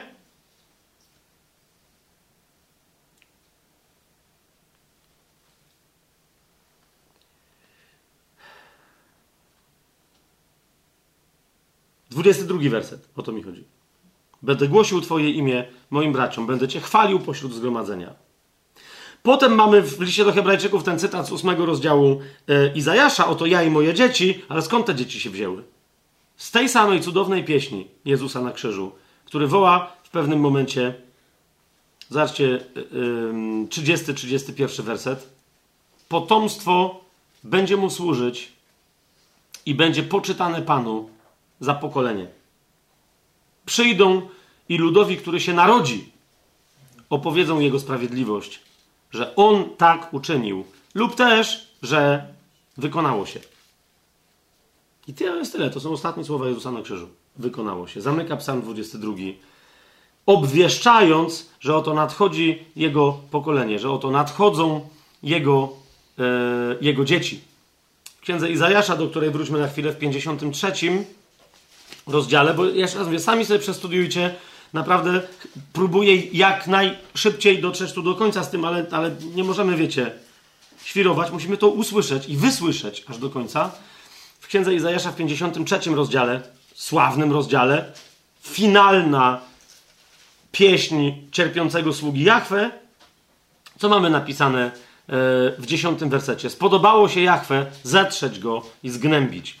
Gdzie? No na krzyżu ostatecznie a po złożeniu swojej duszy na ofiarę za grzech ujrzy swoje potomstwo. Przedłuży swoje dni i to, co się podoba Jachwę, przez jego rękę szczęśliwie się spełni. Ale co ten, który zostanie starty, co zobaczy? Swoje potomstwo. Bez ojca, bez matki. Bez żony, bez męża. Bez, rozumiecie? On jest nowonarodzeniem. On zmartwychwstały. I, I dlatego jest tak kluczowy. Pierwszy list do Koryntian, 15, 15 e, rozdział. My teraz jesteśmy nowonarodzeni duchową, ale rozumiecie, pełnia zmartwychwstania Chrystusowego w nas objawi się dopiero w pełni naszego zmartwychwstania. Pierwszy list do Koryntian, 15 rozdział. 20 e, werset i dalej powiada: Tymczasem jednak Chrystus został wskrzeszony z martwych i stał się pierwszym plonem tych, którzy zasnęli. Co to znaczy? Skoro bowiem śmierć przyszła przez człowieka, przez człowieka przyszło też zmartwychwstanie umarłych. Jak bowiem w Adamie wszyscy umierają, to jest część starej natury, tak też w Chrystusie wszyscy zostaną ożywieni. To jest nowa natura. Nie ma śmierci. I teraz obczajcie, dla nikogo nie ma śmierci z ludzi. Wszyscy będą wskrzeszeni z martwych do nowego życia. Sęk tylko w tym, no, że niektórzy sobie wybrali nowe życie gdzie indziej, niż to nowe życie, które jest naszym pełnym, właściwie nazwanym nowym życiem. Nie? Oni wybrali drugie życie, które jest, wybrali nowe życie, które jest drugą śmiercią. Wieczną, wiecznym potępieniem. Ale wszyscy zmartwychwstaną. To jest coś, co się dokonało przez zmartwychwstanie Jezusa. Tyle tylko, że 23 werset. Każdy w swojej kolejności. Chrystus już zmartwychwstał jako pierwszy plon w ciele. Potem ci, którzy należą do Chrystusa, kiedy zmartwychwstaną? W czasie Jego przyjścia. To jest zmartwychwstanie tylko i wyłącznie tych, którzy wchodzą do Królestwa którzy są usprawiedliwieni, którzy nie zaznają drugiej śmierci. Trzy, potem będzie koniec, kiedy on przekaże królestwo Bogu i Ojcu. To jest po sądzie Białego Tronu, czyli po tysiącletnim królestwie.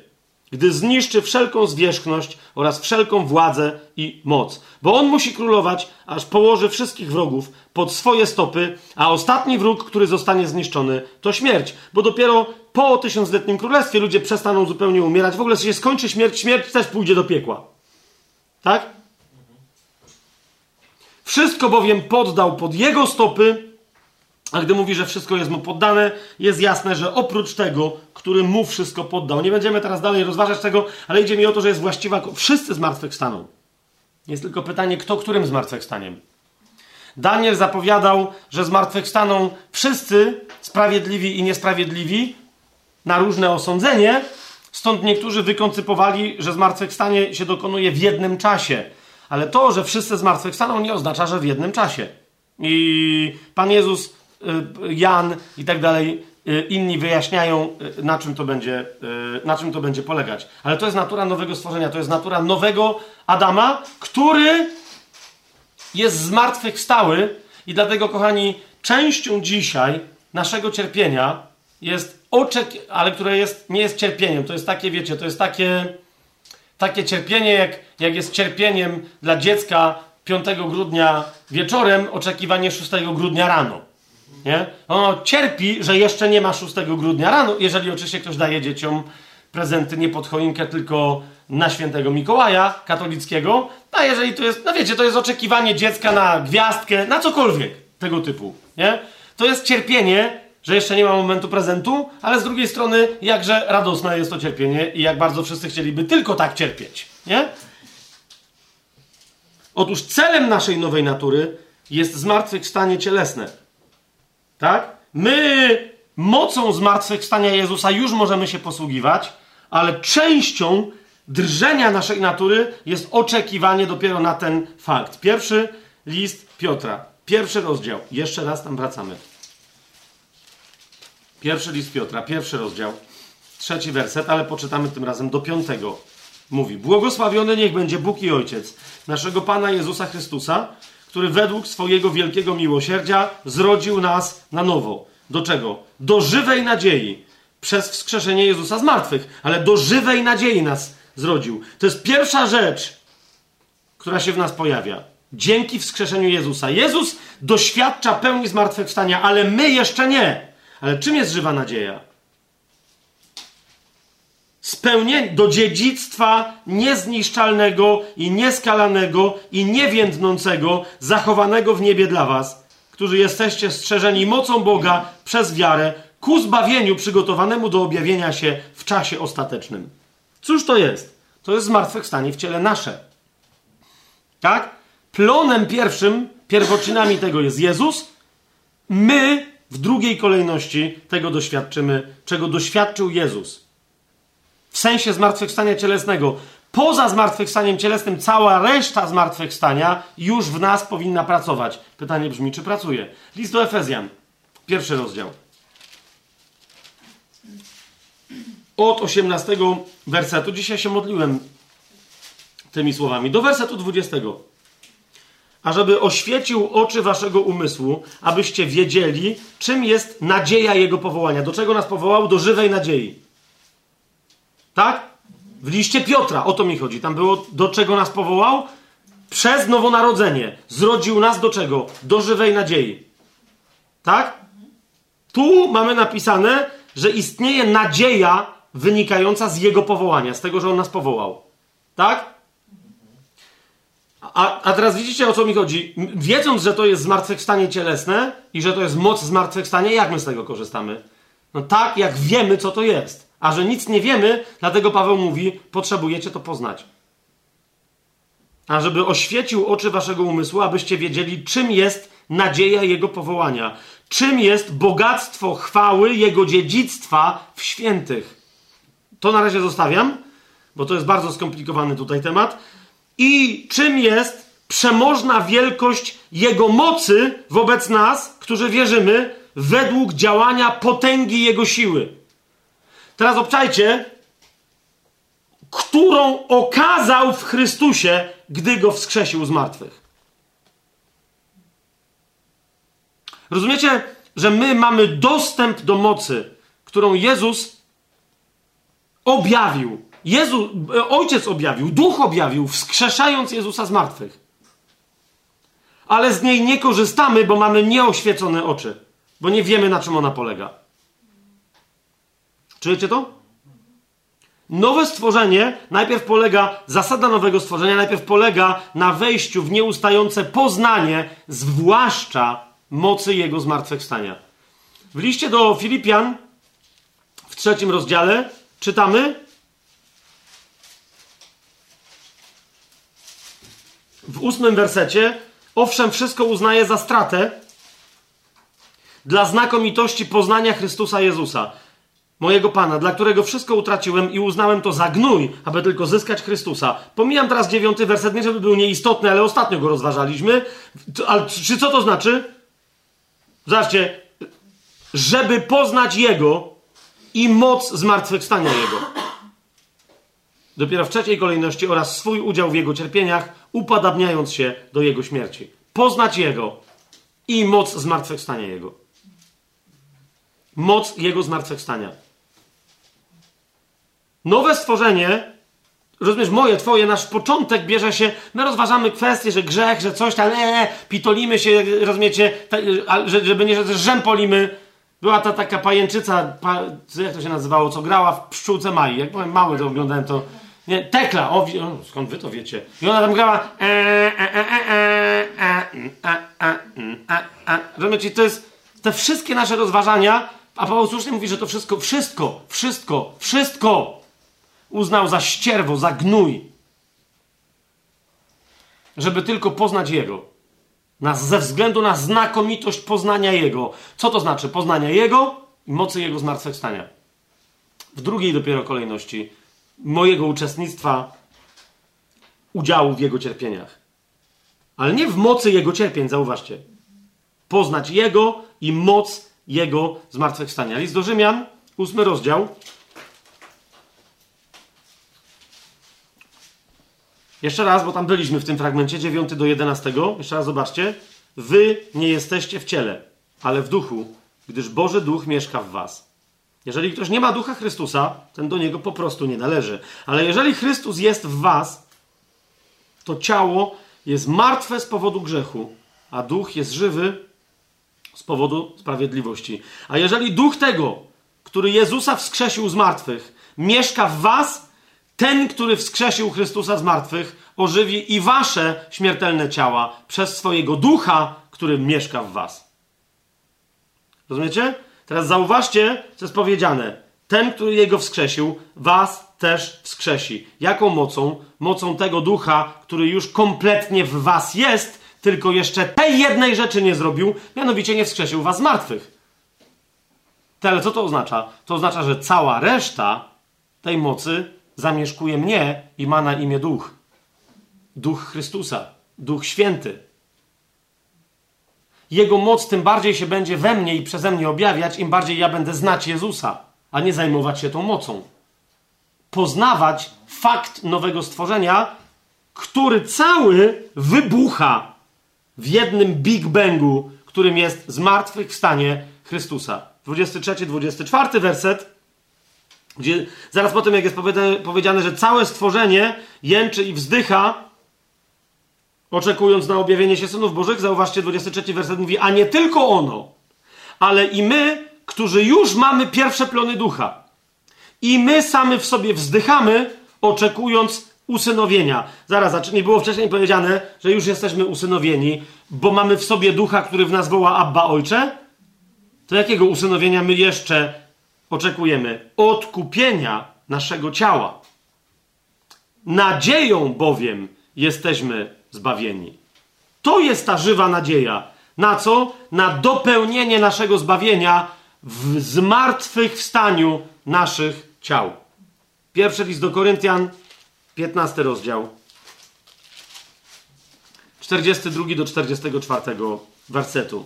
Tak też jest ze zmartwychwstaniem umarłych Sieje się ciało w zniszczalności, a jest wskrzeszane w niezniszczalności. Sieje się w niesławie, a jest wskrzeszane w chwale. Sieje się w słabości, a jest wskrzeszane w mocy. Sieje się ciało cielesne, a wskrzeszane jest ciało duchowe. Jest ciało cielesne, ale jest też ciało duchowe. 51, 52 werset. Oto oznajmiam wam tajemnicę. Nie wszyscy zaśniemy, nie wszyscy umrzemy, tak? Ale wszyscy będziemy przemienieni. W jednej chwili, w mgnieniu oka, na ostatnią trąbę, zabrzmi bowiem trąba, a umarli zostaną wskrzeszeni niezniszczalni, a my zostaniemy przemienieni. Pierwszy do Tesaloniczan. Czwarty rozdział, czternasty do 17 wersetu. Jeżeli bowiem wierzymy, że Jezus umarł i zmartwychwstał, to też tych, którzy zasnęli w Jezusie, Bóg przyprowadzi wraz z nim. Widzicie? Nie całą resztę jeszcze. Gdyż sam, bo to wam mówimy przez słowo Pana, że my, którzy pozostaniemy żywi do przyjścia Pana, nie wyprzedzimy tych, którzy zasnęli. Gdyż sam Pan z okrzykiem, z głosem Archanioła i dźwiękiem trąby Bożej zstąpi z nieba, a zmarli w Chrystusie powstaną pierwsi. Potem my, którzy pozostaniemy żywi, razem z nimi będziemy porwani w obłoki, w powietrze, na spotkanie Pana i tak zawsze będziemy z Panem. Drugi do Tesaloniczan, pierwszy rozdział, od szóstego do dziesiątego powiedzmy wersetu. Jest rzeczą sprawiedliwą u Boga, żeby odpłacić uciskiem tym, którzy was teraz uciskają. A wam uciśnionym dać wreszcie odpoczynek wraz z nami, gdy z nieba objawi się Pan Jezus z aniołami swojej mocy. W ogniu płomienistym, wywierając pomstę na tych, którzy Boga nie znają i nie są posłuszni Ewangelii naszego Pana Jezusa Chrystusa. Poniosą oni karę, wieczne zatracenie od oblicza Pana i od chwały Jego mocy, gdy przyjdzie aby był uwielbiony w swoich świętych i podziwiany w tym dniu przez wszystkich wierzących, ponieważ wśród was uwierzono naszemu świadectwu. Przyjdzie, aby był uwielbiony w swoich świętych. Rozumiecie? Jego zmartwychwstanie, on jako zmartwychwstały będzie uwielbiony w zmartwychwstaniu wszystkich pozostałych. Jego zmartwychwstanie cielesne jako człowieka nie będzie się niczym różnić od zmartwychwstania całej reszty ludzi i od stanu całej reszty ludzi. Jeszcze raz powtórzę, moc tego nowego stworzenia już w nas funkcjonuje, z wyjątkiem obecności nowego ciała. List do Filipian,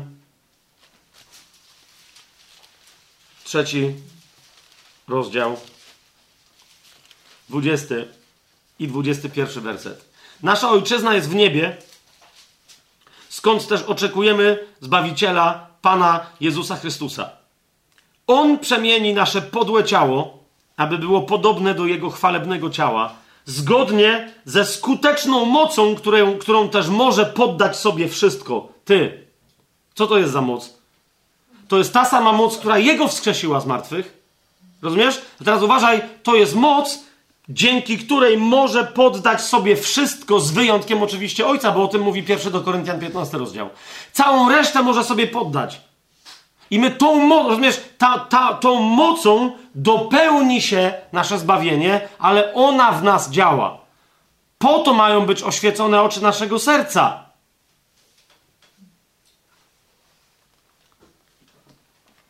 I pierwszy list Jana, prawie że na koniec, pierwszy list Jana, rozdział trzeci, werset drugi. Umiłowani, teraz jesteśmy dziećmi Bożymi. Ale jeszcze się nie objawiło, czym będziemy.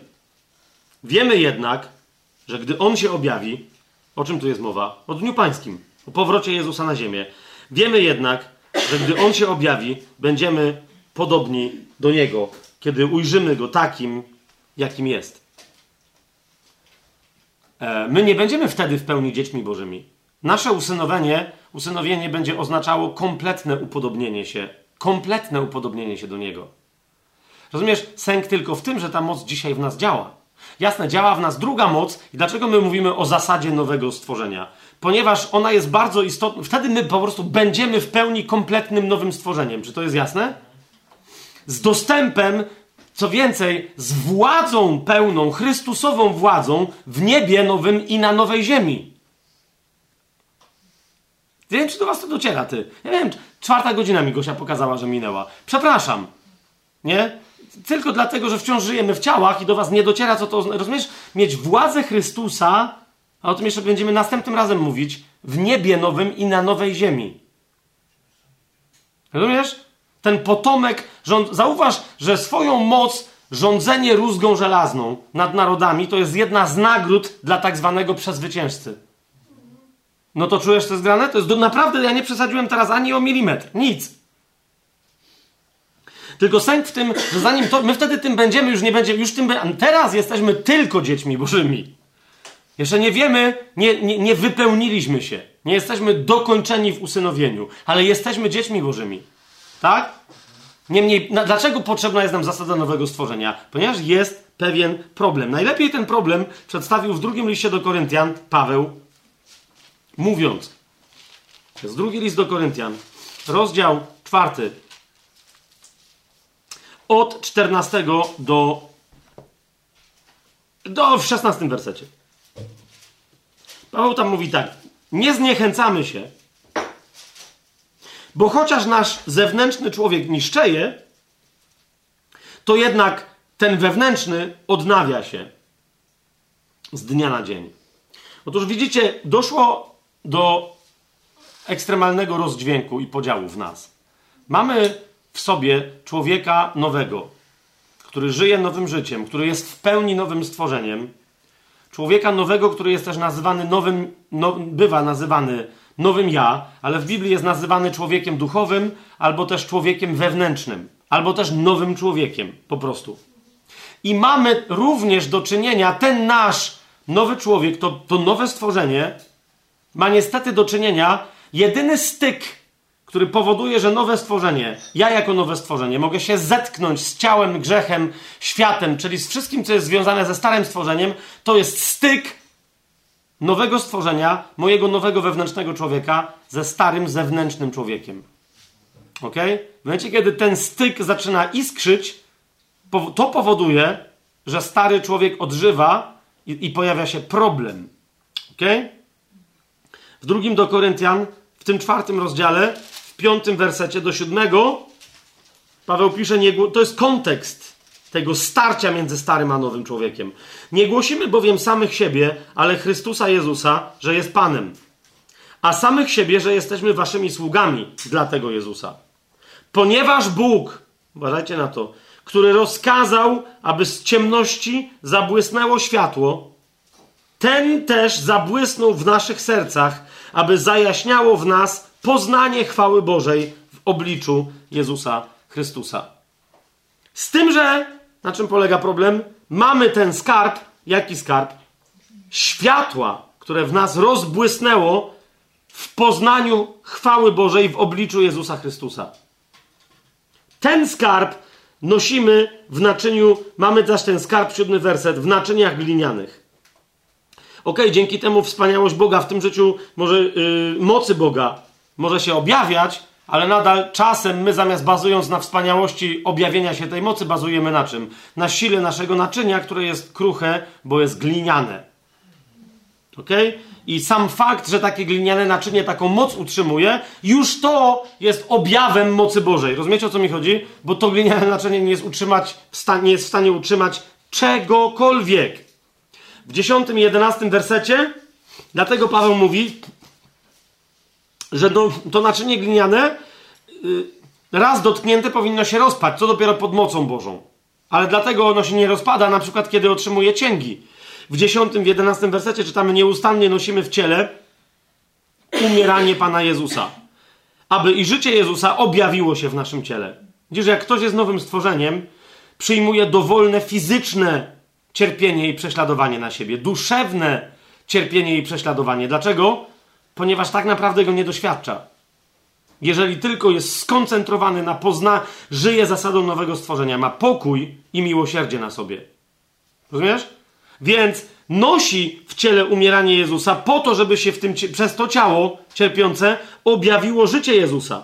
Zawsze bowiem, jedenasty werset, my, którzy żyjemy, jesteśmy wydawani na śmierć z powodu Jezusa. Aby i życie Jezusa objawiło się w naszym śmiertelnym ciele. Jako nadzieja dla innych, ale ostatecznie jako nasze zmartwychwstanie. I zmartwychwstanie tych, którzy widząc takie świadectwo, uwierzą w zmartwychwstałego. Czy to jest jasne? Czternasty werset. Wiedząc, że ten, który wskrzesił Pana Jezusa, przez Jezusa wskrzesi także nas i postawi razem z wami wszystkimi. Jako w domyśle tak samo zmartwychwstałymi. Nie? Widzicie, to nie ma być wiedza tylko. To ma być doświadczenie, które nam pozwoli wejść absolutnie nieustraszonymi. Nie pozwoli, daje nam po prostu, i to jest jedyna rzecz, która nam daje możliwość wejścia absolutnie bez strachu, w pełnym pokoju w świat, nie tylko taki, który będzie klękał przed nami, który będzie na nas pluł, który będzie nas wyzywał, który będzie kłamał na nasz temat, który będzie nas oczerniał, oskarżał publicznie, a następnie wiódł na tortury i szafot. I nadal w tym wszystkim my będziemy się cieszyć z objawiającego się życia Jezusa, a nie smucić cierpieniem kruchego glinianego naczynia.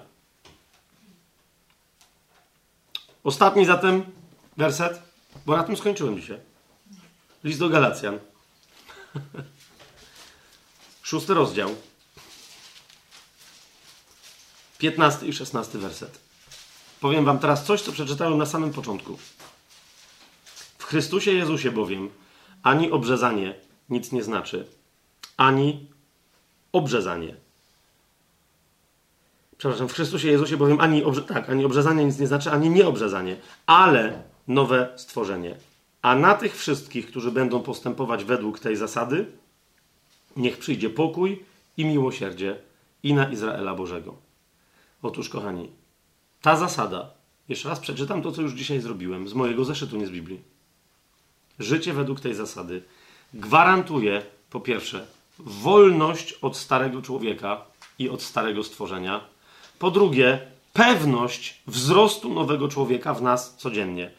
A więc radowanie się z tego, że nasz stary człowiek niszczeje, a że nowy z dnia na dzień rośnie w siłę, chwałę i moc.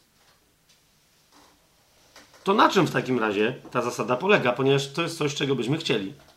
Po pierwsze, i to było dzisiejsze nasze spotkanie, na wiedzy i na przeżywaniu, pełnym duchowym przeżywaniu tych wszystkich prawd, o których dzisiaj w ogromnym skrócie mówiłem. Począwszy od nowej ziemi i nowego nieba i tego wszystkiego, co z tym jest związane, królestwa, nowego Jeruzalem, nowego imienia, nowej pieśni na ustach nowego ludu Bożego, nowonarodzenia, nowego przymierza, w którym możemy trwać dzięki nowonarodzeniu, nowego życia i tak dalej, tego wszystkiego, o czym dzisiaj mówiłem. W takim kontekście, w jakim mówiłem. To jest pierwsze. Wiedzieć o tym, rozważać to, kontemplować. Modlić tak, jak się modli Paweł. Zauważcie w liście do Efezjan w pierwszym rozdziale i w trzecim rozdziale dokładnie o to się modli. O poznanie nowego stworzenia, jakie, którym jest Jezus Chrystus, zmartwychwstały. Ale w którym my jesteśmy nowym stworzeniem, a więc nowym człowiekiem. Jeszcze raz, pierwszy rozdział, pierwszą modlitwę dopiero co zacytowałem, trzeci rozdział, jeszcze raz wam przypomnę, co mówiliśmy. 16 werset trzeciego rozdziału listu do Efezjan, aby według bogactwa swej chwały sprawił, żeby wasz wewnętrzny człowiek był utwierdzony mocą przez jego ducha. Aby w ten sposób Chrystus przez wiarę mieszkał w waszych sercach. I aby, 19 werset, poznać miłość Chrystusa, która przewyższa wszelkie inne poznanie. Kapujecie? Więc to jest najpierw to. Modlić się o to, przez tą modlitwę dać się prowadzić Duchowi Świętemu, przez słowa odnoszące się w Biblii do tych tematów, o których myśmy mówili, do całości nowego stworzenia. Nie tylko tego, kim ja jestem w nowym, ale kim ja jestem pod nowym niebem. Co, wyobraź sobie takie pytanie, gdybym ci dzisiaj zadał. W imieniu Ducha Świętego. Kim ty jesteś już dzisiaj dla nowego nieba w Królestwie? Które będzie trwać na wieki. I kim będziesz? Nie ma jeszcze nowego nieba, ktoś powie. Nie ma, ale ty już dzisiaj jesteś przeznaczony, aby być kimś dla tego nowego nieba. Wiesz, że Biblia odpowiada na to pytanie? Kim ty jesteś dla nowego nieba? Nie pod nowym niebem tylko. Kim ty jesteś dla nowej ziemi? Kim ty jesteś dla nowego stworzenia? Zauważ, dzisiaj stworzenie jęczy i wzdycha, żeby się objawiła pełnia ciebie jako nowego stworzenia. Bo wtedy będzie to stworzenie też nowe i co się wtedy stanie? Smoki i sowy i, i, i zwierzęta polne. No, ale tych fragmentów jest znacznie, znacznie, znacznie więcej. Kim ty jesteś dla nowego stworzenia? Kim, rozumiesz, zadaj sobie, kim ja jestem? Kim ja, kim ty, kim ja w takim razie jestem dla Chrystusa królującego na wieki, baranka zasiadającego na tronie? Kim ja? Oso, nie ja wraz z braćmi i siostrami, to jest jeszcze inne pytanie. Rozumiesz, to są rzeczy, które, na, kiedy ty będziesz czytać w Biblii, słowa, które pozwolą ci odpowiedzieć sobie na to pytanie, Duch Święty w ramach tego będzie otwierać, rozumiesz, oczy twojego serca i przemieniać dzisiaj ciebie tak, aby z mocy zmartwychwstania Chrystusa już dzisiaj korzystać bardziej i bardziej świadomie. Żeby ona przez ciebie bardziej działała, ale żebyś ty też mogła, żebyś ty też mógł nią się posługiwać, dosłownie. O, często jak Paweł mówi o mocy i o posługiwaniu się mocą, ma na myśli tylko i wyłącznie tę moc. I on mówi, że ja się nią posługuję. My się nią posługujemy. Ona się nam udziela. Dary mocy są darami tej mocy. Nie żadnej innej. Żadnej innej nie potrzeba, jeżeli ta jest mocą stworzycielską dla absolutnie wszystkiego. Więc, i dopiero kiedy to wiemy, to wtedy dopiero możemy, kiedy to robimy, rozważamy te tematy, co dzisiaj spróbowaliśmy zrobić, a przynajmniej zacząć osobiste studium dla każdego, teraz możemy sobie zadać pytanie, ok, czyli wiedza o tym, co, czym jest nowe stworzenie, szukanie odpowiedzi, zadawanie coraz kolejnych pytań wraz z Duchem Świętym i szukanie odpowiedzi na te pytania przez Słowo Boże. To jest wiedza o nowym stworzeniu. A czym jest zasada nowego stworzenia? Bo to nie do końca jest zasada nowego stworzenia. Tylko jej mała cząstka. Czym jest zasada? No, ona jest wbrew pozorom bardzo prosta, tyle tylko, że jak większość rzeczy prostych jest niełatwa do od razu dostrzeżenia. Więc następnym razem, na koniec rozważań listu do Galacjan, bo według mnie to jest centralny temat całego listu do Galacjan, odpowiemy sobie na pytanie, czym jest zasada nowego przymierza, na czym ona polega, jak się ją praktycznie stosuje, tak aby móc rzeczywiście doświadczyć tej gwarancji zasady nowego przymierza, że ona nas uwolni od starego człowieka i od starego stworzenia i da nam pewność wzrostu człowieka nowego. Amen.